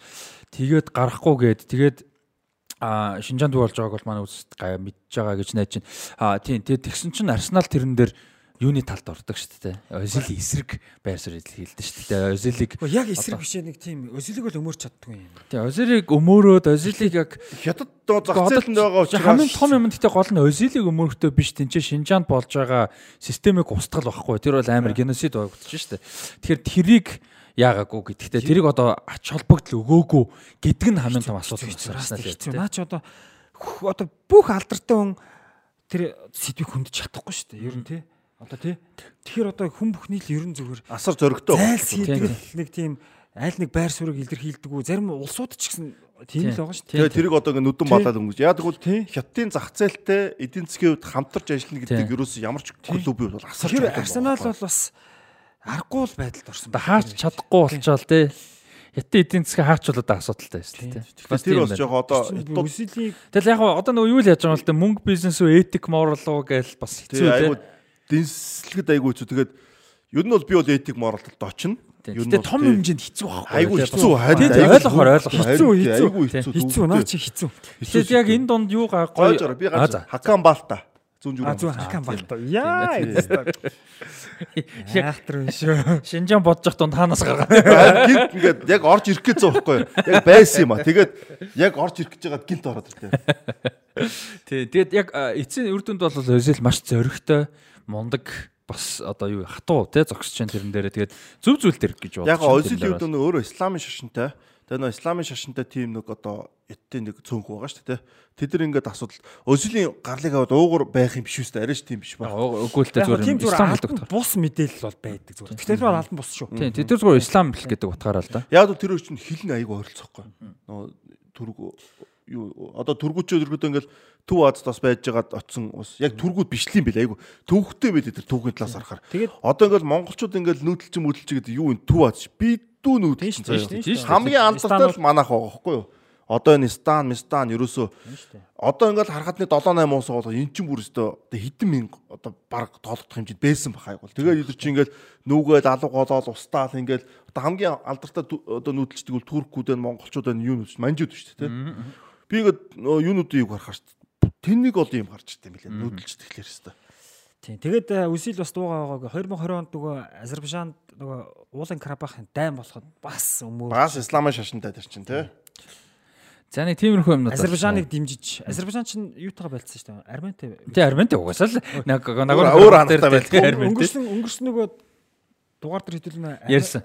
Армени тухай ярьсан шүү Тий. дээ. Армени турк тоглоод. Тий. Тэгсэн чинь маргааш нь би нэг зурагт үзсэн чинь гоё нэвтрүүлэг гарч ийн. Оо за. Армени тухай. Оо за. Би тэрийг одоо нэг өдрийн өмнө үзчихгүй явдаа гэж бодож байлаа. Тэгсэн бол бүр нэмж ярих юмтай байсан ба шүү дээ. Бас нөгөө нэг нэмч нэмчих аа нэмчихв. Нэмчихвчтэй. Бид нар ч Армениг нөгөө алдартай Арарат гэж үгээр нь сайн мэддэн шүү дээ. Одоо Арарат, Ереван клуб, Архтарс бүх юм нь Арарат гэдэг те. Арарат гэдэг чинь бүр ингээд тэр улсын брэнд шүү дээ. Уул том гой уул байгаа шүү дээ. Тэгсэн чинь тэр уул нь Туркийн газар нутагт орсон юм байна шүү дээ. Тийм шүү дээ. 100 жилийн өмнө уг нь тэр өстой ариун дагшин тийм газар байж байгаа. Туркгүй 100 жилийн өмнө газар авцсан. Одоо арменчууд зүгөрх юм хилийн цаанаас ингээд уулаа хаард юм байна шүү дээ. Алтцсан юм байна. Тиймэрхүү юмуд их штэ тий. Асуудлууд.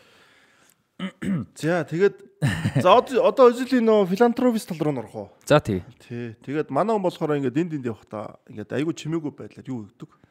Хандив өгдөг. Одоо юун дээр а 14 онд дэлхийн аварга авсан шүү дээ. За би бол хамгийн одоо юуг нь хүмүүсийн мэддгийг хэлж хийж бодож байна. Дэлхийн аварга төрүүлээд нөгөө тодорхой хэмжээний шагнал цалин юм авч байгаа шүү дээ. Тэргээ Бразилийн хүмүүсүүдэд зориулаад тэгээд Бразил дэлхийн аварга болсон. тий Бразил Тэд чинь нэг хагалгаан магалгаанд орох шаардлагатай байсан хүмүүс байдаг баг шүү. Бас тэгэж санаж. ямар ч Анаа ч өөр наа ч. А орой өөр тий. Аа за. Тэгээд ямар ч Бразил гэж үлдээд. Тэр хагалгаа биш юм уу Бразил? Дараа нөгөө хурмаа хийсэн. Аа. 2000 хурмаа ихтэй нөгөө мянган хүүхдийн хагалгааг бас даасан гэж. Тэндэгтэй хаана хүүхдүүд амаагүй. За тэр нь одоо яг тэр хүүхд гэж бол хэлээгүй байсан. Аа, Германда тогтоо. Тий, Германд л Герман. Турк Герман ч одоо ингээ хүмүүс хөгжилтэй орн гэдэг бол тийм юуны асуудал зөндөө байгаа шүү дээ. байлгүй. л асуудал байгаа Тий, шүү дээ. Тэр чин цагаач их очдөг те. Монголчууд Америкт очиж шүдүү үзүүлэх гэж 40 мянган доллар болчихсон. Одоо яана гэсэн чинь төлцсөн гэсэн чинь яас нөө филантропичуд төлчдөг те. Нөө. А тийм. Одоо ингээд нийгмийн сайн сайхны төлөөлөл манайхан ч юм уу те. Энэ гадны том компаниуд ч юм бол тэгдэм л ш нь имчилгээндээ төлбөрөө даахгүй байгаа нөө хүмүүс ингээд зарим бичиг баримт үгүй мэддэггүй нөхдөд. байгаа шүү. Тэднийхэн юуг нь ингээд за өнөөдөр юу ач ингээд нийгмийн сайн сайхны төлөө тэдэн мянга- тэдэн сайд бол 10 оны юу ч юм уу 100 оны юу ингээд яач гээд тэр айгу том юу. Яг тийм л юу Германд хийсэн болоо да. Тийм л бах те. За нэмэгцүүл байгаа. Месотесэл дээр. Үзил чинь зөвүүн л дээ. Өөр ямар филантропи байна? За ямар ч гэсэн мэддгүүд мэддгээр бол тийм байна. Тэгээ бидний мэдгүй. Бас мэдээж юу гэдэг нэмээд яриад судлал бас байгаа л бах л та. Гэтэ гол одоо онцлох нь та. Үзүүлийн тэгээд яг хөлөн бүчний замнал бол яг төгсгөл хэсэг нь бол нэг тийм сайн байгаагүй. Аа Арсеналд байсан юу Артета дасгалжуулагч болсон. Артетатай бол их таараагүй л дээ. Тэгсэн. Тийм. Тэгээд бас үзил чинь нөгөө их өндөр цалинтай. Яг мэдээж тэр бол үзилийн буруу биш шүү дээ. Анх байгуулсан гэрээний дагуу л явж байгаа. Гэвч одоо зарим хэвлэл мэдээлэл ч гэдэм үү зарим зүйлэр ингээ үзэл их цалин авдаг бараг Арсеналыг бараг дампууруулж байна. цалиндаа таарсан тоглолт үзүүлэхгүй байх үзүүлэхгүй байна гэж шүүмж явдаг байсан. Тэгээд нэг ийм нэг маскот гэдэг нэг нэг матар байдаг шүү дээ. Оо тий тий тий. Тэр матар Ганер Ганер Саурус. салсчгүй шүү. Тэрийг одоо заавал ярих хэрэгтэй шүү. Тэр гэхдээ бас сонин те одоо Арсенал шиг тийм том клуб тэгээд тэр чинь маркетинг имиж юундагаа одоо бодсон те PR-а бодсон том департамент бүтэн одоо департамент байгаа штэ. Тэгж байгаа тийм энгийн алдаа гаргадаг сонинтэй. Одоо тэр чинь нэг ковид болоод том клубүүд ер нь томчлтгүй мэдээж дэлхийд даяараа л бүх төрлийн байгууллагууд хүмүүсээ халах малах хүний тоогоо зөр тэгээ нөгөө нэг зардал хэмнэх мэдээж үйлдэл хийсэн. За тэр дунд бол Арсенал мэдээж байсан. Тэгээд олон хүн бас одоо тэр үедээ шаардлагагүй гэж үзсэн хүмүүсийг л халсан те. Тэдний нэг нь одоо тэр Gunnersaurus тэр нөгөө маскот нь те тэр одоо тэр маскотын хувцас өмсдөг юм бол нэг л хүн байсан. Тэр хүн маш олон жил тэр нь бол одоо өөрийнх нь ажил, амьдрал, карьер нь болцсон. Арсеналын фэнүүд маш хайртай тэрэндээ тий. Тэр хүн нь ч гэсэн өөртөө тэр ажилдаа бол маш хайртай мундаг. Ийм байсан. Тэгээд Тэгээ бас хөөхөн нэг багч цалингуу тэр чинь тэд нар чи маск тот чинь те. тэгээд тэгсэн чинь тэр хүнийг бол ажилласан чөлөөлж одоо яг мэдээж пандемиктэй үед хөлбөмбөд цэнгэлдэх тоглогчд биш үзэгч фэнүүд байхгүй болохоор шаардлага бага л байсан баг л та. Гэтэ халсан. Тэгээд тэр чинь PR одоо муу PR болж байгаа байхгүй. Хүмүүстэй нөлөөтэй шууд нөлөөтэй юмыг яаж гот. Тэгээд тэрэн дээр өзөл одоо сайн PR өөр дээрээ авсан гэх юм уу эсвэл одоо үнэхээр цагийн тааруулаад тэгсэн үү яг хаа тэр сая хэдүүлээ ярьсан болохоор сайн угаасаа филантропи хийдэг хүн болохоор тэр нь бас нэг тийм арай өөрөөр туссан тий. Тэгээ мань хүн бол одоо улирал тус цалингийн би өгөө.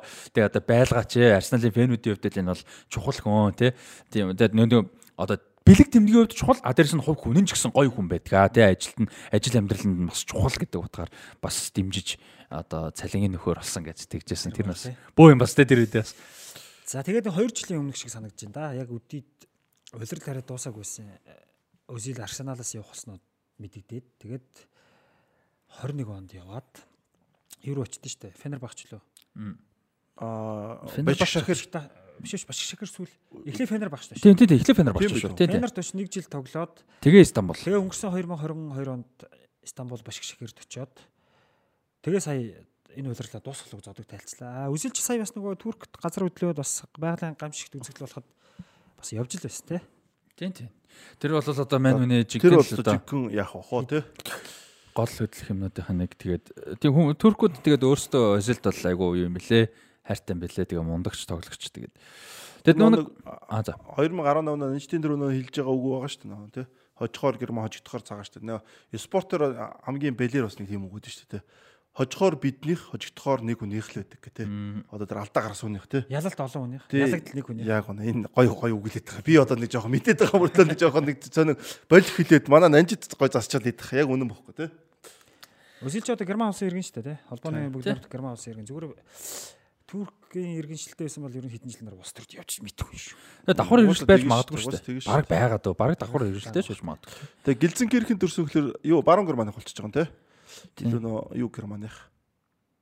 Тэгээд олон клуб дамжиж байгаа Шалкагийн хүүхдийн академи гэлгээл явсан юм билэ.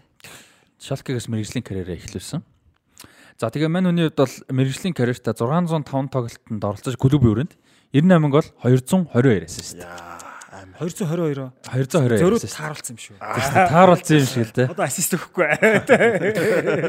Одоо нийлээд 300 одоо 20 гаруй 310 20 юу шүү дээ. Гол оролцсон ба шүү дээ. Хоёр тоглолт нь нэг тоглолт гол заавал оролцсон. Оролцдог гэсэн.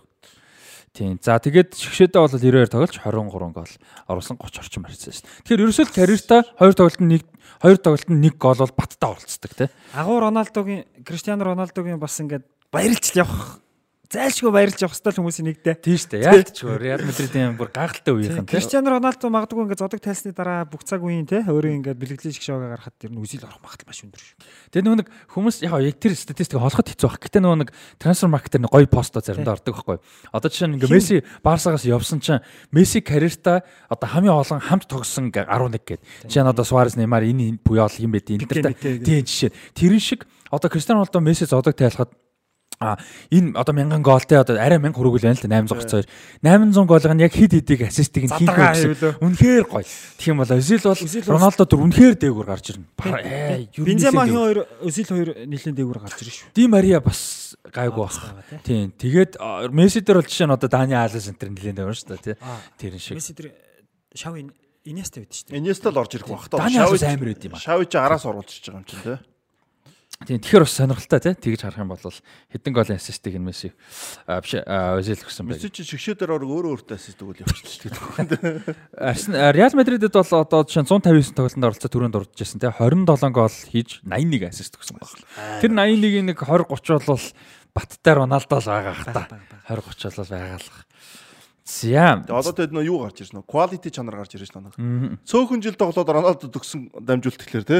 Тоглолт тий. Тийм. Хид тоглоод хэдий өгсөн байх гэдэг юм. Одоо тэр хоёр гарч ирж штэ. Тэр хоёроо бол 3 жил идчих юм бол ерөөхдөө бас л багал хугацаа. Багал хугацаа шүү дээ. Одоо бодлоо зүгээр 20-с 30 байлаа гэж бодоход л 3 үйлэлд 10 10 өгчлөө гэхэд амар ус. Нэг үйлэл нэг тоглогчд 10 ассист өгөх нэг юм. Кейс 2 юм байт үстэй хоорондоо хамгийн их нөө юу гэсэн те. Тийм гол явж авсан уу? Тэр шиг юм болох дээ. А юу Үзил бас нэг юм Реалд яга Роналдотой их дотноос ингэхэр бид нэг агенттэй байсан. Одоо нэг Португал хэлээр ирдэг Роналдо, Квентрау, Марсело, Пепе энэ дээр нэмэгдээд нөгөө хин нэмэгддэг байсан. Özil. Özil. Тэгээд тэд нар нөгөө Мендиш, Жорж Мендиш, Жорж Мендиш юу байсан. Бас Жорж Мендишийн юу байсан болохоор Жорж Мендиш Моринотой маш сайн ойрхон байсан болохоор бас ирж исэн. Озил юу н яагаад Реалаас тэгж хурдан яа. Озил чинь юу яасан баха? Морино явцсан шүү дээ 13 оны цомч. Морино явснаас өөр юу байсан юм бол одоо бодоход. Тэгээд цаа чин би жоохон андуурч магадгүй шүү. Нөгөө нэг тухайн үед Мориногийн удиржсэн Реал их зөрчилтэй баг байсан. Испанчууд нэг талдаа гарцсан. Мориныг очсон байгаа угсаа яванда зөрчилтэй болчихсон байхгүй. Рамос энтер нэг талдаа гарцсан. А нөгөө Португал хэлтэй нөхдүүд нь ингээд нэг талдаа гарцсан тийм байжгаад ийм хуваагддаг гэж. Сүүлдээ Мориногийн Мориногийн юунаас нөхдүүд нь залхаад нөгөө энэ талынх нь Мориногоо ч өмөрхөө болоод те одоо залхаж байгаа ш тэр үнээс тэр бас Моринод аяг хүнд цохилт болсон гэж би нэг уншиж санагдчих. Үзэл ингээд өөрийнх нь талын хүн байх хэвээр байтал ингээд төвийг сахиад ч юм уу эсвэл ингээд ингээ хамаагүй болчихсон гот жоохон жоохон харилцаа таагүй болсон гэдэг юм. Тэгээд тэр харилцааг сайжруулах нь шин тасалцуулж Озилийг явуулж одоо шийдсэн юм да. Яас. Тэрийг тэр үеиг илүү гоё тодорхой санаж байгаа хүмүүс гоё комент бас бичээрэй те. Гинтл ямарсан яатсан. Тэг ер нь бол 3 жил те. 3 жил тэгээ тийм хөгшөрсөн бол байгаагүй шүү дээ. Бөөн баяр болоод юу юм шүү дээ. Эд үе дээр.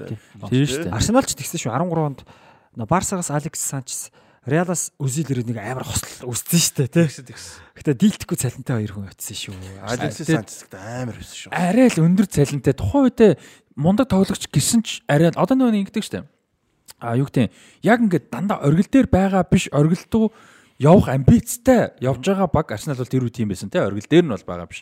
Тим багч нөгөө нэг цалингийн одоо хязгаартай байх хэвээр те а юу гэдэг 8 нь хязгаартай байх хэвээр гэж явдаг. Тэр үед Арсенал тэрийг эвдээд бүр ингээд амар өндөр цалин дээр гэсэн. Тэр нь яг мэдээж мундаг тоглосон байгаа тэр. Болохгүй байсан юм уу ирэхэ болчихсон. Гэтэ яг сүүлийнх нь удирлуудаа тэр нь бол жоохон сөрөг болцсон тий. Одоо ихэндээ болт гэсэн тийм. Арсеналч тэгээд тэр ерөөсөө ер нь бол зүгээр жоохон шулуух байлгад ариг залсан шүү дээ. Ер нь сүүлдээ болт гэсэн. Одоо сүүлд Артета ирээд хэлж дээ.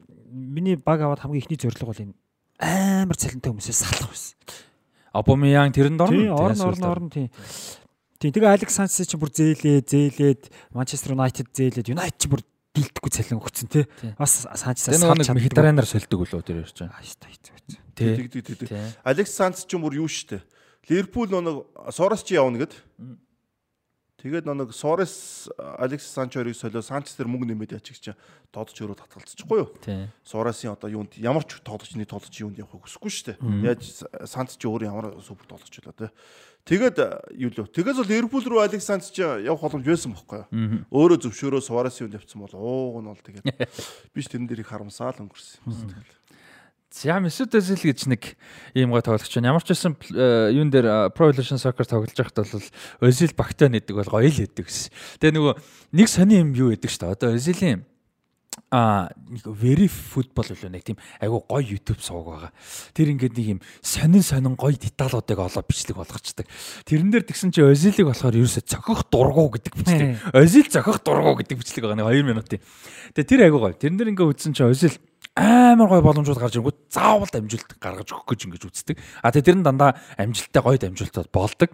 А тэгээ нөгөө нэг юун дээр тоглоом дээр тоглохоор тийм цөөхөн тоглолчтой нэг одоо юу гэдэг ингээд довтлон тоглодог мөртлөө тоглож хагаад озилээр гараад ирэнгүүт зохиморгүй санагтаад яаж ч жагаад өөрхөн дамжуулт амьдрал дээр озил тэгж тоглодог болохоор тоглоом дээр тоглож хахад тэрийг нь ингээд одоо химээр юм шиг санагддаг. Озил дээр бас нэр Монголд дуудлан дээрх асуудал гардаг гэсэн шүү. Озил гээд нэг бол mëсэд озил гэдэг ч юм уу те. Яг ер нь л озил юм бэлээ л те. Озил тийм нөгөө нэг хоёр цэгтэй болонгот акцент озил гэж. Урдаа өөс нь урдаа юу? Аа акцент нь урдаа өөзөл гэдэг урдаа юу? Яг нөгөө нэг одоо нэг уртуудах акцент ударны биш байхгүй юу? Хоёр цэг байхгүй. Тэнгүүд нэг о биш нэг өө өө гэсэн өөзөл. Тий өө боловч одоо өзил гэдэг нэг Аа өзил биш өзил өзил өзил гэж явж байгаа байхгүй юу? Тийм ба. А тэрийг нь өзил өзил бах. Яг яг туркээр бол бодвол өзил бах. Яг нэрнийг бодох юм. А турк амби харсан чинь туркээрээ өзил байгаа байгаа байхгүй юу? Тийм туркээр бол өзил. Өзил байгаа. Германаар болохоор өзил болчиход байгаа байхгүй юу? Яг туркээр бодвол өзил бах.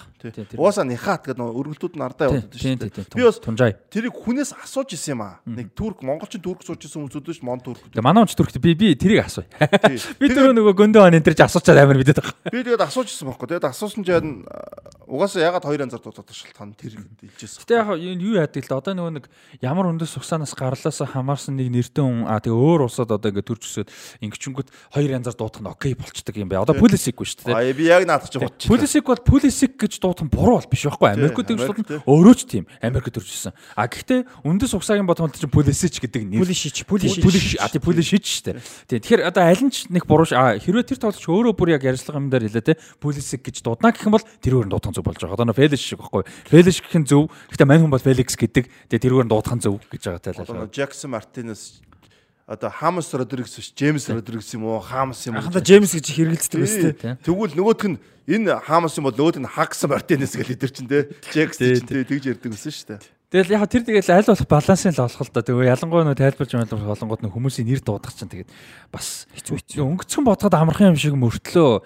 цаашаа яваад ирэхэр нөө улам ингээл аль болох мэдээж зүг дуудах гэж байна. А гэтээ тайлбар доо бид нар ч монгол хэлээр яаж одоо ингэдэг штэ а Монголд нөгөө даргоон төв гэдэг шиг яг ингээд монгол хэлээр ярьж байгаа зарим нэг англи үг зарим нэг орос үг ч юм уу дундуур нь оруулахад яг яг зөв дуудлагын дуудахад болдоггүй. Хилтэй хүн хүртэл монголоор ярьж байгаа бол тэрг нэг жоохон хатуу монголчч дууддаг. Яг гэвэл монгол хэлний темп ч юм уу дуудлага юмдаа таарж байгаа юм тэр байхгүй. Монгол үнтэй ярьж байгаа юм чи? Тийм тийм. Одоо жишээ нь би ингээд ярьж байна dragon төв дээр гэхээр амар ядаргаатай байна. Надаа хэлэхэд хүртэл ядаргаатай байхгүй. Ядаргаатай гараа гэж бодсон шүү дээ. Гэхдээ маягтай сонсогдно хэлэхэд ч ядаргаатай яг үндэ. Түүнээс тэр чи даргон биш юм байгаа ш. Central Town. Аас ч гэж ярих нь шүү дээ. Тийм тэр Яг тайлбар төрч шиг тэр гардаг байхгүй. Яг ингээ монголоор ярьж байгаа юм чинь монголоор ярьж байхдаа аль болох зөвөр юугийн дуудах боломж нь байна. Тэр энэ л тааруулна. А гэтээ бас нэг тэр чинь нэг эвдрэх гээд байл бас болохгүй шүү дээ. Бас тийм. Айгу төвхтөд төвхтөд. Тийм. За энэ Озилийн талаар ярьж байгаа хэдэн ч өөр юм ярьж байна. Одоо Махрес, Марес, Сала, Салах гэл одоо яриул зөндөл юмуд байна л да. Осимен, Осимхен гэл. Зарим нь Осимхен нэвчгэр Осимен ингэж бичтий бичтий гэл одоо баахал юм шүү дээ. Тэр болгон дээр ингээд одоо яагаад хэцүү. Тэр нэг Эйчиг нь дууддаг учраас гэхдээ англи хэлнэ юм л да. Тэ Махрес Салах Осимен Осимен байгаа байхгүй тий. Ер нь бол а тэгтээ Францаар дуудвал Осимен ч юу болохоор Франц хэлтэй газар болохоор бас яг жоохон өөр болчих. Тэгээ нэгэрээрээ болоо тэгээ. Нэгэр нэр шүү дээ энэ бол тий. За нэг иймэрхүү. Өслийн талаар өслийн талаар ярьж байгаа гэж сайхан явж өглөө. Тэгээд сонирхолтойсэн гэж найдаж байна. Аа тийм. Тэгээ өнөөдрийн Ордоор хэсгээр Özil-ийг болон яг би юу яасан? Арай урт болчлоо би нэг хоёр сэдв болгож ярина гэдэг жисэн. Тэрийг товчхон зүгээр дуртаж. Хоёрдоор одоо энэ Özil-тэй холбоотойгоор гэх нэг specialist тоглогч гэж нэг юм сонирхолтой сэдв байна л да. Юу хэлж байгаа яг нэг юм мандат өгсөн. Тэ. А тэр нь бол яг нэг үйлдэл гэхээсээ илүү нэг одоо үүрэг гэдэг утгаараа тэ үйлдэл үр дүн гэдэг утгаар яг тим тоглогчд бол одоо дуусч эхэлж байна. Ер нь дууссан. Тэгээ одоо тим тоглогч гарч ирэх нь баг. Одоо орчин цагийн академиас эхлүүлээд том топ класс дээр нэг тоглогч бол маш олон үйлдэлийг олон төрөлд үүрэг ройлтой байх талд олон талд байх шаардлагатай болсон. Бүх зүйлийг ер нь тодорхой хэмжээнд чаддаг байх хэвээр. Тийм. Одоо жишээ нь ингэж явах нөгөө Бенфика тэгдэг гэж байгаа байхгүй. Бенфикагийн актем амар алдартай одоо домогт актем. Тоглогч гарч ирэх болгонд ялангуяа тинейжер болохоос нь хойш яг хүүхд бол зүгээр скиллэн дээр анхаардаг. Тинейжер болохоос нь хойш мэрэгжлийн болох хүртэл нь дор хаяж гурван байр дээр тоглож сургадаг. Дор хаяж. Одоо Рубен Диаш жишээ нь довтлогч хаалгач хийдэг гэсэн гэж байгаа байхгүй айл алийг хийж үз. Довтлогч хаалгач. Тий, довтлогч хаалгач дүү хамгаалагч. Арай юу байна те. Бас. Тий, арай жоохон өөр. Гэхдээ ер нь тэгжсэн гэж байгаа. Тэгээд тэгэхээр ингээд нөгөө нэг олон талтай байх нь амар чухал ийм болцсон. Тэгээд нөгөө Месүд Özil яагаад гэх нь Özil-ийн хувьд болохоор нөгөө нэг ийм specialist тоглогчдын одоо хамгийн сүүлд ерөөхдөө карьер дуусж байгаа одоо ийм тоглогчдын нэг Özil-ээс хойш ийм specialist тоглогч их цөөхөн болчихжээ гэж ер нь бол зүгээр сэдв бас яригдчихлээ л л та. Яг цөөхөд байгаа байх. А гэтээ түгээмэл байх нь нийгэм нь тийм болчих тийм. Тийм хөлбөмбөг спорт нь ерөнхийдөө тийм болж өөрчлөгдсөн. Манай энэ дуугарч бас л дөрөв цаг болох юм дээр тийм.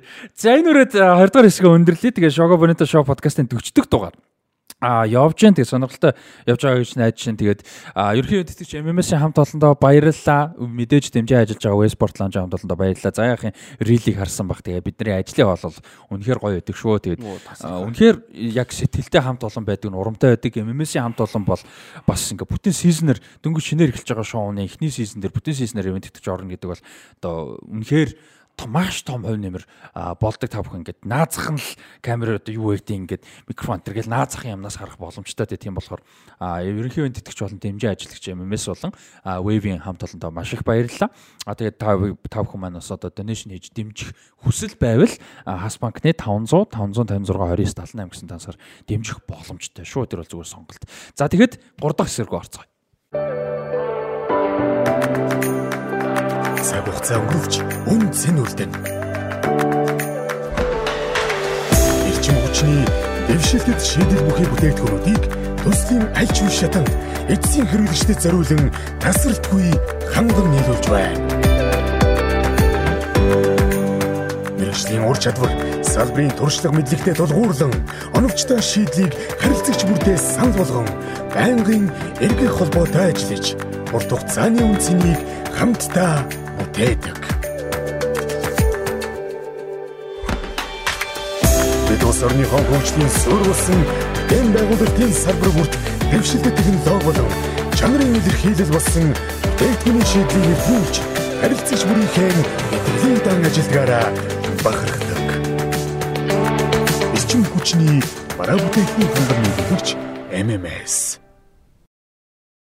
За ингээд Шуго Бронто шоу подкастын А 40 дугаарыг 3 дугаар хэсэг эхлэхэд бэлэн болсон байна. Тэгээд би ажиллаа жоохон оройтож хийсэн учраас нөгөө хоёртой ямар юм та ярихыг бол ерөөсөө хэлж амжаагүй уул өчтөр хэлэх хэрэгтэй байсан миний ажил тэр байсан. Ямар төрлийн түүх орж ирээд ихтэй гадралж байна гэдэг шиг тий. Гадралж байна. За гадралж байгаа юм байна. Бараа маягийн юм орж ирдэг. Гадарснаас нь орж ирэх нь үгүй юу хараа сонсцгоо яадаг.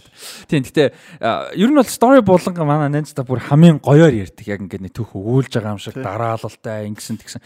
А тэр тал дээр би бол жоохон сул талтай тэгээд тийм бол Ич нанчдын тэр чадварыг гүйцэхгүй юм бэл. Тэр нөө юу ярьдаг гэсэн үг ш нь нэг оноод ярьдаг дээр ч гэсэн амар гоё ярьдаг. Стоо бүр тасраа байдаг гэсэн шүү дээ. Яг эхлэл өрнөл дараалал юмтай тий. Нэр он ярьдаг байсан марцсан шүү дээ. Гоё байсан ш нэр. Сизон ярьдаг гоё. Супер шүү дээ. Тий. Тэгээд өнөөдөр юуг бэлдсэн байгаа. Одоо Blackburn Rovers-ын товтлогч Ben Brereton Diaz гэж довтлогчийн талаар ер нь ярилцъя. Ben Brereton Diaz гэж нөхөр вэ. За одоо яг Blackburn тоглож байгаа. Championship-ийн плей-оффын байранд өрсөлдөж байгаа. 6 дугаар яг одоо явж байгаа. А 6 дугаар гэдэг чинь нөө Championship одоо плей-оффт орно шүү дээ. 3 4 5 6. А ер нь бол 3 4 оноогоор бас зайтай явж байгаа. Дараагийнхаа багаас ер нь дайггүй боломжтой явж байгаа гэсэн. За тэгээ Championship-д бол сүүлийн 2 үйлрэлт мэрэгэн мөчийн загсаалтанд нэлээд дээгүүр орсон. А ер нь юм бас юм товтлогч байгаа. 1900 а 99 оны 4 сарын 18-нд төрсөн. Ер нь бол залуу товтлогч гэсэн тийм. Одоо төрсөд төр нь төгсөж байгаа юм шүү дээ. Тийм байна. 4 сарын 18 гэдэг чинь За ер нь бол би дараа 7 хоногт баг ярьсан бол илүү зүгээрээс юм ба шүү дээ. Мэдсэн бол би тэрийг анзаараагүй юм. Тийм. А удахгүй одоо ингээд 23 24 хүртлээ. Тэгээ 24 хүрэх гэж байгаа юм давтлагч ба. За манууны стори юу нь сонирхолтой юм бэ гэхээр нэрнээс нь анзаарсан. Бен Brereton Diaz гэж байгаа. Брэм Бен одоо Бенжамин гэдэг шиг Бен Бен Brereton Diaz. Brereton Brereton ч бас англи нэр тий. Тэгтээ Diaz гараад ирсэн. Латин болоо. Тэгж байгаа. За. За мань хүн бол юу? Аав нь англи, ээж нь Андреа Diaz гэж чил юм ихтэй. Ээжээр оголцсон. За ээжээр ус. За тэгтээ сонирхолтой 21 оноос өмнө бол албан ёсны бичиг баримт яг одоо ч гэсэн албан ёсны бичиг баримтан дээр бол Диаз гэж нэр нь байдаггүй. А ааваараа мэдээж нэг одоо барууны соёл учраас ааваараа оголдог. Бен Брертэн өөр юу лээ бүтэн нэр нэг тийм тэгж явдаг.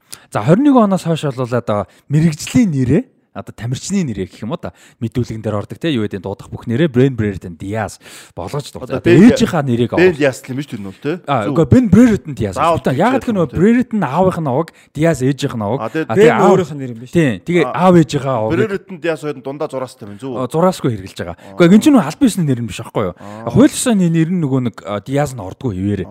А нөгөө нэг хүмүүст хүрэх нэр нь одоо миний Rusty гэдэг шиг л аахгүй. Тэрэн шиг ингээд гэтээ тэр нь бол энэ хамаагүй official нэр. Rusty chicken нэр ч биш Тийм бэ. Бас сайн тийм. А тэгээд ийм тоглож байгаа. За story нь юу юм бэ гэдэг чинь. За би та эхнээс нэр. За мань хүн бол ер нь хүүхд байхаас stock төрсөн. Stock on Trent гэдэг нэртэй газар шүү дээ. Яг албасын нэр нь бол. Stock төрж өссөн. За тэгээд хөлн буй бол Terry Henry-г шүтэж биширч ингэж өссөн хүүхд гэж байгаа. За тэгээ ингээ явж байгаад бол мань хүний одоо яг англитай холбоотой хөлн буйн амжилттай бол одоо бас мундаг нэг үе нь бол 2017 оны 19 хүртэлх насныхны Европын авраг шалруулах тэмцээнд бол Английн шокт хамт орсон. За тэрэнд бол одоо Английн шок бол тухайн жилд төрүүлсэн. За энэ төрүүлсэн бүрэлдэхүүнд бол одоо Арсеналд мундаг тоглож байгаа Aaron Ramsdale, одоо Челсид мундаг тоглож байгаа Reece James, за тэгээ Челсид мундаг байгаа Mason Mount энэ хэдтэй бол хамт одоо нэг бүрэлдэхүүнд. Еврод уу тий? Еврод тий 17 хүртэлх насныхны Еврод бол хамт энэ хэдтэй тоглож одоо төрүүлсэн. Энэ бүрэлдэхүүнд бол за тэгээ зүгээр төрүүлсэн гэж одоо бүрэлдэхүүнд байснаас гадна мань хүн бол 3 гол оруулсан хамтарч одоо топ скорерын жагсаалтыг бол тэрхүүлсэн. Аа тэгээд бас их мундаг. Яг төвийн товтлогч юм. Төвийн товтлогч, яг төвийн товтлогч. За ингэж бол гарч ирсэн. За тэр бүрэлдэхүүнд бол одоо өөр Трево Чалоба антер бас байсан. Тэ шишээд одоо арай тоглоог. Trevor Trevor гэж монголоор одоо тийм Трево. Гэтэ энэ чи Trevor биш, Трево шүү дээ, тэ. Трево Чалоба. За энэ хэд бол байсан. За энэ бол ингээ мань хүний яг хүүхд карьерын ингээд явж. За тэгээд тэрнээс хойш бол яг хуу үнцэн шишээд тоглох хэмжээний бас тийм бол байгаагүй. За Чалоба юм шүү. Чалоба чи CH CH. Тэгэхээр Чалоба тэ. Яг ямар усаас хам. Испанаар шолоо боох. Испани Францаар. Тийм баг. Францаар шолоо байна.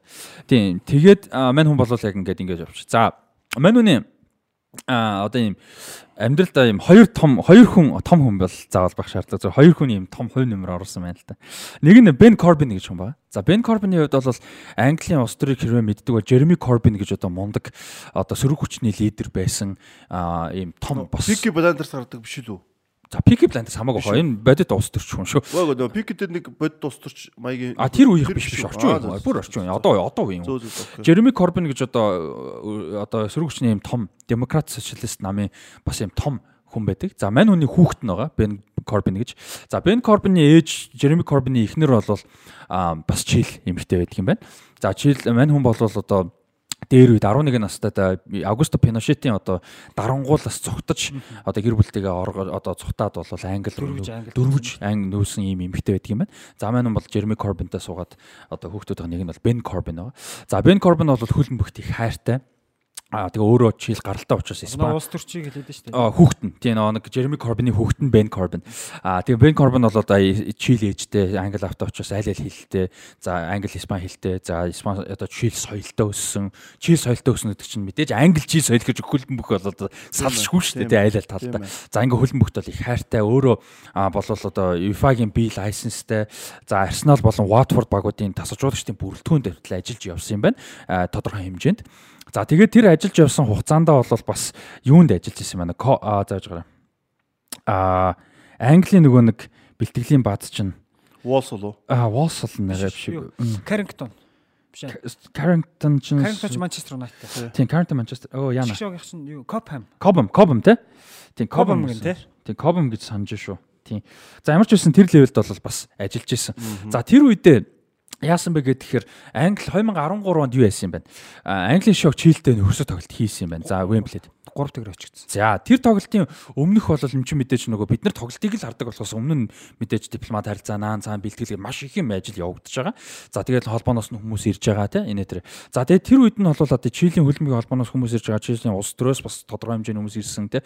Ингэж байгаа үед одоо хоёр талын дундах төлөөлөгч нь босон хүн Бен Корбин байсан юм байна. Бен Корбин яг тэр ажлыг хийж таарсан одоо Чил тохирох хүн нөөш дээ. Яг тохирох хүн өөрөө улс төрчин хүүхэд дээрээс нь Чилээжтэй өөрөө Испани хэлтэй Чил зүгээр л Испани биш бүр яг Чил гаралтай учраас ингээд маш одоо таарсан хүн байсан. Чил акценттэй Испани л байгаа нь шүү дээ. Тийм бах бодвол мэдээж тийм бах тийм. Угаасаа акцент байж л таарна шүү дээ. Колумб акцент акцент нь хамгийн гоё акцент гэж явд юм. Колумб энэ ч бас өөр юм байлээ. Шал өөр акценттэй байдаг юм байлээ. За тэгээ мань хүн бол яг тэр үед тэгэж ажиллаж таарсан. За тэгээд тэгэж ажиллаж явдах явж байхдаа бол илүү ойр ойрдод нь ажилдаг болоод Чилийн хөлбөмбөгийн холбоо ерөөсөө л Англид ямар нэг Их Британд ямар нэг ажил ямар нэг юм явагдах болгонд л Бен Корбин дээр дамждаг одоо альбом бус одоо ийм төлөөлөгч л болцсон юм байна. Ер нь бол. За тэгээ энэ хугацаанд бол Хорхе Сампаули дасгалжуулагч Чилийн дасгалжуулагч хийж ирсэн. За Сампаулигийн удирдлага дор дээрээс нь бас холбооны хүрээнд бол Чилийн а хөлбөмбөг бас жоохон ер нь унж эхэлж исэн гэж хэлж бол болно. Нөгөө 15 6 оны мундаг амжилтын араас бол шин одоо нөгөө залуу тоглогчд. А биш наач өмнө яг тэр хүрчилсэн баха. уучлаарай тэр хүртэл шүү. Биш холио ярьчлаа шүү. Уучлаарай тий. Зөв зөв. 15 6 төрүүлсэн тэрний өмнө ч 10 уучлаарай. А тэр тэнгуут тэрний өмнө юу дутчихсан бэ гэхээр тоглогчдын сонголт ер нь бол нэлээ ингээд юу яажсэн байна л да. Дотож эхэлжсэн тий. А тэгээд тэр үед юу эхлүүлсэн бэ гэдэг шилжүүлэн болбоо ингээд чийл гаралтай хүмүүсийг хайж олж эхлэе. Тий. Бүрэлдэхүүндээ татах хүн өөр юм байна гэж хайж эхэлжсэн юм байна тэр үед. Тэгээд энэ бол 13 он шүү. За тэгээд тэрнээс хойш бол яг хуу Бен Корбин ч одоо чилийн холбоотой ажилдаг тий. Чилийн шокч гэсэн 15 6 онд төрүүлээд ингээд амжилт нь яваад ингэж.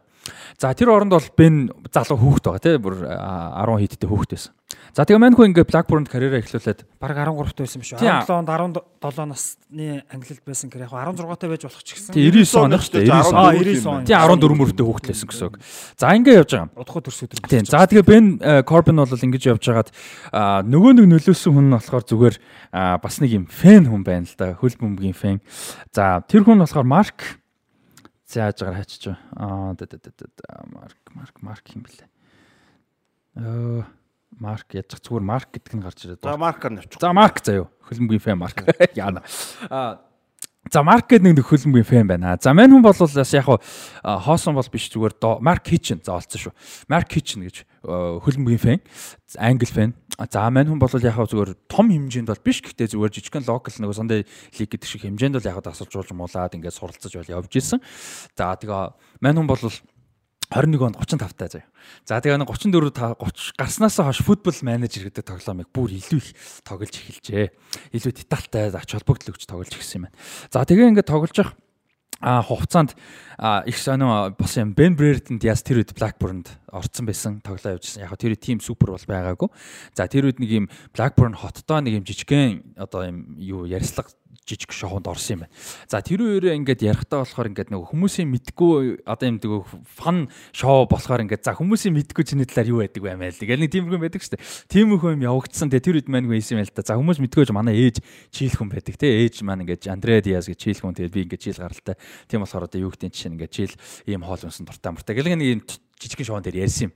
За тэгсэн чинь тэрийг энэ Марк Кичэнд болон Марк Кичний нэг найз. За Марк Кичэн бол мдэггүй зэ. Марк Кичний нэг найз нь бас футбол менежер тоглодог гинэ. За тэгээ футбол менежер тоглодог нөхөр тэрийг үдсэн юм байна. Тэгчээд хүүшин чин чийл гаралтай муу гэд. Тэгээ тэрийг нь ингээд судалж модалсан юм байна л да. Яас гэдэг нэр нь байхгүй болохоор мэдэхгүй шүү дээ. Тийм, Альбисны нэр нь байхгүй Бен Брэйтон л гэж явдаг. Тэгээд эн чинь чийл гаралтай муугаа судлаад ерөнхийд нь жоохон ойлгомжтой болоод ихэлсэн. Тэгээд тэр үед энэ футбол менежер гэдэг юу ч бас их мундаг тоглоом юм байна. Деталь маш их хэрэгтэй. А тэгээ яадаг вэ гэхээр хүмүүсээс айгүй хүсэлтүүд авд юм байна. Тэгэхгүй бол угаасаа чи өөрөөсөө бүх мэдийг 100% мэднэ гэж байхгүй. А тэг хүсэлтүүд аваад тэрийг маш нарийн шалгадаг. Альбин ёсоор бүр контакт монтаж шалгадаг. А тэгээд тэр маркетинг гэж нөхрийн найз болохоор тэрийг шоуг үзчихэд маркетинг хэлсэн юм байна л да. Манай маркетинг болохоор Blackburn Rovers-ийн season ticket холдор. Одоо season ticket бүтэн авсан Blackburn-ийн одоо улаан ногоон цагаан фэн тий? Одоо ногоон улаан цагаан фэм биш үү улаан цагаан хувцастай шүү дээ. Улаан цаг ногоон логотой тий цэнгэр цагаан цэнгэр цагаан тий цэнгэр цагаан фэм байгаа байхгүй. Би нэг өөр түүхтэй болчихсон. Тий. Мань хүн бол ингээд ийм фэм байна. За тэгээ манай нөө найз нь ч гэсэн Blackburn-ийн фэн тэгээ Brain Barrett-ын багтнаа тий. Тэгээ ингээд сонирхоод ийм байна гэдэг хамт хүсэлт тий футбол менежер лөө Тэгсэн ч хүсэлтийг хүлээж аваад хэсэг хугацааны дараа Ben Brereton-ийн гэр бүлд нь холбогдоод албан ёсны одоо зөв тэ үнэн зөв гэдгийг баталсан. За тэрэн дээр баталсныхан дараа одоо улирлын хагасын одоо юун дээр апдейт дээр нь тоглоом дээр нь апдейт дээр нь орсон чинь Ben Brereton Чилийн одоо давхар ирэлтэй ингэж одоо одоо гаралтай. оригин оригинтэй. гараад ирчих. За ингээд мань хүн ингээ гараад ирсэн чинь хүмүүс чинь нөгөө футбол менежер дээр тоглодог олон одоо одоо сая тоглогч байгаа. Тэднээс ч одоо нөө Бен Брэйтнийг Чилийн шиг дуудаад эхэлжээ. Фэнүүд нь өөрсдөө нөө Чилийг тасалжуулаад тоглож байгаа юм чинь. За ялангуяа Blackburn-ы фэнүүд ч одоо Чилтэйг ойрхон болоод эхэлчихгүй. Чил хүмүүс тоглож байгаа. Тэд нар чинь жишээгээ бүр бас сонголт гараад ирж байгаа. Бид нар Монголд явал Монгол гаралтай хүмүүс тэрийг дээ. Тийм шүү дээ. Тэр шиг ингээ Чил бас дуудаад эхэл. За ингээд ихсэн. Тэгсэн чинь нөгөөт хүн бүр ингээ яригадаад юу яагаад эхэлчихлээ. Хүмүүс фэнүүд бүр ингээ футбол менежер гэлтгүү энгийн фэнүүдэд хүрээд ирсэн чинь за энэ Бен их дуудаач ээ. Шигшээ дуудаач ээ гэдэг юм яригадаад. Тэгээд тэр мэдээг анх Бен Брэдт нь өөрөө харж чинь одоо юу вэ гэдэг. Тэгээд чинь одоо мэдээ чемпионшип тоглож байгаа. Тэгээд хүүхд наснасаа хойш бол шигшээ тоглоагүй тэгээд шигшээ тоглоно гэдэг мөрөөдөлж хэцүү тэ хойр гарцсан. За ийм байсан. Тэгээ ялангуяа чийл гэдэг ч одоо шал өөр те мэдээж хол те хөлбөмбөгийн ямар мундаг үлээ 15 6 төрүүлж мөрлцсөн. За тэгээ ингээ хийжсэн чинь манай хүн шүү дээ. Аа биш шүү. Одоо бол энэ нь сүйлд байхгүй. Тэр 15 6-ны төрүүлсний дараа шүү дээ. Одоо бол мань хүн чинь ингээ дөнгөж хойр гарцсан Blackburn тоглож байгаа те. Аа Ийм ба. За тэгээ ингээ явж исэн чинь нөгөө Бен Корбин орж ич. Тэгээ за Бен Корбин бол нөгөө челленж зохицуулагч хийдэг хിവэрэ байгаа. За тэгээ мань хүн ингээд футбол менежертэй холбоотой мэдээлэл олж мэдвэ. За тэр маркет ч нь болохоор энийг олж мэдээд Blackburn-д тэр мэдээллийг өгчээ. За ингээ футбол менежер тэр чект жилд болцоо. Ингээд мэдээлэл өргөөч ээ тэр гэ фэн нөхөр. Тоглоомод тэгэхээр супер байгаа шүү. Тэ амар. За ингээ хоёр талаас энэ хоёр хүн ингээд Бен Брэйтон гэдэг нөхрийг ингээ яваад байгаа яг. Бен Корбин бол Бен Брэйтнийг хайж байгаагаа мэдгүй. Гэхдээ ийм хүн хайгаа яваад байдаг. А нөөд нь Бен Брэдний мэдчихэд ингээ ингээчээгээ яваад байдаг. За ингээ хоёр талаас явж байгаа Бен Корбин хүмүүстэй хайж уулзаж явж байгаа яг нэг футбол менежертэй холбоотой мэдээ мэдээллүүд бол мань хүнд хүрсэн. А тэгээд өөрөө бол Бен Брэйтонтэй уулзсан юм байлээ. Бен Корбин очиж уулзаад бүр яг ингээ гэр бүлтэй танилцаад уулзаад. За тэгээ одоо бол Бен Корбин бол энэ одоо Брэйтоны гэр бүл, Брэйтон Диазын гэр бүлд бол маш ойрдны хүн босгож одоо бол. А энэ бол тэрнээс хойш нэг ингээ 3 2 жил 3 жил өнгөрцөн байна шүү дээ. За ингээд 2 3 жил өмнөх юм. Тэгээ 21 он болоод байгаа юм би яриад байгаа. Би 13 оны нөхөрсөг тоглолт тэгэл он хэлэхгүй яриад хахаар тэгээ тэр үед л болоод тэр 13 онд ганц ярьсан шалтгаан Бен Корбин нэг л суурийн тавих гэж ярьсан шүү. Бүгд одоо чемпионшипд орж байгаа юм байна те. Тийм. За тийм. А тийм тийм. А тэрнээ тэрнээс хойш миний дандаа ярьж байгаа юм дандаа л 21 оны л ихэнхтэй юмнууд шүү. 20 21 оны юм ярьж байгаа шүү. За Ben Burton бол яг 19 20 онд бол мэрэгжлийн карьер нь эхэлсэн. Тэгээ одоо явж байгаа. За тэгээд Бен Корбин юу яагаад Бен Брэднийг олж уулзаад ингээд танилцаад ингэж. За тэгээд тэр үед бол Хорхе Сампаули ажиллаа айлээд өгөөд удацсан. За ингээд өөр хэн блэ? За жагараа нэг тасалжуулагч байсан. Одоо нэр мөрчиж. Нэг тасалжуулагч бол Бен Брэднийг сонирхож эхэлсэн гэж байна. За ер нь байж болох юм байна те. Тухайн шгшөөг өдөрч. Тийм тухайн үед өдөржсэн нэг тасалжуулагч Чилийн тасалжуулагч бол 21 оны өмнө Копа Америкагийн өмнө шүү. ингээд ер нь сонирч исэн тэгээ Бен Брейт хин Бен Корбин санал болгоцсон байсан. Тэгээ уулзаж хүртэл үдсэн гэж Бен Брейтэнтэй. Тэгээ Бен Брейт тэрний гадал яриад болохоор ингээд амар үлгэрийн юм шиг санагдчихсан гэж байгаа байхгүй. Чили ингээд асуулж байдаг шүү дээ. Уулзаж болцоо тэгээ ээж нь бөөм баяр ээж нь далах гэсэн уулзлаа уулзлаа гэл тэ. Аав нь ч гэсэн А тэгээ ингээд тэр нь бол яг яг шийдвэр хүрсэн гэсэн үг бол биш ингээд хүлээгдсэн. За тэгсэн чинь тухайн үед Чилийн тасалжуулагч нь халагдаад За ингээд ерөөхдөө жоо худлаа боллоо гэдэг чинь дараагийн тасалжуулагч нь орж ирээд яа ер нь бол хിവэрэ байлга сонирхсон зүйлүүдийг нь мэдээллийг нь аваад ер нь хിവэрэ байлгая гэдэг За тэгээ ингэж явсаар байгаад бол дуутахаар болоо. За тэгээд нөгөө гэр бүл нь бөөм баяр болоо тийчэж үдээ юу вэ те. Бөөм юм болоо. За тэгсэн чинь бас бичиг баримтны асуудал мэдээж байгаа. Тэр чинь жилийн төлөө тоглоно жилийн пассворд мэдээж байх хэрэгтэй болно. А үндэс гарал юмаа батлах шаардлагатай болно. За FIFA-гийн миний мэдж байгаа хуулиар дүрмээр бол одоо аав ээжийнхаа талд нийлээд дээшгээ одоо эмээ өвөргөө гэсэн үг шүү дээ те. Тэрнээсээ наашаага бол одоо FIFA-гийн бүр мембер улсын иргэн байх юм бол тэрэндээ тоглож болдог гэсэн дүрэн байдаг. Тэ тэрнээс дээш үе бол болохгүй. Хамгийн ойрын эмээ өөрөг. За тэгээ манайд ээж чийл учраас ингээ боломжтой болчих. За тэгээд нөгөө нэг виз мэд биологийн эцэг гэж эмээ өвөө гэж байгаа шүү. Тий, тий, тий. Бас тий. А төрсөн. Төрсөн гэдэг утгаар тий. А тэгээд мань хүн чинь пассворд массворд авах га 4 5 сар ажилласан гэж. Бас тэр нь амархан гарахгүй бичиг баримт юм гарч ирэхгүй. За ингээд явсаар байгаад чийлэн шогт дуудагдсан. За тэгээ шилийн шогт дуудагдаад мань хүн бол итгэж чадахгүй бүр ингээд юм жинхэнэ биш юм шиг санагдчихсан гэж байгаа юмнууд. Тэгээ ээж нь бөөм ба ялангуяа ээж нь те. Яг аав нь баярлгүй вэ. Тэгээ ингээ бөөм баяр болоо. За тэгээ шилийн шогт дуудагдаад ер нь бол тогсон цөөхөд. За ингээд нэг цөөхөд тоглоо нээгч бас нэг тийм сүртэй нөлөө олж чадахгүй гэхдээ яг хөслэгнээс. Копа Америкад орсон уу? За одоо яг ярих. За ингээд Копа Америк өмнө цөөхөд ганц 2 хон тоглолт ингээ олигтой ингээд шатаагүй байж байгаа Копа Америкад сэлгээний бүрэлдэхүүнд орж амжсан 2021 онд. Одоо юу штэ нөгөө Месси Аргентин төрүүлдэг те. За тэрэнд ингээд ороод эхний нэг тоглолтонд сэлгээгээр байж байгаад орж ирээд нэг хой нэмэр бол үзүүлж чадаагүй, хоёр дахь дээр нь чадаагүй байж байгаад гурав дахь дээр чинь нэг 12 дэх оронтой учраас 2 5 6 багтай 2 хэсэг хуваадаг. Тэгж 5 5-аар нь 2 хэсэг. Тийм 5 5-аас тэгэхээр 4 мөр тоглодог гэсэн үг шүү. За тэгээ ингээ хоёр дахь тоглолтын дээр чадаагүй, гурав дахь дээр нь юу яасан? Анх удаага Чил улсын төлөө одоо ингээд гараанд гарч анх удаа Боливийн эсрэг. За тэр тоглолтод 12 дахь минутанд гол оруулсан маань хөө. За тэгээ тэрнээс өмнө бол яг Blackburn тим олон гоолтой тоглож байгаагүй карьерч залуу байсан. А тэгээ яг хуу довтлогч мэдээж учраас 22 настай юм байна шүү дээ. Тийм 22-тай. Тэгээд яг олон гол оруулаг гэсэн мэдээж тодорхой хэмжээ академид ч юм уу гол оруулаа бас сурцсан байгаа шүү дээ мэдээж те давтлагч давтлагч юм чи тийм тэгээд тэгсэн чинь тэр яага мэдхөөс гэж гол ингээд яаж баярлах хэвтэйгоо мэдгүй. Маш их сэтгэл нь хөдлөө те жилийн төлөө шиг гол оруулна. Яаж Копа Америкад гол оруулна гэж ямар том бэлээ за тэгээд тэрэнд бол маш их баярлсан. Багийнх нь ч маш их дэмжиж айгу гой голын байр тэмдэглээ. Тэгээд тэр тоглолтод нэг тэгэр хоцсон. Цорын ганц хожлыг авчирсан гэсэн.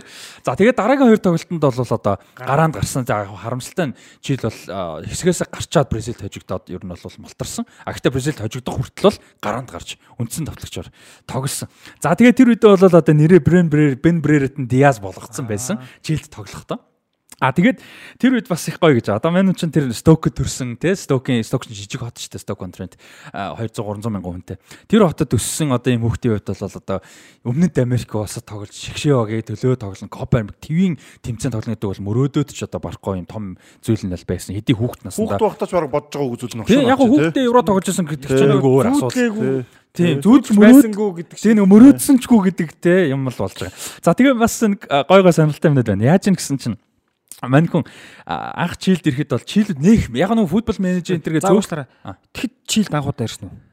А ер нь бол яг бичиг баримт юмгээ мерсэр ирсэн байгаа. Өмнө нь мэдээж нөгөө гэдэг тэр нэг FIFA менежерээс өмнө ер нь очиж ирсэн үү? Үгүй үгүй. Очиж байгаагүй. Ээжийнхээ нутаг дээр бол очиж нутагт очиж байгаагүй. Тийм. Очиж байгаагүй шүү. Тий. А тэгээд А яг өмнө яг нөгөө нэг Копа Америка болохоос өмнө л мэдээж мэдээж очсон байгаа тийм бичиг баримтын нэтер. Гэтэ тэр үед бол жилийн мэдгүй. Ер нь жилийн фэнүүд л мэдгүй. Яг нөгөө футбол менежер энэ гэдэг шиг эсвэл нэг хөлбөмбөг сонсдог а хишгшээгээ дагдаг нэг нөгөө бүр зорж загдаг нэг хүмүүс л сонссон байна уу гэхээс ер нь бол мэдгүй шүү дээ. За тэгээ ингээ мэдээж мань хүн ч одоо Боливийн хожлын гоолыг хийлээ те. Ингээ бодоол. За тэгсэн чинь мань хүн Чилийн ерөөсө супер од бас. Чилд ерөөсө Бен Брэрэтэнд яас бол супер хот болоод Пепсигээс хүртэл рекламны санал ирээд Чилийн Пепсигийн нүүр царай бас 21 оны 100 зуны Чили Пепсигийн нүүр царай Бен Брэрэтэнд яас бас. Тэгээ өөрөө ч ерөнхийдөө бас царайлаг залуу. Тэгээ ингээ нүүр царай болоод А тэгээд ингээд машин цэсэнтэй чилд бас мэдээж байнга л явж байгаа шүү дээ. Наан цаана ингээл одоо шигшээ цуглардаг ч юм уу бичиг баримт гээл те. Амьдрахгүй ч гэсэн. За тэгээ явж байхад цагдаан дөр хүртэл зогсоогоор цуг селфи мэлфи аваалдаг болсон. Ерөөсө танигдах хаасаагүй ингээд юм од болсон. Онгоцны бодол дээр хүртэл ирж явахт нь ингээ фэнөө цуглаж мага. Чилд бол хөл өмгч бол дороо танигдана л да. Тий, тий. Тэгээд яаж нөгөө анхаар татах юм ихтэй тий. Тэгээд мань ч бас гоолтой. За тэгээд ер нь бол тэрнээс хойш бол а юунд жилийн шигт одоо хүртэл тоглож байгаа. А дөнгөж сайхан одоо нэг сарын өмнө хүртэл орсон нөгөө Blackburn Rovers-ийн одоо YouTube дээр орсон ярилцлага дээр хүртэл одоо юу одоо ингээд дараагийн Copa America дараагийн дэлхийн аваргын одоо юунд те тэнцэх нь бол чухлаа гэд ярьж байгаа. За өөрөөр хэлбэл юу гэхээр мань хүн бол жилийн бүрэлдэхүүний үндсэн тоглогчдын нэг одоо бол болцсон. А тийм яг тоглолт болгоно гол оруулаад байдаг гэсэн үг бол мэдээж биш. А гэхдээ бас гоолтой юм давтлагч болцсон ба. Тэгээ одоо нөгөө нэг юун дээр а Боливи эсрэг гол ихт нь бол одоо гэр бүлээрээ тэрвэрлдэж уйлж бүр ингээ маш том одоо гэр бүлийнхэн түүгэд ийм гоё одоо мөч байсангүй гэж баярлж ийм гоё юм болсон гэж байгаа. Тэгээд амар инээдтэй нөгөө Сток төрж өссөн тэ жижиг хотын тэгээ Blackburn тоглодог Championship тоглодог нөхөр чинь тэнцээ Copa America-д ороо Бразил байсан Copa America-д Аргент Мессиг эсрэг тоглоо. Аргентинтэй чинь тоглолдог үлээ. За тэр юм байна. Нэг хэсэгт ордог санагдаад шүү Аргентинтэй. Гараад Бразилтэй таарсан гэвэл нэг хэсэгт орж таарсан. Тэгээд таарсан тэр нөгөө Copa America чинь өмнөд хойно гэж хоёр хувааж ордیں۔ Тэгэхээр Тэгэхээр Аргентинтэй нэг хэсэгт орсон болж таарна чил юм чинь. Тэгэхээр Мессигийн хэсэг тоглоод Неймар Мемар хэсэгтэй тэр чинь юу вэ бүр мөрөөдөөчгүй юм те Бразил тажигдаад. Тэгснэ ингээ Копа Америкад Бразил тоглолцоод Blackburn дээр Championship буцаад тоглох болчоо. Тэгээд тэгсэн чинь мань хүм Blackburn супер болцсон. Зөрүүлээ. За тэгээ нөгөө Blackburn супер болцсон чинь Blackburn одоо фэнүүд Чилийн фэнүүд болоод Чилийн фэнүүд Blackburn-ы фэнүүд болцсон. Тэгин тэгин. Саад ондагч. Өмнө түүхэнд одоо хэний ч төсөөлж байгаагүй хоёр баг одоо ингээ хоорондоо юм сүлбэлдсэн биш. Сүлбэлдэж одоо юм фэнүүд нь хоорондоо хайртай болж ингэж дэмждэг болсон гэж юм сонирхолтой төвхтэй. Ямар санда юу н Чилд одоо юу яасан гэж байгаа. Blackburn Rovers аль биесний дэлгүүр бол нийж чадахгүй. Гэхдээ ингээ нэг удаа pop up shop-ууд нээсэн гэж байгаа байхгүй. Ганц удаагийн одоо хязгаартай бүтээгдэхүүн тэдэр нь бол шууд дууссан гэж. Blackburn-ы фэнүүдтэй болоод эхэлсэн Чилд. А тэгээд Blackburn-ы фэнүүд төрүүлсэн. Чилийг гаргадаг. Одоо ийм дэмжлэг байсан. Ч одоо англи тоглосмоос өөрхөн хүмүүс байгаа байгаа тий. Тийм шүү дээ. Алексис Санчесаас ахуулаад хамгийн том жишээ. Хараа тоглосон. За тэгээд мань үний хувьд бол одоо энэ юу яснаас хойш одоо дуудагдсанаас хойш бол маш сайн тоглож байгаа. Бүр тоглолтын одоо үр дүн нөлөө нь бол бүр шал өөр хэмжээнд очсон. Хүний сэтгэл зүйд нөлөөлж байна тий. Амар нөлөөлж төрч. Тэгээ чемпионшипийн товтлогч гэхэр бас мундаг л тавтлагч байна л да. Тийш түрүүн хэдүүлээ ярьсан шүү дээ. Одоо 6 дахь одоо баян лиг болчихсон. Тийм шүү дээ. Тэр чинь соосон бол биш. За тэгээд одоо шгшээдэ дуудагдсан хойш 2 үл энэ чинь 21 он дуудагдсан тий. 100 тоглосон. А тэрнээс хойш хоёр улиралд өнгөрсөн улиралд чемпионшипт 37 тоглож 22 гол хийсэн. Наач мундаг мундаг. За энэ улиралд яг одоогийн энэ улиралд 34 тоглоод 12 голтой явж байгаа. Сайн байсан. Ер нь бол маш голтой юм байгаа. За шигшэн огтоо бол одоо жилийн шиг 21 оноос хойш тогтмол дуудагдж байгаа. А яг одоогийн байдлаар бол 18 тоглолтод оролцоод 4 голыг оруулсан. А явж байгаа. За нэг ийм тоглогч одоо байна. Тооцоолж байгаагүй төлөвлөж байгаагүй мөрөөдөөчгүй юм сонирхолтой түүх. Тэгээ энд бол одоо улс төрч улс төрчийн хүүхэдтэй тэнцээ нэг футбол менежерийн одоо фэнтэй яаж нөл Blackburn-ы фэн яаж нөлөөсөн энэ бүхэн ингээ оролцсон гэдэг бол бас юм. Квиз дээр ам алддаг л ингээл яваал яваал. Тоглоом дээр бас тоглоом бас мундаг юм тий. Тий. Тэр футбол менежер бол айгүй мундаг нөлөөсөн. Тэгээ тэр нөгөө нэг тоглоом дээр тий квиз одоо ярилцлаган дээр зүгээр ээжээгээ одоо чийл хүн гэдгийг товчхон дурдсан нь өөрийгөө чийл гаралтай гэдгийг дурдсан. Диас гэдэг нэрээ гаргадаг байсан болохоор бас хүн мэддэггүй байсан биз дээ. Тий. Тэгээд чийл дуудагдах босноосоо хойш нөгөө Ben Braden Diaz гэж нэрийг хэрэлдэг болсон. Ээжийнх нь нэр бол Андреа Диаз. Хүмүүсийн сайн мэддэггүй ганц юм хэлж тань ч та. За мэдхгүй та. Бүгд л од хүн ч одоо бүгд л мэдэх байх таа. За нэг ийм одоо тэгэл эн чинь бас э, сонирхолтой сонирхолтой сторинууд ингээл орж ирж байна л та. Тэгээд хөлбөмбөгийн фэн хүн, хоёр фэн байна. Тэгээ мань тэр одоо тэр маркич биш тэрний найз нь бас хийсэн гэж байгаа байхгүй тий. Тэгэл Бен Корбин гэж бас том том хүн байна. Аав нь бол бүр том улс төрчтэй. Тэгээд тэр хүний ихнэр жийл хүн байж таарсан байна гэл ингээл юм юм таарч тий. Тий их олон юм таарсан байгаа. Тэгээ Андреа Диас одоо ээж нь бол бас л адилхан Агусто Пиношетийн одоо юу одоо диктаторшипыг те дарангууллаас болоод амар. Амар амар. Манай тэр би нэг чийл үнтэй уусчихсан. Амар өсөгч. Хүмүүс сурахгүй зөндөө алах болтгосч. Аимшигтай байсан те. Яг Пиношетийн нэг ганц гавь харт амхийг л оруулаагүй юм лээ. Ер нь бол чийлд бол. Тэгээс бол одоо өмд Америкч бол чийл ч ахтар штэ. Амар битүү гэж байгаа байхгүй. Чийл хамгийн гайгүй гэж байгаа байхгүй. Пиношетийн хамгийн том одоо гавьяа гэх юм уу юу гэх юм те. Юу нь бол тэр гэж байгаа байхгүй. Тэгээс бол ерөөдөө тэр сургуу алах тал болдоор амар өсөн гэсэн чинь За тэгээ Ben Brereton-д яс 21 оноос хойш юу яаж байгаа? А Copa America дуусаад а буцаад ингээд нөгөө нэг чемпионшиптэй тогсны дараа болол ингээд нэг зүүд болоо өнгөрцөн юм шиг санагдчихсан гэж байгаа. Тэгээд дахиж үргэлжлэнэ гэж бодоагүй гэж өөрөө болол дахиж дуудагдаад ингэнэ гэж бодоагүй. Тэгээд за ингээд ийм гоё үлгэр шиг юм болоод өнгөрлөө. Тэгэл амьдралаа үргэлжлүүлээ. Одоо наад үуч алах нь шүү дээ. Чемпионшиптэй сайн тоглоно. Тэгээ Чилийн шидэд дэлхийн авард ор юм аа мөрөөдөл нь шал өөр болох нь шүү. Дэлхийн аврал шалралт тэмцээн Копа Америка сайн тоглол ер нь дээшлээ шүү. Тэгээ шүү. Одоо тэгээд Blackburn дээшээ гарч ирэх магадлал бас байгаа. Тийм байна. Бас. Тэгээд ер нь бол тэгээ бодцсон явж байгаа дараагийн одоо шгшээ бодит цугал дээр дахиад дутагдсан. За тэгэхэд жинхнээсээ за үнэхээр одоо чухалчилж авч үзсэн гэж. За өмнө нь бол нөгөө мөрөөдөл шигтэй ингээд сэтгэл хөдлөлөөр яваад исэн болвол энэ удаад бол за ёстой жинкнээсээ бүр чилийн тоглогч болох юм байна гэдгээ бодож одоо тоглосон гэж. За тэгээд тэрнээсээ хойш бол 2 гол 2 3 гол бос оруулсан ингээд одоо хүртэл одоо бол ингээ үндсэн дуудагддаг хүн болсон. Ээж мэжт нь гоё байгаа шүү дээ. Мэдээж хамаатсан садунд байгаа шүү дээ. Тийм шүү дээ. Байлгүй яах вэ байлгүй. Тэдэртэйгээ холбогдоод уулзаад ингээ те. Ямар гоё яах вэ зүгээр бодоод үзэхэд. Амар гоё амар гоё тэр. За тэгээд мань хүн бол 21 онд тэр нөгөө дахиж дуудагдсанаас хойш илүү ач холбогдол өгч юу яасан гэж. А 7 хоногт 3 удаагийн Спайлны сургалтанд сууж ирсэн. Аргагүй аргагүй аргагүй. Тийм. Одоо шгшөөгт очиод дасгалжуулагчийн яриг сонсохгүй, багийнхантайгаа ойлголцохгүй. Тийм. Чилд очиод зам мэдхгүй те. Испани хэлж угаасаа амар бол аялахтай байдаг гэж лээ тэр өмд Америк. Наацхан наркос үзэл өөрөө тий. Тэгээд дуудаг чигээс а тэгээд бас нөө Чилийн төрийн дуудлыг цээжилт сурч эхэлсэн гэж байгаа. За одоо бол сурцсан тий. За сая тэгээд нөгөө сарын өмнөх яс ярилцсан дээр яг тэгжлэлээ л дээ нөгөө Испани хэлмэлгээ асуусан чи яг тийм мундаг бол биш нөгөө нэг англи өөрөө амьдэрдэг. Дуудахт хөдөл хинхтэй очдог болохоор бас яг ингээ нөгөө байнга сурж болж чадахгүй байгаа. А тэгээд нөгөө хичээлээр л заалгаж байгаа. Хичээл дээр угаасаа англи чинь Испани сонголдог байхгүй. Тий. Тэгээд мань хүн нөгөө нэг тэгж хэлээ л дээ. Испанор бол гайгүй сайн ойлгодог болсон. Гэтэ байнга бол ярьж болвол тийм сайн ярьж болж чадахгүй байгаа. Гэтэ ойлголт бол их сайн болсон гэд. Тэгээд ингээд нөгөө нэг фэнүүдээс нь асуултад ирсэн байна л да. Англи шогийг одоо дэмжихүү чийлэг дэмжихүү гэсэн чинь чийлэг дэмжлэг байх уу гэл тэ. Тоглож байгаа юм чинь тий тоглож байгаа. За тэгээд тэгсэн чинь нэг амар муухай асуулт байлаа л дээ. Blackburn Rovers багта Champions League төрүүлэх үү чийлэг шиг явахта дэлхийн аврах төрүүлэх. Наач ямар байлаа гэсэн. Тэгс чинь мань. Аль аль нэг л. Наач өстэй хэцүү асуудал гэснээр дэлхийн авраг бол дэлхийн авраг штэ л. Дэлхийн авраг бол угаасаа. Тийм. Юу амар юм байлгүй. Тийм дэлхийн авраг юм ч та. Тийм тэгээд нэг ийм одоо сонирхолтой ч юм уу түүх бол байна. Тэгээд сая өнгөрсөн улирал дуусаад 9 8 сард 22 оны 8 сард зуны 8-ны цонхоор бол Фулхэм юу яа гэсэн. Одоо дээшээ гарах нь тодорхой болсон шүү дээ, тий. Аа тэгээд Метровичийн одоо Метровичтай хамт тоглох зорилгоор бол авах худалдаж авах саналыг бол тавьсан.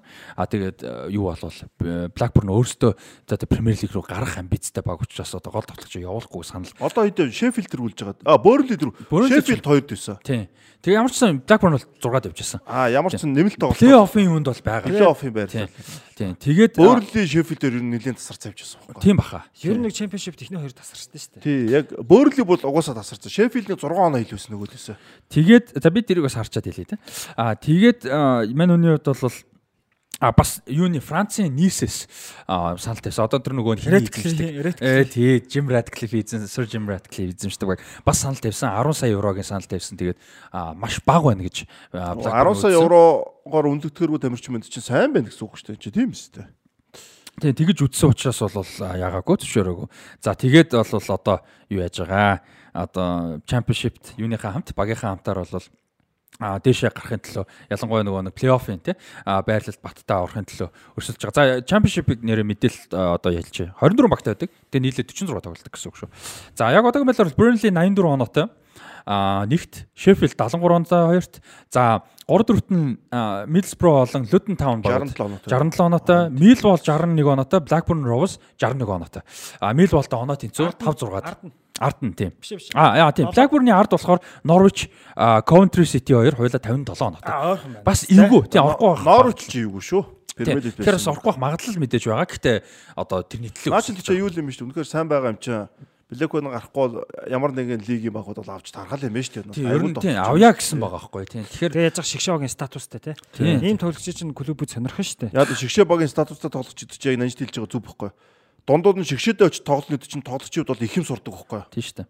Тэгээд одоо нөгөө энэ клубүүд чинь сая ингээд шигшээгийн цугларалт боллоо шүү дээ. Манагаас тэр тэр явлаа гээл те. Тэгэхэд ингээд тэр явлаа гэж хэлэх хэлэхгүй баг зөндөө байна шүү дээ клуб үлээ. Бас нэг шигшээтэй хүнтэй байна гэдэг чинь бас өөр шүү. Тий, шигшээгийн тоглогчтой. Тэгээд юун дээр нэг дасгалжуулагч дээр байсараа тоглогчтой бас юу яадаг нөө хөгжихгүй байх тохиол байдаг бол өөр тасалжуулагч нар чи шин юм сураад ингээд муудаад ирнэ гэж бол байдаггүй ч юм бол. Яг гэмтэж имтгэл өнөг ачаална л гэхээс бол тий. Тэгээс сэтгэл зүйд бол асар том сэргэл авдаг байхгүй шгшөө гэдэг бол. За тэгээ мань хүний товчхон амжилтуудыг нэмээд дуусгахад түрүү хэлсэн 19 хүртэлх насныхны шогийн Европ Европын аврах шалралт тэмцээнд 17 онд бол төрүүлсэн за мэрэгэн боч авсан хамтарч одоо хамтарч байхдаа одоо юу гэдэг ко топ скорер тахгүй өөр хүн бас 3 гол. Шиг зөвхөн шигшээд байсан тийм тийм. За тэгээд нэмээд өөр одоо шагналууд гэх юм бол юу яасан шагналч юм одоо гоё зүйлүүд дурдах юм бол чилийн онон шилдэг өнгөч нөө. Өө бүр зааж байгаараа. 2016-аас 17 оны Championship-ийн Apprentice of the Year буюу одоо шилдэг залуу тоглогч гэсэн шагналыг 16-аас 17 онд бас авч ирсэн байна. За тэр бас Авьяастай залуу байна. Авьяастай залуу. Чамлахгүй шагнал шүү дээ тийм. За тэгээд за Championship-ийн сарын шилдэг тоглогч нэг удаа авсан байна. 2021-оос сарын шилдэг гэж мөн. Аа нөгөө олон гол хийдэг жилдэл авч тээ. Тийм тэр үйлрэлт авсан. Яг тэр нөгөөнд юунд Копа Америкт явсныхаа намар. Өө тэр сарын шилдэг гэж чи би тэр Дебройн энэ жил сарын шилдэг ер нь сарын шилдэг авч байгаагүй гэсэн. Тийм кредит авч байгаагүй. Премьер лигийн сарын шилдэг. Сонин би бүр гайхаа. Тэгэхээр наа чи сарын шилдэг оноо чи амар том юм багхгүй. Тийм бас мундаг шүү дээ. Сонин богоос. За тэгээд 2021-ээс 22 оны удирлын Blackburn-ы одоо Players Player of the Year авсан. Тэгэхээр багийнхан тоглогчд маань үнийг үлдээд шилдэг тоглогчоо гэж. Наа чи амар чухал юм байна. Хамгийн бодтой. Хамгийн бодтой тоххой. За тэгээд энэ бас нэг гоё юу байдаг юм байна. Шагналууд юм байна. Blackburn Rovers айгу гоё өөр багт байдаг үгүй сайн мэдэхгүй байна. Одоо энэ нөгөө академи тоглогчд байгаа шүү дээ залуу. Тэднэр нь дундаасаа санал гаргаж багийнхан шилдэг тоглогч гэсэн. Бас манай юм. Үндсэн багийнхаа. Тэр нь Brent Brereton. Наа чи тэгвэл үнэхээр үнэлэгдэв юм байна. Тэгээ академигийн хүүхдүүдэд хүртэл одоо манай хүн баатар нь гэсэн үг шүү дээ. За тэгээд саяны асуудаг чинь жоохон спойлер болчихлоо. 2022 оны Чили шилдэг хөлбөмбөгч болсон. Тийм, тийм, тийм юутай харагдчих. Яг бол чилч одоо хөлбөмбөгчөнгөө байгаа байхгүй яг үнд бол. Бас сонголт бас таар байна тийм үү. За тэгээд 2021-оос 22 оны чемпионшипийн удирлын шилдэг бүрэлдэхүүнд зарлагдсан. Team of the Year-д багцсан. Гарааны 11. Тийм, гарааны 11 11-ийг зарладаг шүү дээ. 32 гол бэлэгдлийн 11 байхгүй. Тийм, бэлэгдлийн тийм тэрэнд бол багцсан. За нэг ийм тоглогч бол байна. Тэгээд одоо нөгөө нэг юу яадаг бол хэрвээ футбол менежер тоглодог бол одоо Чили шоу удирдаад маань нэг тоглож болох нь. За дээрэс нь одоо Blackburn Rovers хэрвээ гарч ирэх юм бол гарч магадaltaй бол одоо гол өрсөлдөөн мань хүн чухал тоглогч нь болсон байна. За нэг юм. Баста ой түүх байна. За яста янзын сонин содон. Манай Растигийн түүхүүч үнэхэр гоё. Содон байт. Миний түүхүүд л ер нь жоохон жулдаад байгаа юм да одоо яа бодохоор нь бол. Өө тэгээ дэлхийн аврагч сонирхолтой шүү дээ. Ихэнхдээ дэлхийн аврагч те. За тийм нэг юм стори байна. Тэгээ аль болох нөх хүмүүс дэлхийн аврагт гэж тодорхой дараалал те. Дараалал нэг ээлж те. Миний миний ээлж те. Тийм байна. 41 дэх дугаар болох нь. За тэгээд өнөөдрийн дугаар өндөрлөх үү? За одоо 4 цаг болчихоо ч одоо. Тийм бид нэр бас орой болж байна те. За ингээ өндөрлүүлээ Shogo Bonito Show podcast-ийн 40 дахь дугаар байла та бүхэнд таалагдсан гэж найдаж байна. Тэгээд би нэр ганц юм хэлчихв. Чи нөө Trevor Chalobos чи гинт инээ төрөөд нөө түрүүний нөө Central Dragon шиг нөө Trevor No гэдэг нөө юу өдөн штэ. Comedian. Comedian өдөн. Би тэрийг нөө амар сонсдог хөхгүй. Одоо болцсон л нэг хэсэг амар сонсдог. Тэрэн дээр манай хүний нэг яг бод амьдралаа тохиолдсон түүхгээд нэг comedian яг энтэй адилхан сонсохгүй. Яасах чи Азийн нэг ост очиод нэг листэн дээр ингээд орох гэж чинь Таны нэр хэн бэ гэж Trevor гэдэг. Яг англи өмнөд Африк чи яг юугаар л Trevor гэсэн чинь тийм нэр Chava гэж хагаад байхгүйс гинэ. Тэгэл хагаал Chava байхгүй байна гэл. Тэгэл зөндөө ууц. Тэг чинь танд үгний явс чинь хөө хинэ би ингээд энэ байна намайг дээр оруулахгүй байна. Миний нэрийг чи өгсөн өгсөн гэсэн өгсөн өсч. Тревер тревер энэ л шүү дээ оруулах. Нөө яа аялганы асуудал байхгүй юу? Манай яг цэвэрхийлээд тий Trevor гэж хэлээд байдаг. Тэгээ мань хүн чинь тэгтээ нэг тийм өмнөд Америк Африк акцент. Өмнөд Африк байхгүй тий. Өмнөд Африк акценттэй. Тэгээ англиар нэг яг цэвэрхий хэлж байгаа шүү дээ. Тэр чинь уус сурцсан ямар Азууд зориулаад Тревер гэж хэлэхгүй шүү дээ. Тревер Тревер гэдэг нөгөөд нь оруулсан гэдэг. Аа гэдэг нөгөөд нь тэгсэн шүү. Тэгэхгүй нөө Чева Чева гэж сонсоод нэг сонь сонь сонсоод. Яг тэр санаанд ороод жоохон яашлаа тэгээд жоохон таслаа sorry. Зүгээр зүгээр. За түрүүний дээр нөгөө даргон гэдэг бас тий. За тэгээд Shogo Bonito Show podcast-ын 40 дахь дугаартаа хамтайсан та бүхэндээ баярлалаа. Ерөнхий ивент итгэж MMS-т баярлалаа. Та бүхэн Source-ыг MN вебсайтаас мэдээлэл авах боломжтой 7711 19 99 дугаараар мэдээлэл авах холбогдож мэдээлэл авах боломжтой шүү. Тэгээд Websport Lounge-ийн хамт олондоо баярлалаа дэмжин ажилласаар байгаа. За тэгээд donation-ы дансыг бол та бүхэнд түрүү хэлсэн доор бас юу яага description хэсэг дээр байгаа хас банкны данс шүү. За тэгээд энэ үрээд өндөрлжин Shogo Brand Show podcast-ийн 41 дэх дугаараар уулзлаа түр баяр та. Баяр та. Ерөнхий ивент гэгч MMS The Future is Electric. Ерөнхий ивент гэгч MMS Green Building